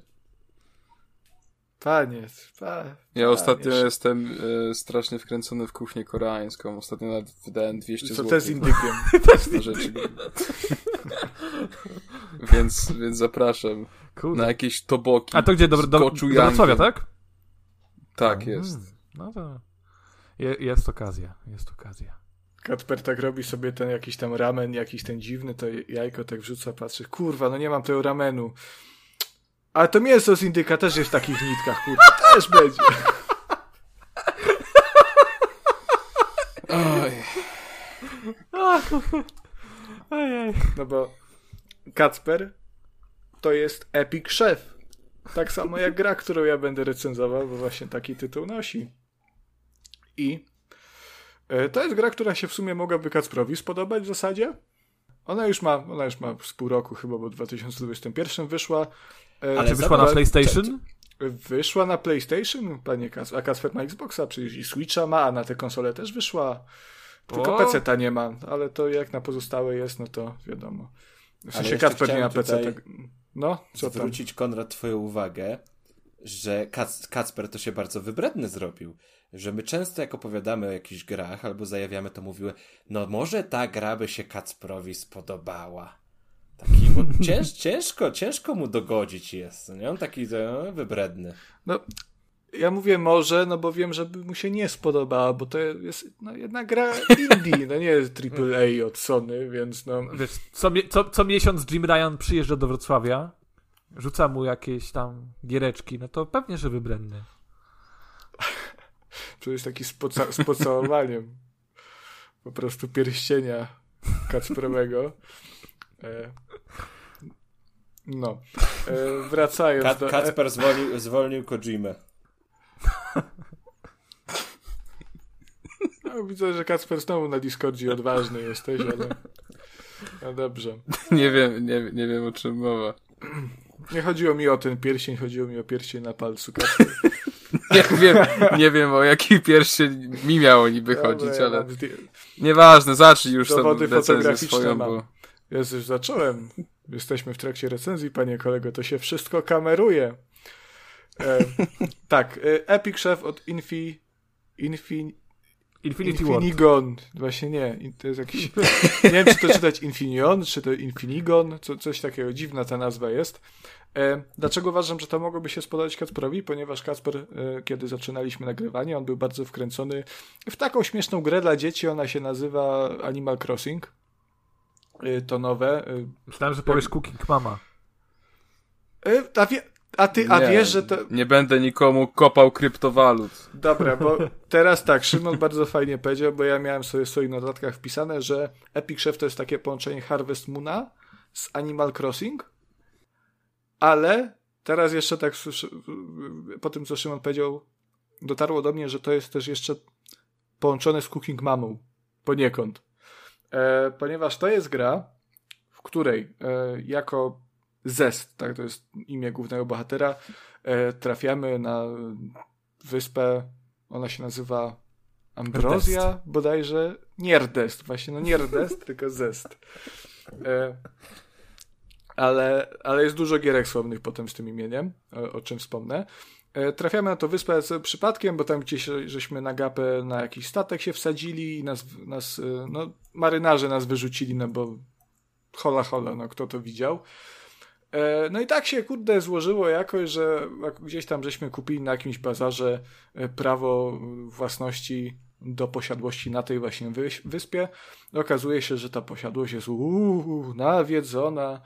E, Także dostaliśmy ją za bezcen, e, nikt tam nie chce do nas przychodzić i to jest taka naprawdę willa elegancka, nie? No to nie jakaś mikrokawalerka, prawda, tylko takie dojebane z własnym ogrodem, z widokiem na morze, no coś cudownego. E, I w tej.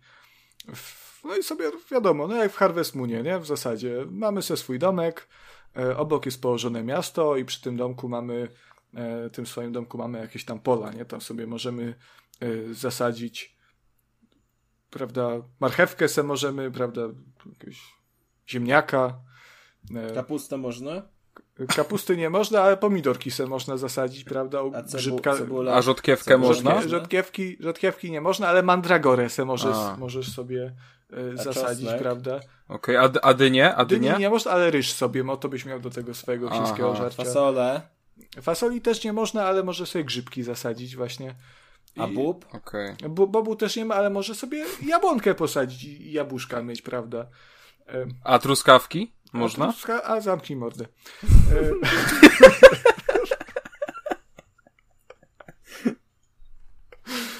e, e, tak, więc E, Tak mleko? to jest właśnie w tym trójkaście. jest mleko, bo właśnie o, po, poza sadzeniem, prawda, e, warzyw, owoców, możemy też prowadzić swoją farmę, prawda, mieć, e, przy, przyzywać przez taki specjalny e, portal do innego wymiaru e, kozy. Moment, zamknę kota. Nie no, prof profesjonalizm. Ale wiesz, wiesz, Konrad, że to pod, pod paragrafy podchodzi teraz, znęcanie się nad zwierzętami. Ja może tylko dopowiem, że tak z tego, co Konrad opowiada, to mi się nasuwa na głowę Spiritfarer. Jeżeli graliście. Spiritfarer nie grałem, ale, ale nie, bo Spiritfarer to jest jednak na wodzie, to jest, mówię, to jest takie bardziej Harvest Moon, Animal Crossing, Cooking Mama i wracając do tych zwierzątek, e, można właśnie mieć te kozy, e, kozy se, jak się je karmi, to one dają mleko, je można potem przerabiać w przydomowej rzeźni na e, mięsiwko e, i potem robić mielone. E, jak ktoś woli drób y, jak Kacper, no to można też mieć panguny. Panguny to są takie przerośnięte y, kurczaki. Mm, Tak, no i sobie rozwijamy tę swoją tę swoją przydomową faremkę. Mm, Ja na początku myślałem, że to właśnie ta gra będzie taka bardziej Harvest Moonowa, że, że to rozwijanie tej farmy będzie stanowiło główne skrzy... jakby grało pierwsze skrzypce e, w tej przeuroczej, kolorowej orkiestrze. Natomiast okazuje się, że to jest y, to jest w zasadzie dodatek i to jest jedynie sposób na y, zdobywanie składników, bo tym, co, y, co te pierwsze skrzypce gra, to jest właśnie gotowanie. To jest gra o gotowaniu. Mm, możemy sobie w, przy, w przydomowej kuchence jakieś tam dziwne potrawy ugotować. Jak na przykład szczura se możemy wrzucić, e, jakbyś truskawek się przejadł Kacper, to sobie możesz szczurkiem sobie podjeść, prawda, albo jakąś mewą, krabem, e, czy czymkolwiek, co, cokolwiek y, zbierzemy, no bo można też łowić jeszcze ryby na przykład, nie? Albo zbier- podbierać e, mewą jajka. E, w sensie te, które złożą. E, nie paną mewą. No. E, I Dzięki za sprostowanie. I tak, więc tak gotowanie jest bardzo dużo. Ono jest, ono jest bardzo proste, bo to nie jest tak jak w Cooking Mamie do końca, że tam trzeba, nie wiem, machać myszką czy gałką analogową, kręcić. Mm, tylko mm, w zasadzie przytrzymujemy B, żeby kręcić tą e, szpachelką, no szpachelką, no łyżką do, do tego. Mm, po patelni do tego dorzucamy trzy składniki, ewentualnie jakiś sosik, który daje busty do, e, do właściwości tego dania, bo każde danie składa się z wigoru, e, spirytu, ale tego nie fajnego, bardziej takiego uduchowienia, bo to jest takie, jakby chyba chodzi o to, co ono wywołuje w jedzącym, więc jest wigor, czyli takie zapalenie do akcji, ten spiryt, e, czyli takie głębsze przemyślenia, chociaż to ten w sumie no, pasuje i uduchowienie, i alkohol po prostu w, tej, w, w tym porównaniu. E, I też taką kreatywność, coś takiego. E, sophistication to jest taka.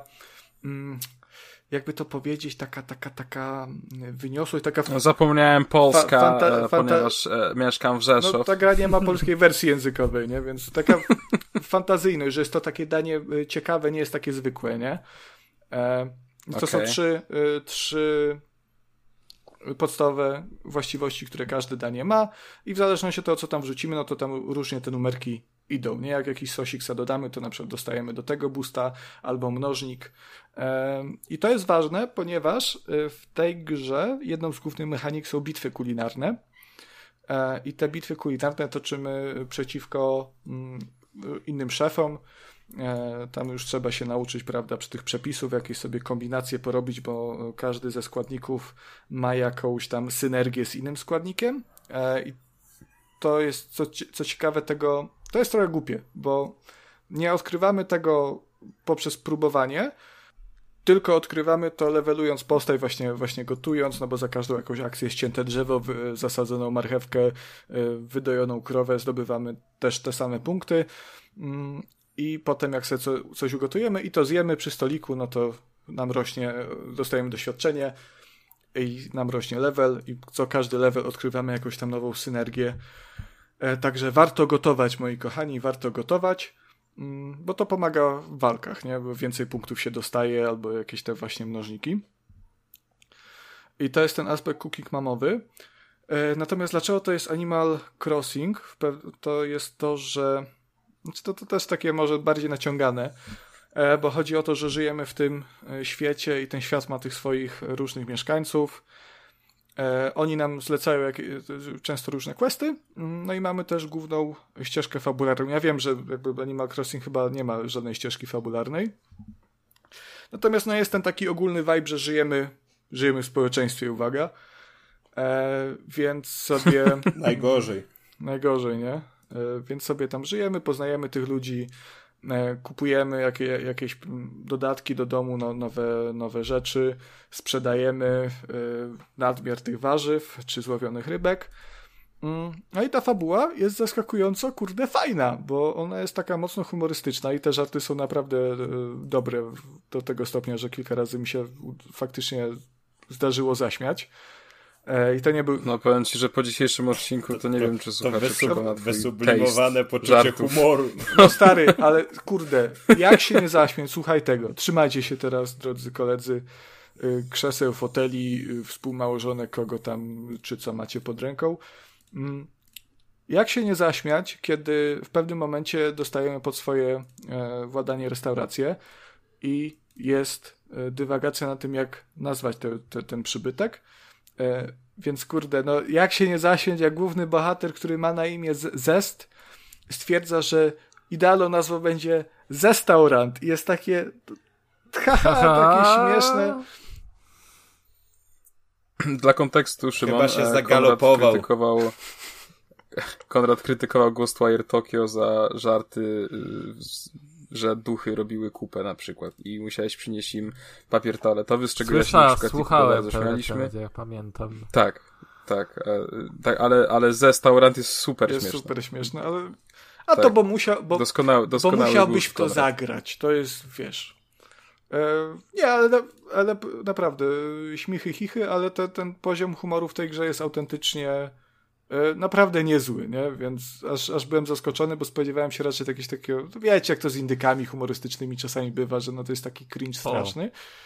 A w Kangoku Kao jaki humor jest ciekawy? No to, no to właśnie pod tym względem Epic Szefowi jest bliżej do Sniper Elite 5 niż do Kangurka K. jest, nie, żarty są bardzo spoko, ta fabuła też, też nie jest jakaś taka e, duża. No to jest, to jest w zasadzie taka historia osoby, która przypadkiem e, pnie się po szczeblach, e, po szczeblach kariery mm, szefa kuchni, nie, na, na, na sam szczyt. E, I to się bardzo fajnie śledzi. No, to jest taka, taka wesołkowa, rubaszna. Mm, te, te postacie one są no, przerysowane i często lekko głupawe, ale, ale, ale fajnie to się to śledzi. Mm, nie miałem nigdy tak, że jakoś byłem znudzony tym, tym co one gadają. Także to jest bardzo fajne i w trakcie tej fabuły są bitwy kulinarne, e, właśnie te wspomniane. Mm, tam trzeba pokonać po prostu szefa. No to jest trudne, trzeba dobre składniki, wiadomo, e, te, te, te sosy wspomniane odpowiednio. Mm, no i tak, to, tak samo to działa przy, w przypadku różnych lig portowych, na przykład, yy, gdzie mamy całe tabelki, żeby się mierzyć z innymi szefami żeby się stać, stać mistrzem w danej lidze, nie? To jak prawie jak Pokémony w ogóle tu jeszcze mogę nawiązać po prostu. E, I to jest, kurde, no, fa no, fajnie, się, fajnie się w to gra, wciąga, zaskakująco wciąga, no bo to jest takie, że dobra, teraz zmieliłem tego kurczaka na mielone, jeszcze złowię sobie kraba, a do tego jakiegoś ziemniaka wrzucę i to będę miał takie danie, że ho, ho że wygram, więc to jest, jest, jest, jest ta motywacja, jest to kmienie i to daje masę satysfakcji. Mm, natomiast no, y, do dupy jest to, że wszystkie te przepisy one, one się nie zapisują nigdzie. To nie jest tak, że mamy dziennik, że odkryjemy jak, jakieś tam połączenie i przepis i wtedy możemy sobie sprawdzić, y, co na to danie idzie i jakie ono tam ma statystyki, bo to Wiem z czego to wynika, bo tu jest raz, że jest bardzo dużo kombinacji, ale też to, że e, od tego, ile dane danie ma punktów, e, to, od ile, to ile dane danie ma punktów, e, zależy też od tego, jak mieszamy, bo możemy chwilę pozwolić tym składnikom poleżeć na, na ruszcie, żeby taki aromat dodawały i to jest ważne w, w, kulinary, w bitwach kulinarnych, ponieważ to to osoba, której danie jest bardziej aromatyczne, pierwsza zaczyna bitwę, a tam są różne modyfikatory e, w zależności od tego, co dany mm, oceniający krytyk lubi, więc, więc czasami lepiej jest zacząć jako pierwszy, żeby coś tam wykorzystać albo czegoś uniknąć, albo coś dołożyć, na przykład jakimś sosem, nie? Bo sos może sprawić też, że krytyk nie lubi y, dań z dużą ilością wigoru. To jest mówię, no jakby te, też to ilość punktów w daniu zależy od tego, w jakiej kolejności składniki na przykład wrzucamy. Także to by było bardzo trudno ten, ten spis zrobić. E, no ale to jednak wpływa negatywnie na, na całość, no bo trzeba te wszystkie te wszystkie mm, przepisy albo mieć w głowie, albo sobie prowadzić swój własny spis. E, no, no szkoda, ale to jest do przełknięcia, bo cała reszta gry e, jest, jest bardzo, bardzo fajna i wesoła, i przyjemna, i satysfakcjonująca. I kurde, pytanko polecam. Ode mnie, pytanko Jasne. Po, ode mnie, właśnie, bo polecasz i dobrze opowiadasz o niej, wypowiadasz się. Dlaczego nie odniosła sukcesu? E, bo to indyk i ona wygląda bardzo niepozornie. ale są takie indyki, które wiesz, szarpną. Mm, Lub to, Hero. Na przykład do spaghetti. No, znaczy, o! chodzi o, o ogólnie o indyki, ale jakby indyki e, podobne gameplayowo. Takie, że właśnie, że tam wiesz, gotowanie, farmienie i no ale jakiego miałeś takiego indyka, który by z tym szarpnął? Stardew Valley, nie? No, coś jeszcze było później. No właśnie... Animal Crossing, a nie, a nie. Tylko z, z, wydaje mi się, że Stardew Valley e, między Stardew Valley a Epic Chefem jest ta różnica, że Star, Stardew Valley jest jednak mimo wszystko e, mniej złożoną grą. W sensie ona jest dalej złożona, tam jest bardzo dużo zależności i mechanik. Natomiast E, no to jest po prostu Harvest Moon, nie?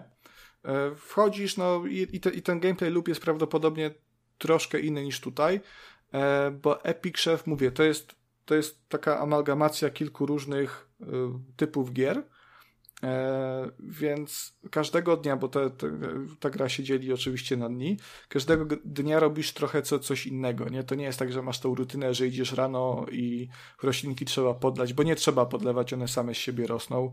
E, tam ewentualnie zwierzątka nakarmić, ale, ale każdy dzień to jest inna przygoda, nie? Więc... Yy więc myślę, że to.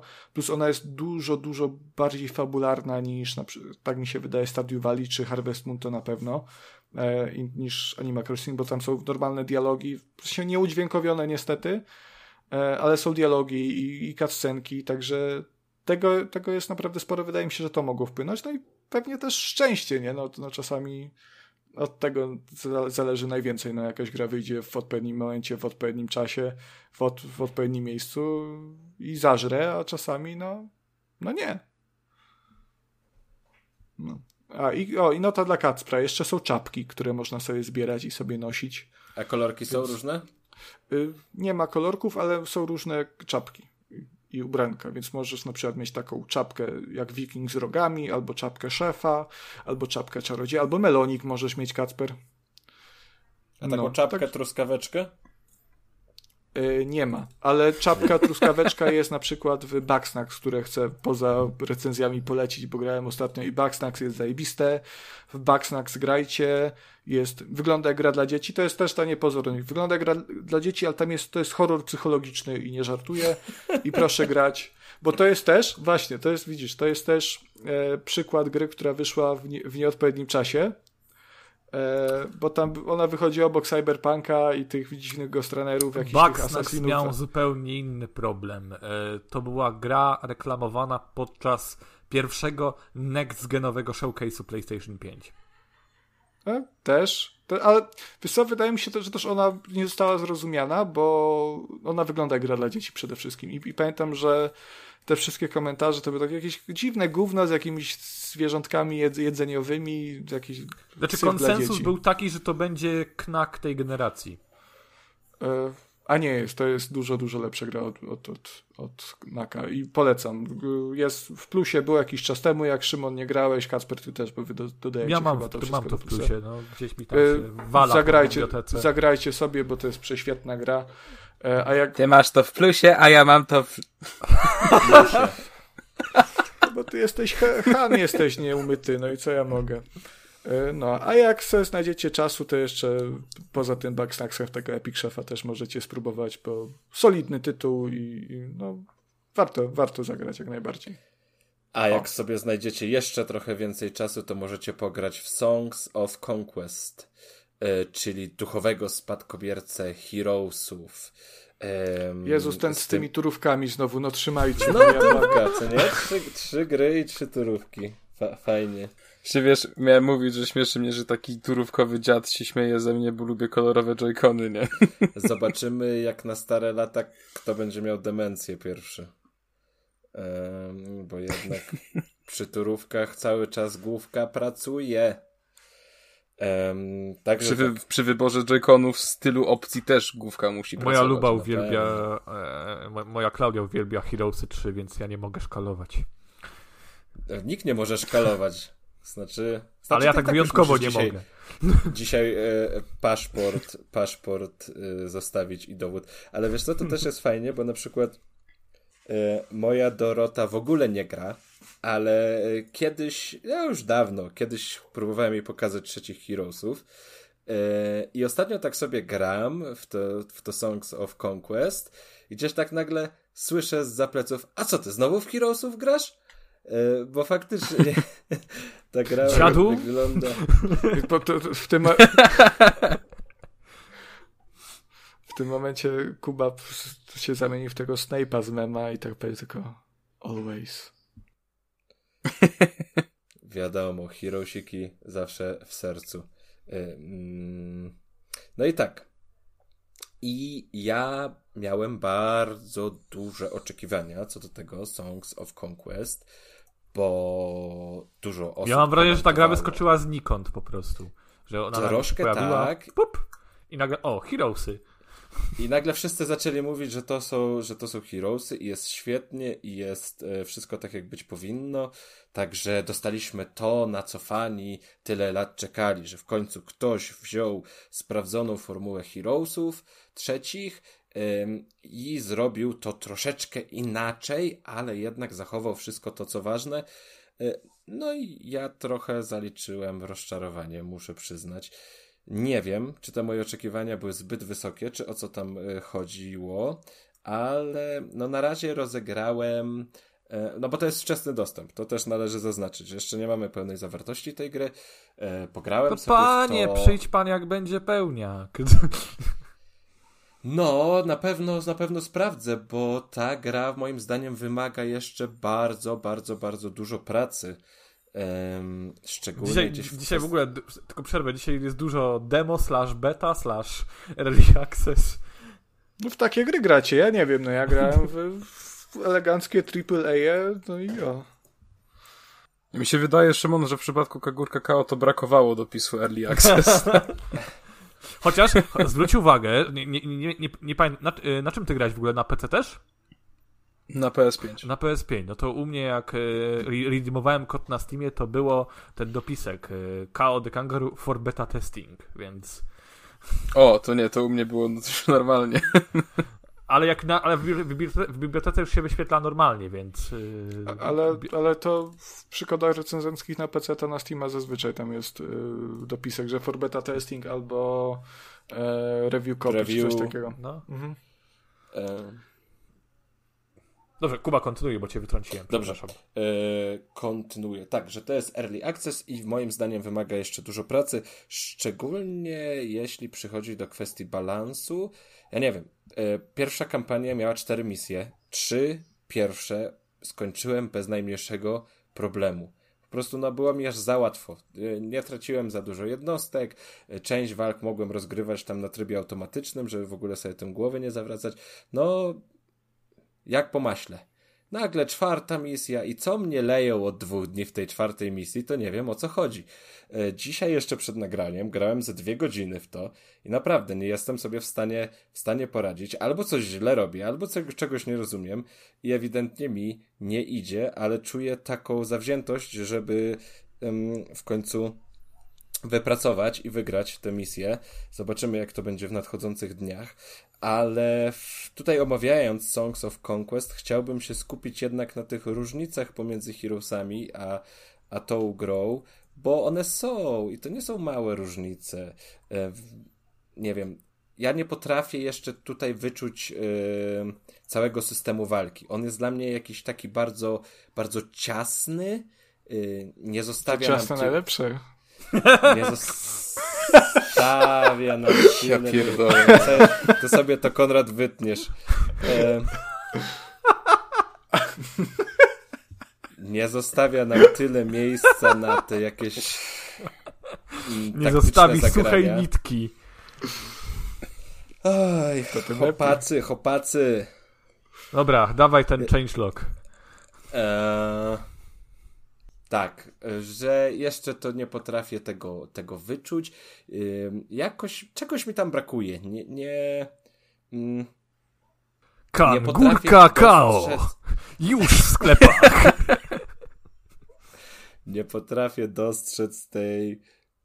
Eee, zaznaczę po raz kolejny, że jeszcze nie przekonałem się do systemu walki, czegoś mi tam brakuje. Wydaje mi się, że wy, e, potrzeba tam e, balansu. E, jakoś powinna być ta gra troszeczkę inaczej przedstawiona graczowi, żeby mógł e, nauczyć się jakoś sprawniej poszczególnych jednostek, sposobu ich działania, umiejętności specjalnych. Nie wiem, tutaj mi, mi tego brakuje. Może, no już wygrałem w to prawie 10 godzin i ciągle się tego nie nauczyłem, e, więc albo jestem bardzo oporny na to, albo to zostało jakoś źle wytłumaczone i przedstawione. A nie ma jakiegoś mm. samouczka osobnego? Wiesz co, ta pierwsza misja kampanii trochę jest jak taki samouczek, bo to się naprawdę, e, tak jak mówiłem, wolno rozkręca i ale to też, wiesz, no nie poznasz samouczka działania wszystkich jednostek i później przychodzi nagle trudna walka, jesteś zaskoczony, bo coś tam się wydarzyło, albo przeciwnik, który um, którego widzisz po raz pierwszy, ma jakiś tam bardzo y, szeroki. Y, no, że daleko może pójść i cię dopadnie, nawet się tego nie spodziewasz, że on cię dorwie na, taki, y, na, na, na takim dystansie. Mm, także to nie wiem, może potrzeba więcej czasu, może potrzeba to jakoś y, sprytniej zrobić. Mm, kolejną różnicą jest magia, której się używa w trakcie walk, y, bo jest to całkowicie inaczej zrobione. Tutaj co każdą turę w trakcie walki zbieramy punkciki z różnych dziedzin magii, w zależności od tego, jakie jednostki mamy.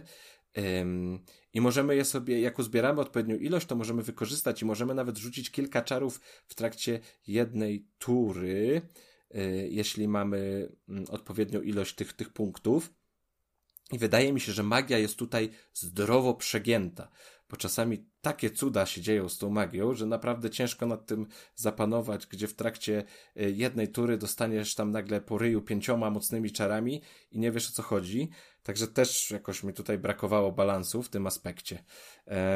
No i na tą magię też trzeba poświęcić czasu, żeby się tego nauczyć, bo księgę czarów mamy stałą, no ale trzeba wiedzieć, który, żeby tym sprawnie operować, trzeba wiedzieć, który czar czego i ile kosztuje, żeby sobie móc to w trakcie walki jakoś, jakoś sensownie rozplanować. Dużą różnicą też jest sposób rozbudowy królestwa, bo działa na kompletnie innych zasadach. Jest e, znacznie okrojony, mamy mniej budynków w zamkach. Też całość wydaje mi się chaotyczna. Nie do końca zrozumiałem jeszcze sposób rekrutowania jednostek. To jest jakieś ulepszania ich. Jakoś no mam wrażenie, że to wszystko jest jeszcze niedopracowane i naprawdę trzeba, trzeba szlifów, żeby to było przyjazne użytkownikowi. No i to są chyba takie trzy główne różnice. Możemy sobie oczywiście tym konikiem chodzić po mapce i tam zajmować kopalnie, zbierać skarby i tak dalej, to jest jak najbardziej heroesowe, ale też wydaje mi się, że Songs of Conquest jest um, bardziej ograniczone, bo na przykład mamy limit jednostek, które możemy zarekrutować do swojej, do swojej armii, mamy limit bohaterów, którymi możemy e, władać, więc no jakby mm, no w trzecich Heroesach tego nie było. Mogłeś sobie zebrać tam potężną armię pełną smoków, rycerzy i czegokolwiek i wtedy yy, siać zgrozę w innych królestwach. Tutaj tego nie ma. Mamy jakiś tam limit. Yy, musimy też te jednostki yy, no od początku nasz bohater na niskich poziomach trudności naprawdę może dołączyć tylko kilka jednostek do, do, do swojej armii. Musimy go yy, zdobyć kolejne poziomy i rozwinąć, żeby to nabierało rozpędu. No, no jest tych różnic sporo. Yy, oczywiście ta gra wygląda jak Heroesy i chociaż, nie wiem, to jest pixel art ciągle.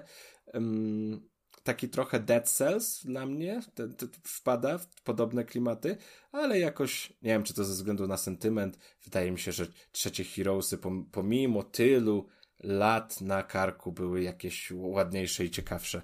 Yy, mimo ale tak słysza, słyszałem opinie po reszcie podcastów, to są dość pozytywne generalnie.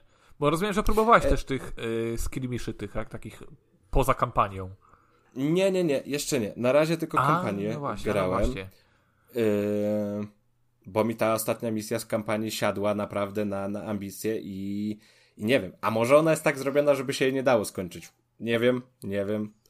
Yy, bardzo Jak stare tam... robokopy. Zapomnieli finału za, zaprogramować, tak? Bardzo czuję, że tam jakoś e, przeciwnik dużo szybciej rekrutuje jednostki. no ale nie, może po prostu coś robię, coś robię źle. Może powinienem sobie pograć właśnie takie pojedyncze... Kangur kakao może lepiej. Bardziej gra dla mnie. E, jakieś pojedyncze scenariusze na, na, na gotowych mapkach, żeby mm, się tego nauczyć. E, ja też nie mówię, że to jest gra zła, ale według mnie jeszcze potrzebuje czasu, potrzebuje szlifów. Ten early access jest bardzo dobrym pomysłem, wydaje mi się. Mm, czy będzie duchowy spadkobierca Heroesów? Ciężko mi powiedzieć. Nie wiem, czy to nie jest taki chwilowy zachwyt, który za, za dwa, trzy tygodnie opadnie i troszkę się o tej grze zapomni. Pożyjemy, zobaczymy. No właśnie tak bardziej ogólnie, ja mam wrażenie, że no jednak premierę masz tylko raz i... Tak, Czuję, tak, tak. że- Ta premiera w Early Access jest bardzo, bardzo Chyba, ważna. że cyberpunkiem jesteś. To wtedy dwa razy.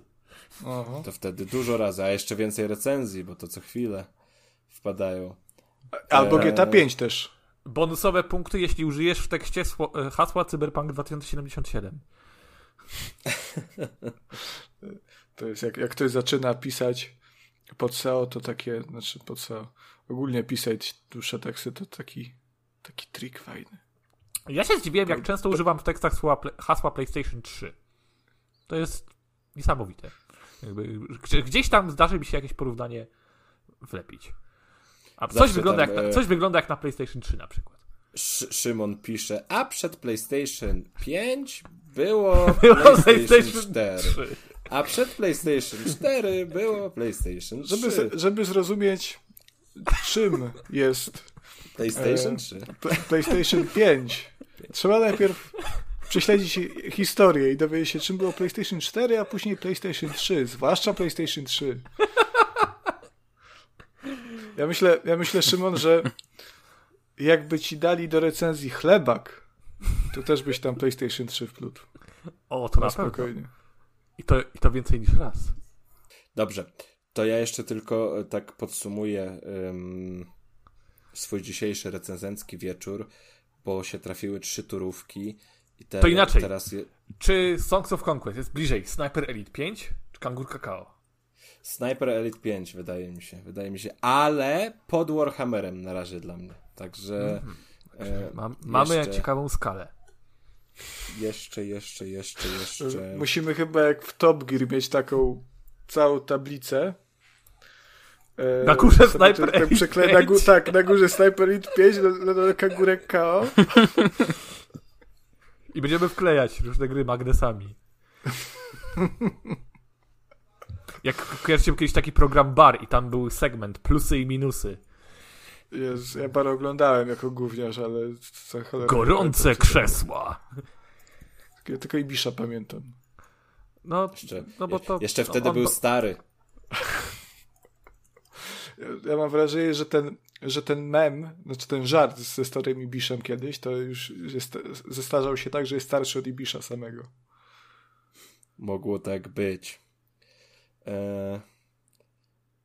Dobrze, to ja jeszcze tylko, o, na koniec chciałem powiedzieć, że jeżeli jest jakiś podcast, który lubi słuchać o turówkach, y, którego członkowie lubią słuchać o turówkach, to, to ja chętnie opowiem tam więcej, zarówno i o Warhammerze, i o Songs of Conquest, i o Hard Westie, bo tutaj niestety koledzy, redaktorzy nie dali mi dzisiaj się No, wykazać. jakby co też mogę To fajną tak, nazwę to tak źle sprzedać. ci u nas, że uciekasz?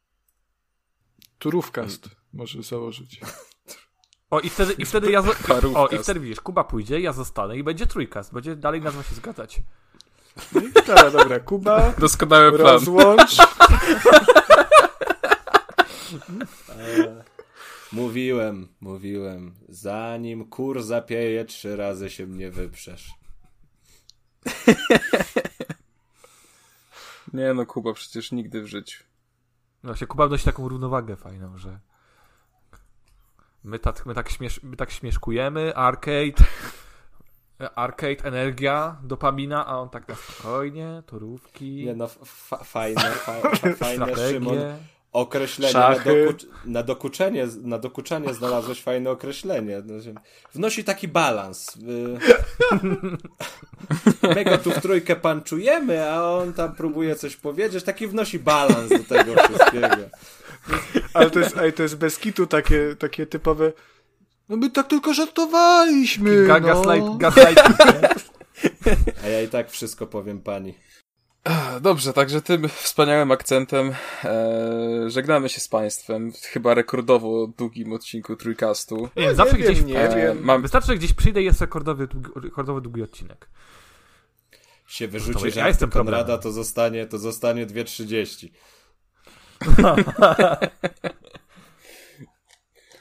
ostatnio ten z Wojtkiem też miał być najdłuższy i 4 godziny już się Kacper cieszył, zajawiał 4 godziny odcinek będzie. A potem trzeba było opis mieć, że no prawie 4-godzinny odcinek. Już tak nie brzmiało dobrze, ale... A ten będzie 4 godziny, tak myślę. Jak nie, to tam zrobisz jeszcze jakiś kącik stand-upowy na końcu, już tak dograsz off the record po prostu sam i dorzucisz. O, a propos tego y, stand-upu, ja mogę polecić stand-upera jak chcecie. Ja nie, nie wiem, czy chcę od ciebie. Nie, ale, ale autentycznie ja, ja nie oglądam stand-upu, ale ostatnio trafiłem na y, panią, która się nazywa y, Ola Szczęśniak. Y, mm -hmm. I mhm. naprawdę który, zajebisty... który program? Co? Który na YouTubie program? widziałem. No tak, Zajebisty... ale oni mają tam Puls 2. który special. E, aha, który jest special? Wszystkie ma dobre. Ten najnowszy, czekaj, nie pamiętam. A ten najnowszy akurat był ta, taki słabszy. Y... Wszyscy jesteśmy hipokrytami, to i najnowszy specjal. Bardzo fajny. Mhm, mhm. Bardzo fajny. No, Polecam. mi tak, tak się średnio podobał. No bo ty Troszkę. to, bo co, bo co, że kobieta, tak? A ja rzucę okiem. Mm, Po prostu, nie wiem, to, o w ogóle polski stand-up to ma, to, to, to jest... No, Tak, tylko amerykańskie jest zabawne. To To- Polska w ogóle nie umie w humor. Dave Chappelle, George Carlin, wiadomo. Tak, w polskim, w polskim stand-upie jest za dużo robienia loda, niestety. Komu? A nie, nie ma znaczenia. W- Wyssanych z palca his, z historii. i tak A, widzę, widzę, co tu zrobiłeś, panie Kubo. Błagam. Nie, dobra, e, dziękujemy. Jeszcze raz. Był u nas Szymon Baliński, znany jako jo Johokaru. Dziękujemy bardzo za przybycie i mamy nadzieję, że może się jeszcze kiedyś na łamach Trójkastu usłyszymy. Mam taką nadzieję, dziękuję za zaproszenie i liczę, że to nie jest ostatni raz. No to my dziękujemy za przybycie, prawda, tłumne, radosne, e, prawda, i, i ja również dziękuję, żegnam się z tobą, panie Szymonie, z, z państwem, państwo słuchacze, no i z resztą tej hałastry tutaj, co tu siedzi w wirtualnym studio. E, Tak, to no. był Konrad Noga, który się wyrwał do przedwczesnej odpowiedzi. Był też z nami niezwykle spokojny e, i wyrozumiały Kuba Smolak. A Ja dziękuję e, drogim słuchaczom za to, że dotrwali do końca. E, Dziękuję panu redaktorowi Szymonowi, ale nie dziękuję wam, e, pano, panowie Kacper i panowie Konrad, bo no, gówniarskie zachowanie, e, bardzo ni- niemiłe, e, nieodpowiedzialne bym powiedział, jakieś takie przezwiska, wtrącenia, to w ogóle po co to wszystko? Ile wy macie lat jeden z drugim? Powiedział Psy. pedagog, który śmiał się z mojej cukrzycy. E, doskonale. Jak wiadomo, choroby przewlekłe są najlepszym obiektem żartów, szczególnie jeśli jesteś nauczycielem. E, Nie, najlepszą formą żartu dzieciom. to jest chłop przebrany za babę, Kasper. Jeszcze tak nie, nie dodawaj se tak, wiesz? I byłem też ja, czyli Kasper Cebrowski. Dziękuję. Ale, ale, jakby był Ale to nie wszystko. chłop, jakby chłop z cukrzycą przebrany za babę, to już by się po prostu zdech ze śmiechu, po prostu normalnie.